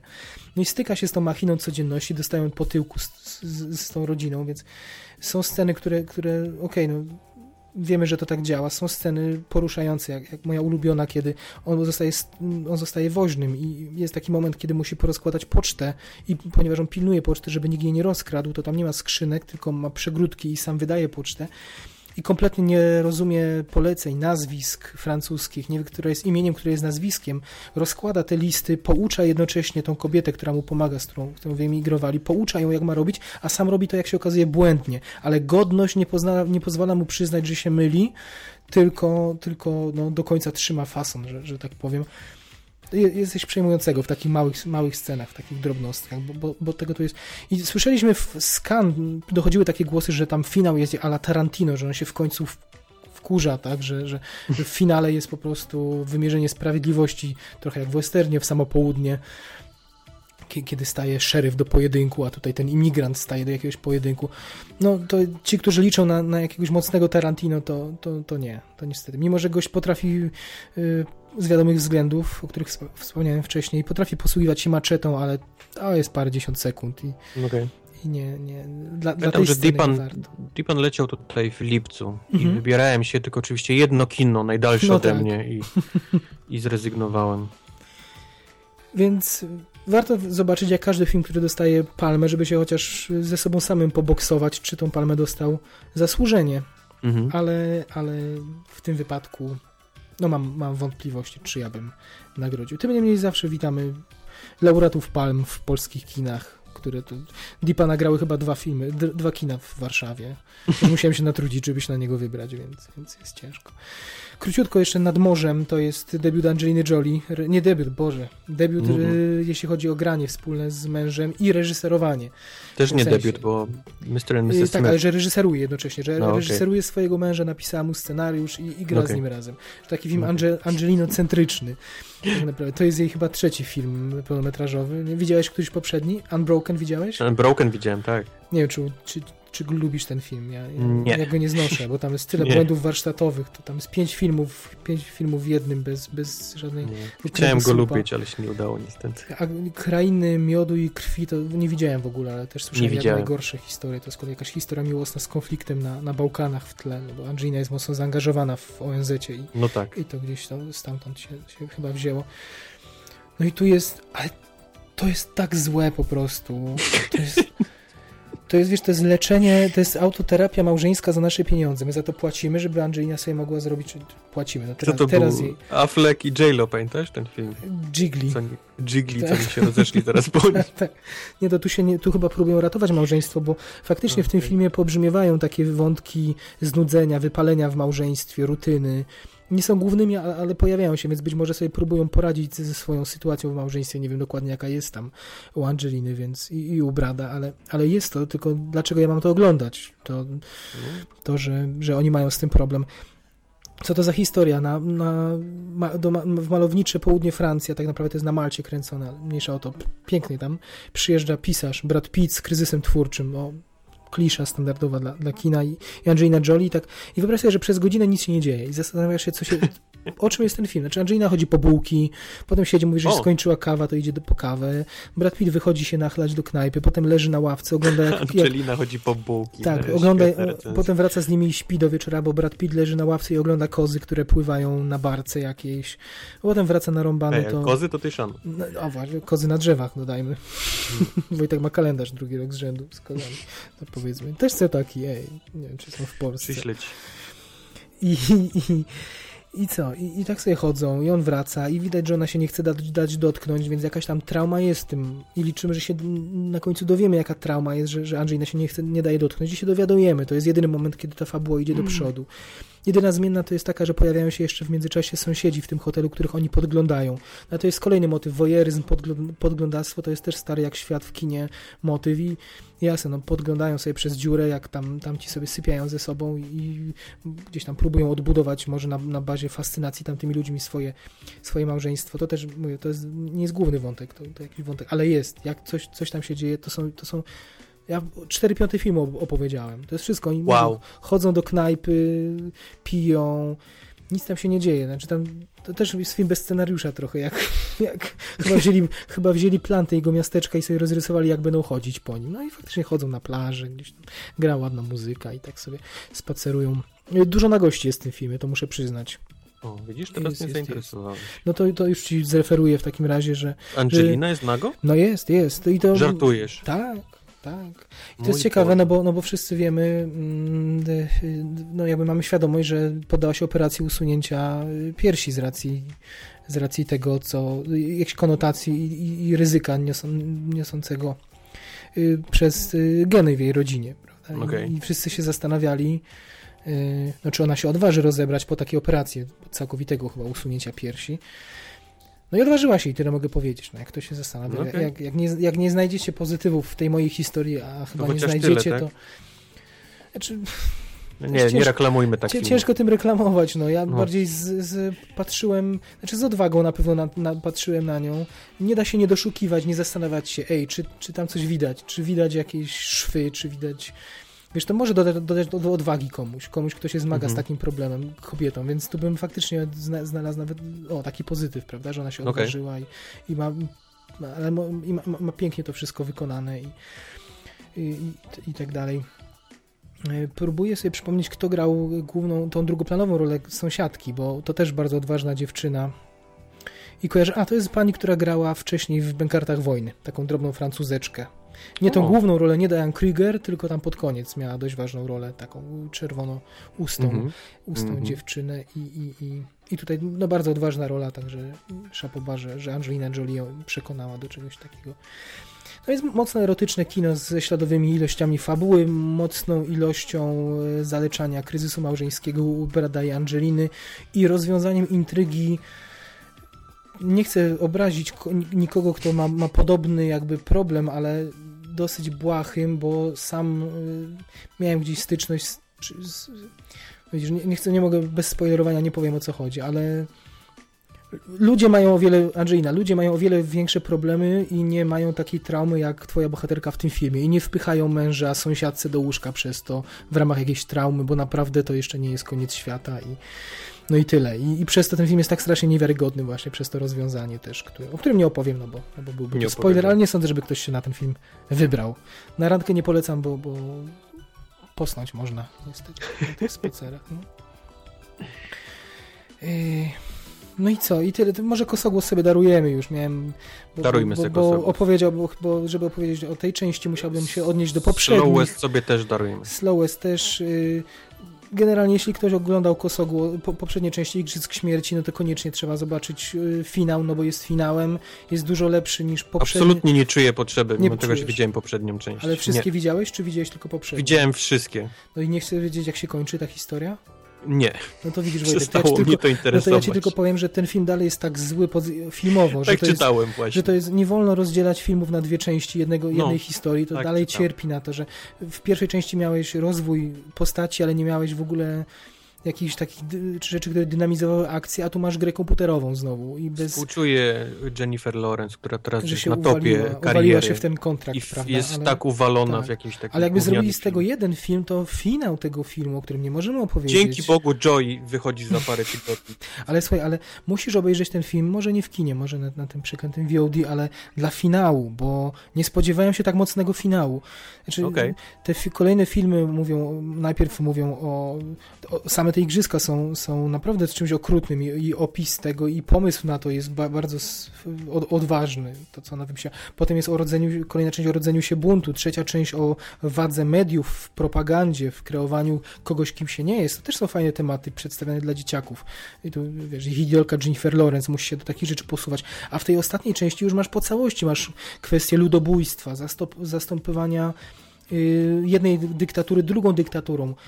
To jest dalej kino, literatura dla młodzieży i trzeba brać na to poprawkę, że tam dalej jest trójkąt miłosny i najważniejsze właśnie. jest to, kogo wybierze. Ale to, te tematy, o których mówię, to jest bardzo odważne. Ja tego nie widziałem wcześniej w kinie dla nastolatków i zaryzykuję stwierdzeniem obrazoburcze trochę, że tak Okej. te, ta seria robi, powie więcej dzieciakom czy nastolatkom o holo, nie, o Holokauście, przepraszam, za, za, zapędziłem się, ale Brrr. o y, stój Halina, ale o dyktaturze właśnie, o ciemiężeniu jednostki, o, o, o, takich, o tego typu tragediach więcej niż, nie wiem, pianista, lista Schindlera, znaczy to są o, ogromne słowa, nie, ale, Mhm. ale to są podobne trochę tematy przemielone przez popkulturę i, prze, i, i, i, i przedstawione za pomocą popkulturowych ikon, więc, więc to niezaprzeczalnie jest ogromna wartość dla mnie tych filmów. Mimo, że Kosogłos, część druga, jako film się nie sprawdza, bo to jest dalej, to jest gra komputerowa, jak Bond. Idziemy od punktu A do punktu B, od punktu B do punktu C, ale finał rekompensuje. Mimo, znaczy w, w, finał w sensie ogólnym, bo te, te ostatnie sceny to, to jest trochę Władca Pierścieni, oni nie mogą wyhamować,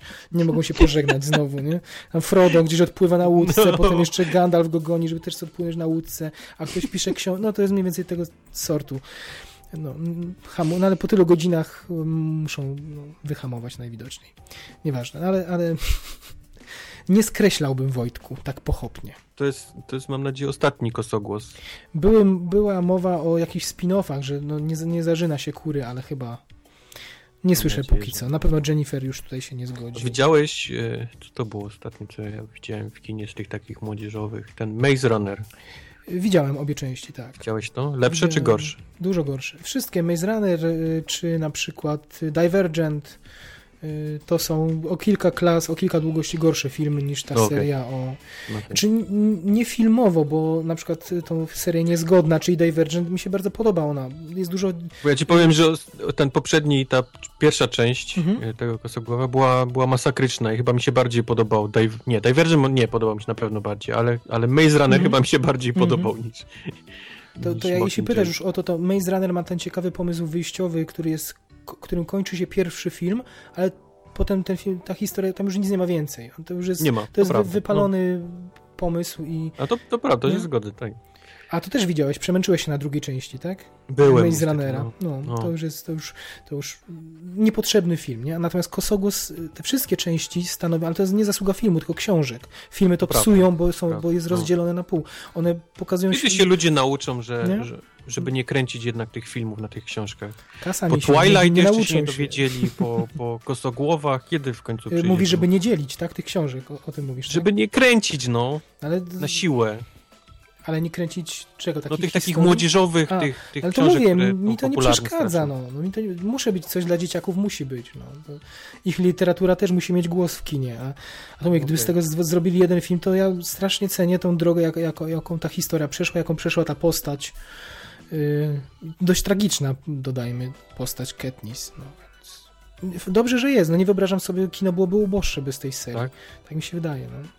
Mówię jak, jako historii, bo jako filmy to, to mogły być tysiąc razy lepiej zrobione. nie czytałem niestety książki tego Mockingjay, ten Hunger Games, więc Ale nie mogę przy- powiedzieć. Słyszałem dużo dobrego, ale, ale, filmy są masakryczne. No. Mimo, że napisałem bardzo krytyczny tekst o, o pierwszej części Kosogłos, ale, ale nie przypomniałem sobie innego filmu, który by tak fajnie dzieciakom tłuma- tłumaczył, jak można media wykorzystać do manipulacji, jak można wykorzystać Ale media to tylko do... ty zauważyłeś te rzeczy w tym. tym. Dlaczego? No, ale o tym był ten cały film, o jak...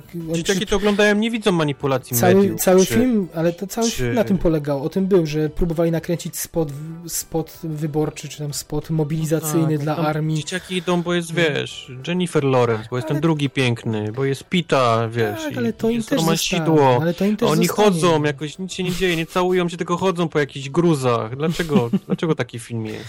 To też im zostanie, no. To, wiesz, to takie pod, podrzucanie poważnych tematów tylnymi drzwiami, no tak trzeba. Dzieciak nie pójdzie na... Przynajmniej tam wampiry świeciły i po drzewach skakały i, ona rodziła i to był pół wilkołak, pół, Mhm. pół, pół Dracula. No, Mhm. tam, wiesz, się działo, a tu... No, obejrzysz to, myślę, że docenisz, przynajmniej finał. Okej. I, I spojrzysz na całą tą serię Na przez pewno nie pryzmat, pójdę do kina na przez to. pryzmat finału. Nie, nie, nie. Nie dam im zarobić, to oglądam na jakimś VOD. No nie, nie, nie. Dobrze, to, to był super szybki przekrój nowości z polskich ekranów i na koniec wisienka na torcie Pokój, czyli czyli Room Leniego Abrahamsona. Y, Film, na który, tak, który, który najpierw ja się cieszyłem, że go zobaczę i grillowałem Wojtka, że on nie zobaczy, a parę dni później okazało się, że, Aha. że masz w swoim kinie obok. Ale nie, to było fantastyczne, że mogliśmy sobie na gorąco wymienić, bo nie zniósłbym świadomości, że nie mogę się no, z sobą podzielić Mhm. wrażeniami po tym filmie, bo nawet liczyliśmy sobie ile, żartobliwie, ile wzruszeń w tym roku zaliczymy i czy tyle samo. Nie? Już mamy nawet taki kod wymyślony, którym sobie przekazujemy jako twardziele, żeby nie nazywać tego po imieniu. Więc, tak, ale nie zdradzajmy, no to tajny, Nie, nie, tajny kod. kodów się, kodów się nie kod. zdradza. Nie, nie. Wojtek, co to, co to za film Pokój? Y, Może na początek powiedzmy Lenny Abrahamson, gość, którego uwielbiamy za Franka Frank. z ubiegłorocznego. Mhm. I Fassbender znowu, ale. I czy to jest film podobny do Franka, czy jest skrajnie różny? Widzisz jakieś punkty wspólne? do tak za- Franka? Tak zacznę, no. Wow. Teraz no na ile pewno- mam czasu na... Przepraszam, na, może, może przesadziłem z tym. Chciałem jakoś przejść. Ale nie, ja bym znalazł jakiś jeden. Może to, że, że oba filmy mówią o skrzywdzonych jednostkach. No O głęboko właśnie, skrzywdzonych, no, nie? On pe- penetruje ich. Jedne, wiesz, jedni są zamknięci w czterech ścianach, a we Franku jest zamknięty w sobie. Mhm, w sobie. No. W, tej, plastikowej głowie. No, plastikowej głowie. No, świetnie sobie poradziłeś. Wojtek, co to za film powiedz? To będzie bardzo trudne zadanie. O widzisz, to przepraszam, zanim jeszcze opowiesz, co to za film, musimy powiedzieć, że nie da się o tym filmie, postaramy się mówić jak najmniej, ale nie da się o tym filmie nie powiedzieć, nie zdradzając. To, co powiemy, zepsuje wam jakieś 30-40% efektu oglądania w kinie. Ten film, tego filmu nie wolno oglądać po... mm, Znaczy najlepiej nie widzieć nic, najlepiej nie widzieć zwiastunu. Jeśli to, o czym my teraz opowiemy, równa się mniej więcej obejrzeniu zwiastunu, prawda? I Tak, tak, Więc- tak, tak. Zwiastun mi zepsuł bardzo ten film. to Tak, były więc- moje narzekania po, po powrocie do, do, do domu, jak ci pisałem. Mhm. Dopiero później przemyślałem, wiesz, od, oddzieliłem No. powiedzmy tą wiedzę od Mhm. tego, co zobaczyłem i i jest to, jest to Bo to jest, ten film to jest bomba pod względem konstrukcji, pod względem struktury. Więc teraz posłuchajcie nas, jeżeli naprawdę wierzycie w nasze ufacie naszemu gustowi i, i po części jakiś macie podobny i się zgadzacie, to przestańcie słuchać teraz o, o, o Room. Tylko, tylko pójdźcie do kina, kiedy się pojawi. Albo jest szansa, że do 6 lutego, bo chyba wtedy jest polska premiera, zapomnijcie o tym. To jest druga opcja, prawda? No, więc jeśli ktoś y, tak samo jak my, nie wiem, no, taką wielką czerpie przyjemność, nie wiem, przeżywa, y, no to faktycznie możemy gdzieś tam, o, nie całość frajdy, ale troszkę, troszkę zabrać. No jak ktoś po prostu chodzi na film, żeby poznać historię, to myślę, że wszystkiego nie, nie zepsujemy i, i może, może śmiało słuchać. Więc czujcie się ostrzeżeni, a Wojtek, czyń, poczyń honory i powiedz, yy, o czym jest ten film. Mniej więcej, w, przynajmniej w tym zakresie, który zdradza zwiastun, który zdradza taki, taki opis przesyłany przez dystrybutora, prawda? Okay. Który już zdradza dużo, no ale niestety. No. Zdradza wszystko, właśnie, to jest ten problem. Tak naprawdę. Film opowiada historię yy, kobiety, nie wiem, czy od tego powinienem zacząć. Nie tak. wiem, gdzie jest spoiler, widzisz? Nie, nie bardzo wiem, jak... No może kobiety, kobiety i, i, jej syna. I jej syna, zamkniętych w bardzo małym pokoiku. To są właściwie cztery ściany, które można dotknąć praktycznie. No może przesadzam, ale jest to bardzo no. malutki pokoik. I tyle wiemy. I, tu, i tyle, i tyle wiemy, wiemy tak. Tyle wiemy. Taki cube. Dokładnie, dokładnie dowiadujemy, film pokazuje ich życie, e, pomału, po bardzo pomału pokazuje nam, jak oni się tam znaleźli e, i, i zaczyna się właściwie e, pomysł na wydostanie się, tak? Znaczy, jej chodzi po głowie ten już od, od dawna i nadarza się okazja. Czy wiemy, że oni są gdzieś yy, uwięzieni w jakimś pomieszczeniu? Nie wiemy, gdzie to jest. Kamera ani na sekundę nie wychodzi poza to pomieszczenie. Nie ma okien w tym. To są cztery ściany tak, bez widzimy... okien. Jest tylko jeden na suficie, takie małe okienko tak, pokazujące i... niebo, nic więcej. I ona siedzi tam z, ze swoim małole... kilkuletnim synkiem. Wiemy, że jest ktoś jeszcze, ktoś, kto im no, dostarcza, nie wiem, pożywienie, jakiś oprawca. -hmm. No to mhm, wiemy od, -hmm. od samego początku, że ktoś taki jest i, i poznajemy ten świat oczami tego dziecka w zasadzie, prawda? Tak. Doświadczamy tak. tego, co on, widzimy tylko tyle, ile on jest w stanie zobaczyć. Właśnie, czyli... to dziecko się urodziło w tym pokoju, dowiadujemy się. I, I, poznajemy świat właściwie z jego punktu widzenia, jak on widzi y, cały świat przez pryzmat tylko tych czterech ścian mhm. i sprzętów, które się tam znajdują. I, I nie wiem, czy się ze mną zgodzisz, że ja myślałem, że o tym będzie cały ten film. Też, tak. Prawda? Jeszcze ja miałem, mówię, ja miałem tę przewagę, że nie widziałem, zwiast, nie widziałem zwiastunu, który który niestety to już, to, to już psuje, ale ja myślałem, że to będzie film o właśnie o, o tym, jak sobie ci ludzie radzą w, środku i, i myślałem, że to będzie tyle. Ewentualnie, że, że też, jeszcze dostaniemy tak historię, próby opuszczenia tego. I nastawiałem się na olbrzymie przeżycie emocjonalne związane z tym i faktycznie tak się dzieje przez pierwsze minuty, że matka próbuje tłumaczyć swojemu synowi cały świat na bazie tylko i wyłącznie tego, co on widzi. Oni mają jakiś stary telewizor, ale... Znaczy ona próbuje mówić mu, jak jest naprawdę, jak świat istnieje. Tym, że do, do dziecka to nie dochodzi, bo po prostu ciężko bo nie ma punktu odniesienia. Mu. Nie ma punktu odniesienia, dosłownie. No.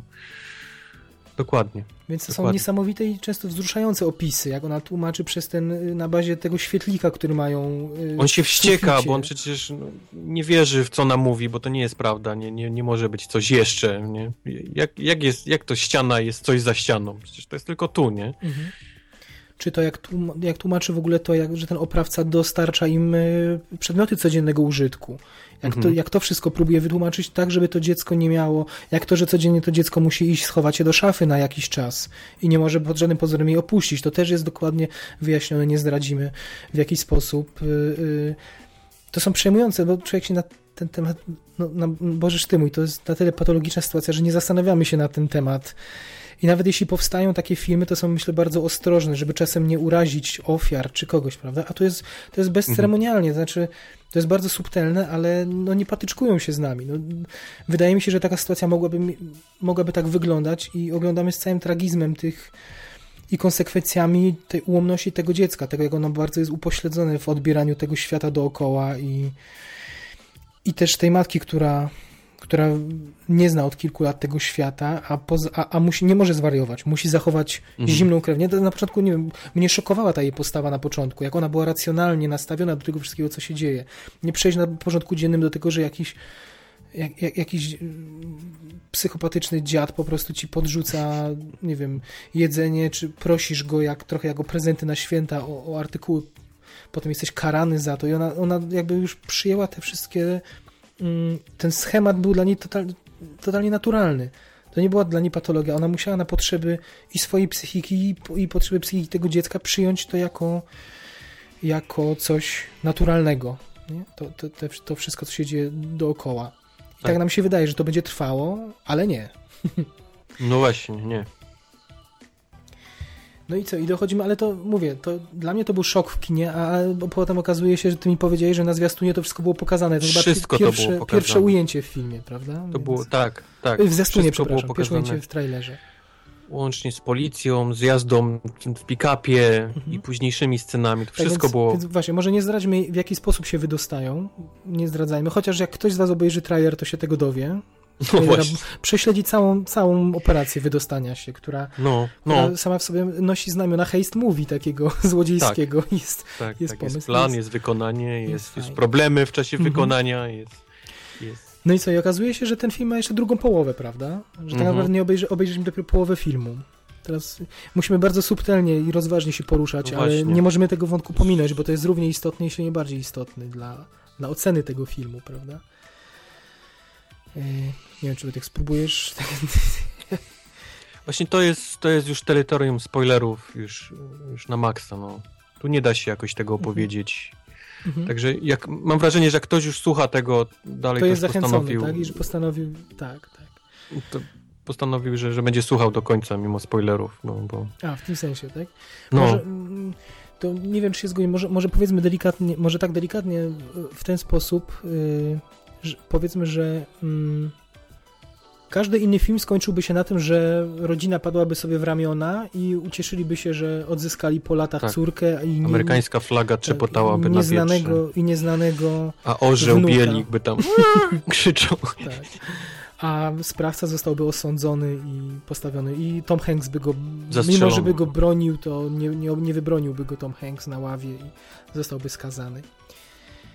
Ale ten film jest zupełnie nie o tym, bo o ile poznawaliśmy yy, poznawaliśmy świat oczami dziecka, najpierw świat zbudowany z czterech ścian, to potem dostajemy druzgocącą dawkę poznawania tego świata przez dziecko, które tego świata nie znało.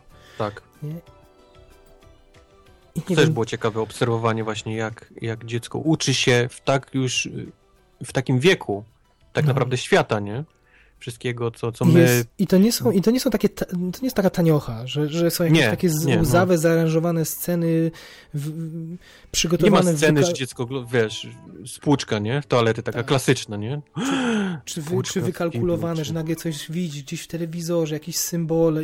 Nie, nie ma, on, dość, on przeżywa takie banalne, proste rzeczy, i widzimy, jak na, na nie reaguje, prawda? To jest, to mhm. jest magia kina w najczystszej postaci po prostu. I, to, I od razu powiedzmy, ten dzieciak, który gra, gra, główną rolę, to jest po prostu... Rewelacja, no.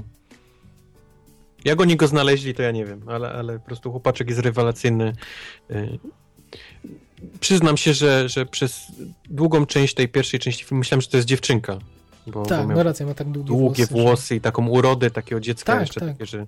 Ślicznym no. dzieckiem jest to prawda. No, no ale zagrał rewelacyjnie e, e, jakieś takie właśnie poznawanie wiesz, zwierząt nawet, nie? Czy, mhm, tak. czy, czy, czy jakaś taka interakcja z kimś, kto, kto zaprasza cię na tak błahą rzecz jak kopanie piłki, nie? Mhm. którą odkrywa mhm. I, i, i, i, zabawki nagle, wiesz, w jakiejś większej ilości i, Dostaje, tak dalej. przeżywa no. dokładnie to, co my przeżywaliśmy jako dzieciaki. Możemy się absolutnie z tym identyfikować, bo to nie, nie są wydumane sceny z dziadkami, z czymś, to są najbanalniejsze życiowe momenty, tylko że myśmy mieli, mieliśmy to, do nich przygotowanie, a to dziecko zostaje postawione w sytuacji, że jest już jakoś tam ukształtowane, ma te, te 5-6 lat i nie może sobie z tym poradzić, bo, bo nigdy wcześniej nie miało z tym styczności. Nie? To wow. Mhm.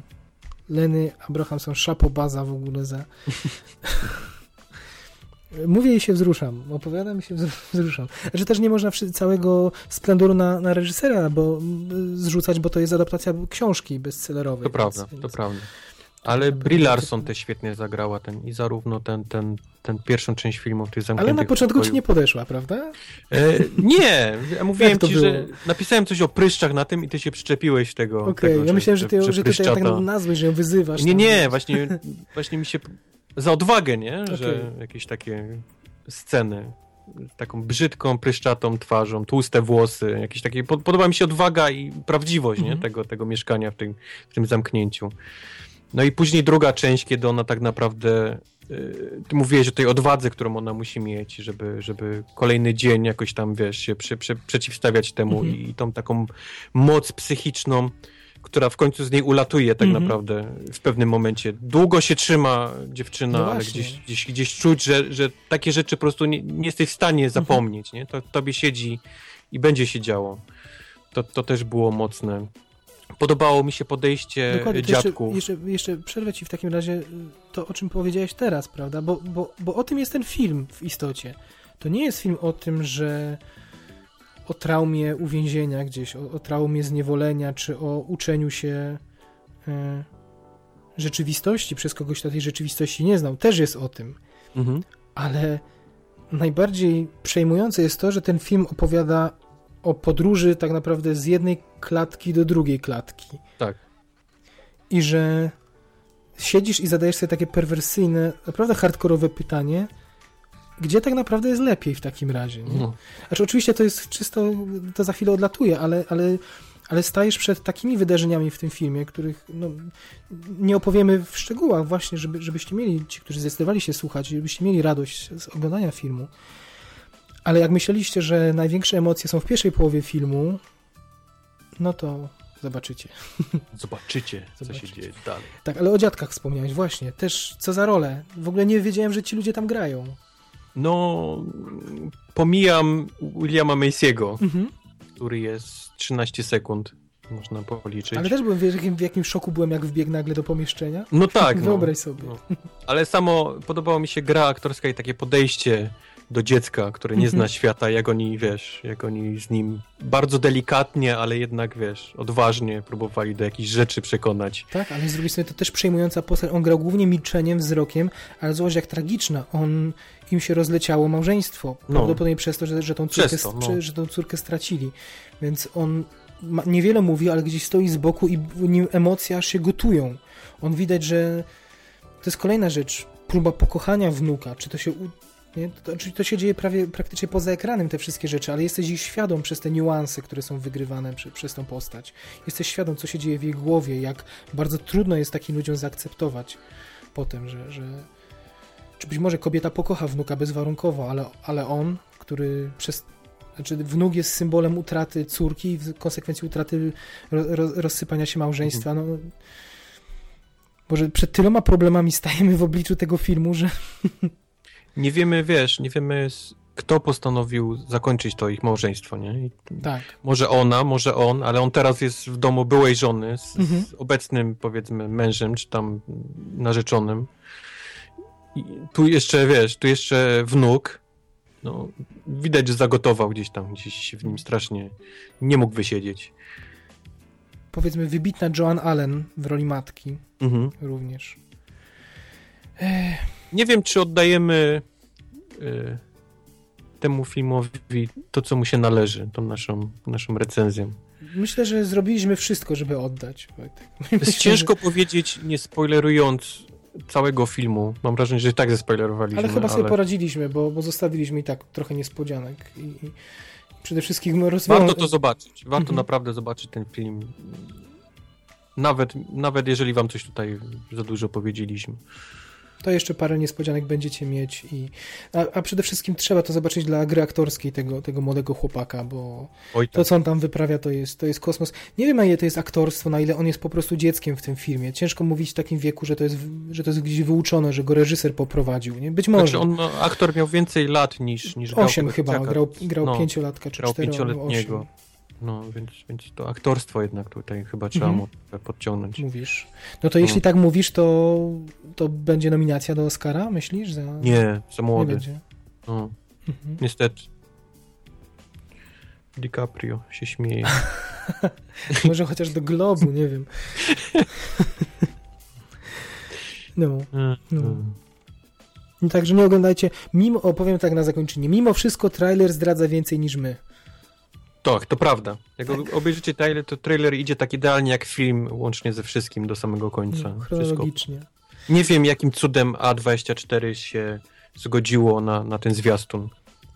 Nie wiem, nie mam zielonego No takim, pojęcia. Takim, że jak chcą sprzedać film bardziej masowej publiczności, to nie mogą sprzedać tego filmu tylko historią pani siedzącej w piwnicy. I podejrzewam, że reżyser Leonard Mnie by kupili samym tym. No tak, mi. tak, oczywiście. Ty, ciebie kup- kupili samym logiem, że to jest e, to studio No to producenckie, prawda? pomijam, to pomijamy, ale, ale, pomijamy. ale, ale ta historia taka, gdzie Ale wiesz, to po prostu na szali, na, na, na stosie marketingu spłonęła satysfakcja widza gdzieś. Nie? No. Zresztą chyba reżyser sam narzekał i sam apelował, żeby, żeby iść z czystą głową najlepiej na ten film. Co też poleciliśmy wam na samym początku, jeśli, jeśli liczycie się z naszym zdaniem i ostrzeżeniem. to nie słuchaliście ostatnich 10 minut. Nie? Ale Wojtek, tak na zakończenie chciałem cię zapytać, chyba, że jeszcze coś ci przychodzi do głowy, co chcielibyśmy dodać. Nie. Chciałem cię zapytać, czy to jest póki co twój film roku, czy, czy nie jesteś w stanie jeszcze tak jednoznacznie powiedzieć? jeszcze chyba nie jestem jednoznacznie w stanie Mhm. powiedzieć. Dotychczas, mówię, z tych dotychczas, Dotychczas, obejrzanych. tak, Mhm. tak, tak, tak. Hm, a twój? No nie. No nie. No nie, no nie, no właśnie, no. nie. Musimy chyba jeszcze poczekać jeszcze. Ja nie wiem, czy w ogóle wybiorę swój film roku, wiesz? Ten festiwal też w, tej, w tym zakresie trochę we mnie pozmieniał, bo O, takiego okej. myślenia zero-jedynko, takiego, nie zero-jedynkowego, ale 1 jedno, jeden do 10. Takiego, to jest strasznie popularne. Nie? Najlepiej się klikają artykuły top 10, top 15, naj, naj, naj. Ale zobaczyłem na, po tym festiwalu, zobaczyłem, jak wiele zależy od tego, w jakim jesteś momencie życia, twój odbiór filmu. Nie? Jak wiele, a jednocześnie my, myślę, potrafimy oddzielić to, jak bardzo my przeżyjemy dany film, czy, czy emocje, od tego, jak on jest po prostu, do, czy to jest dobrze zrobiona robota, czy to jest dobrze zagrane i tak dalej, i tak dalej. Nie? Gdzieś to się kłócą te dwie płaszczyzny, że możemy doceniać film cholernie za, za nawet za scenariusz, za aktorstwo, za wszystko, ale po nas spłynie, ale obiektywnie to będzie jakiś najlepszy film. A, a równocześnie możemy film z wieloma wadami po prostu tak przeżyć, że, że to będzie nasz film, film roku. No ja wtedy nie wiem, czy potrafiłbym jednoznacznie wskazać coś, bo nie wiem, jaki, jakimi kryteriami, chcąc być w miarę profesjonalnym, nie wiem, jakimi kryteriami muszę się kierować. To Więc prawda. Będzie, będzie trudny ogrzech do zgryzienia. Nie wiem, no mam cię ochotę zapytać w takim razie, czy, czy Rum rywalizuje z kimś, albo chociaż jest w pierwszej trójce. Czy byłbyś w stanie już teraz powiedzieć? E, Czekam na The Revenant na pewno. Chcę zobaczyć ten film. Może będę tak, wiesz, zachwycony tym, co zobaczę, że, że on wskoczy gdzieś na pierwsze miejsce. E, chcę zobaczyć Joy, Mhm. bo, bo to też jest taki czarny koń. O Russell, wiesz, Mhm. Jennifer Lawrence, No tak. kto, kto wie. E, po, Inside Out powywracał mnie, wiesz, Mhm, oczywiście. od, od środka na zewnątrz, więc muszę go brać też pod uwagę. Nie widziałem Hateful Eight, więc jest, jest, w dalszym ciągu jest sporo filmów, których, których nie Mhm. widziałem. Beast of No Nation na pewno jest wysoko, bo to też jest, też jest tego typu film. No tak, tylko pytanie, e, czy się odważą nominować film telewizyjny. Nie, na pewno nie. Na pewno nie. Na pewno No tak, Sicario się nie ale faktycznie- pytam cię o twoje top, więc przepraszam, tak, tak, tak. No. Sicario się pewnie też nie załapia, też jest wysoko na mojej liście, Mhm. też mi się bardzo podobał. No, no więc... Ale Rum też tam jest, także nie było, że on gdzieś wyleciał. Tylko, młodość jest przed tobą jeszcze, nie Tylko zapominaj. jeszcze jest przede mną młodość, dokładnie.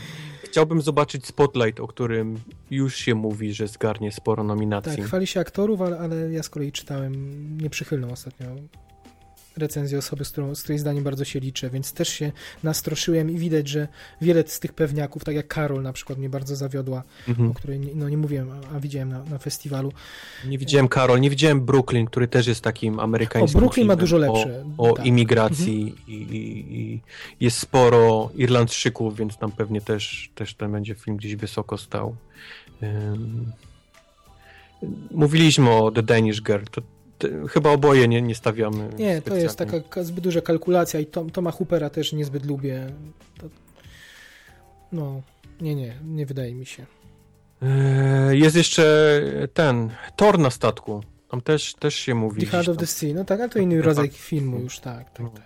To nie No. sądzę, żebyśmy jakoś zapołali serduchem do tego. Docenimy, ale, ale to chyba nie będzie aż, aż tak się liczyło w naszych top. Ja, ja jeszcze mógłbym tego opiekuna dopisać z Timem Rothem, którym, o którym mówiłem, który jest absolutnie niszowym. To jest, widziałeś, widziałeś, opowiadałeś chyba o Son of Saul, tak? Gdzieś na któryś... Znaczy nie, nie, to rozmawialiśmy przy okazji Cannes, że, A, że okay. taki film jest, jaki miał wtedy recenzję, ale ja go jeszcze nie widziałem. Oczywiście, o. to jest, y, im bliżej Oscarów, tym, to jest w zasadzie no. pewni, pewnik za Oscara no. za film nieanglojęzyczny. No. Podobno tak się o Holokauście jeszcze w kinie nie opowiadało. Więc to, to, to, to też może być coś y, wyjątkowego. No i właśnie. No takie... i Gwiezdne Wojny. No i Gwiezdne Wojny, tak.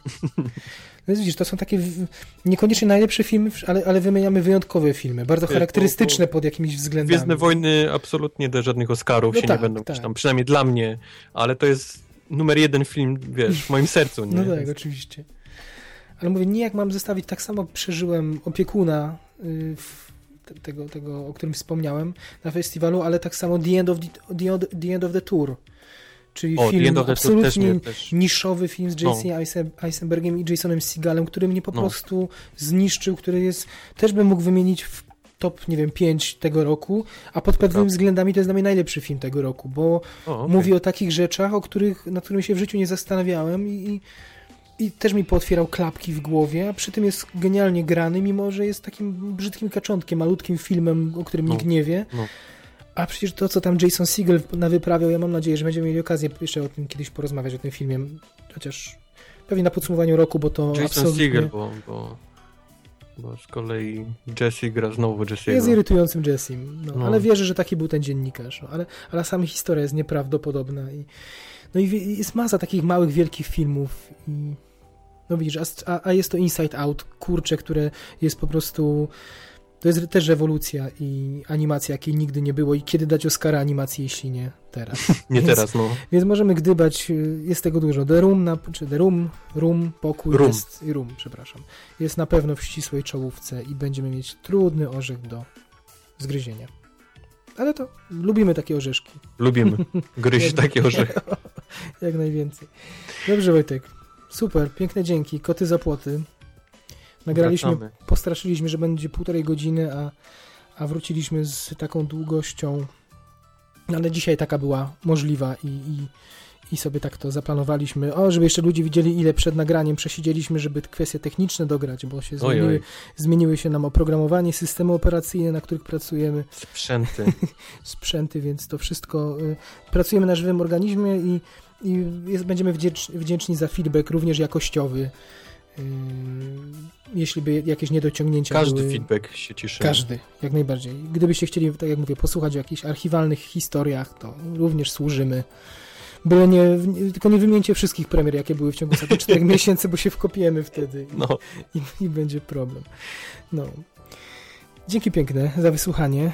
Cieszymy się, że mogliśmy spełnić prośby kilku, kilkunastu, kilkudziesięciu na pewno, jeśli nie więcej osób, które się, które wolę powrotu wyraziły i które nas w dużej mierze zmotywowały. Życzymy też zdrowia, bo mm, była jedna z osób, która prosiła, żebyśmy nagrali przez wzgląd na jej zdrowie, więc... A tak prawda. No. Tak, więc życzymy na tyle, na ile to możliwe, ale zawsze jest możliwe. Powrotu do zdrowia, wyleczenia i i, i, i, no i mamy nadzieję, że chociaż odrobinę radochy tym naszym nagraniem dostarczymy. Trochę później niż obie, obiecywałem, ale no, powody już znacie na, z początku tej audycji. Wojtek, fajnie Cię było usłyszeć. Wzajemnie. Strasznie miło, bo musicie wiedzieć, że myśmy się z Wojtkiem nie słyszeli od 10 lipca, kiedy nagraliśmy ostatni podcast. Rozmawialiśmy, Prawda? ale nie słyszeliśmy. tak, pisaliśmy, ale nie, nie dzwoniliśmy do siebie, nie, nie. No, więc tą przyjemność zachowujemy na podcasty. Także do usłyszenia. Nie wiem, czy, czy deklarować, że za dwa tygodnie.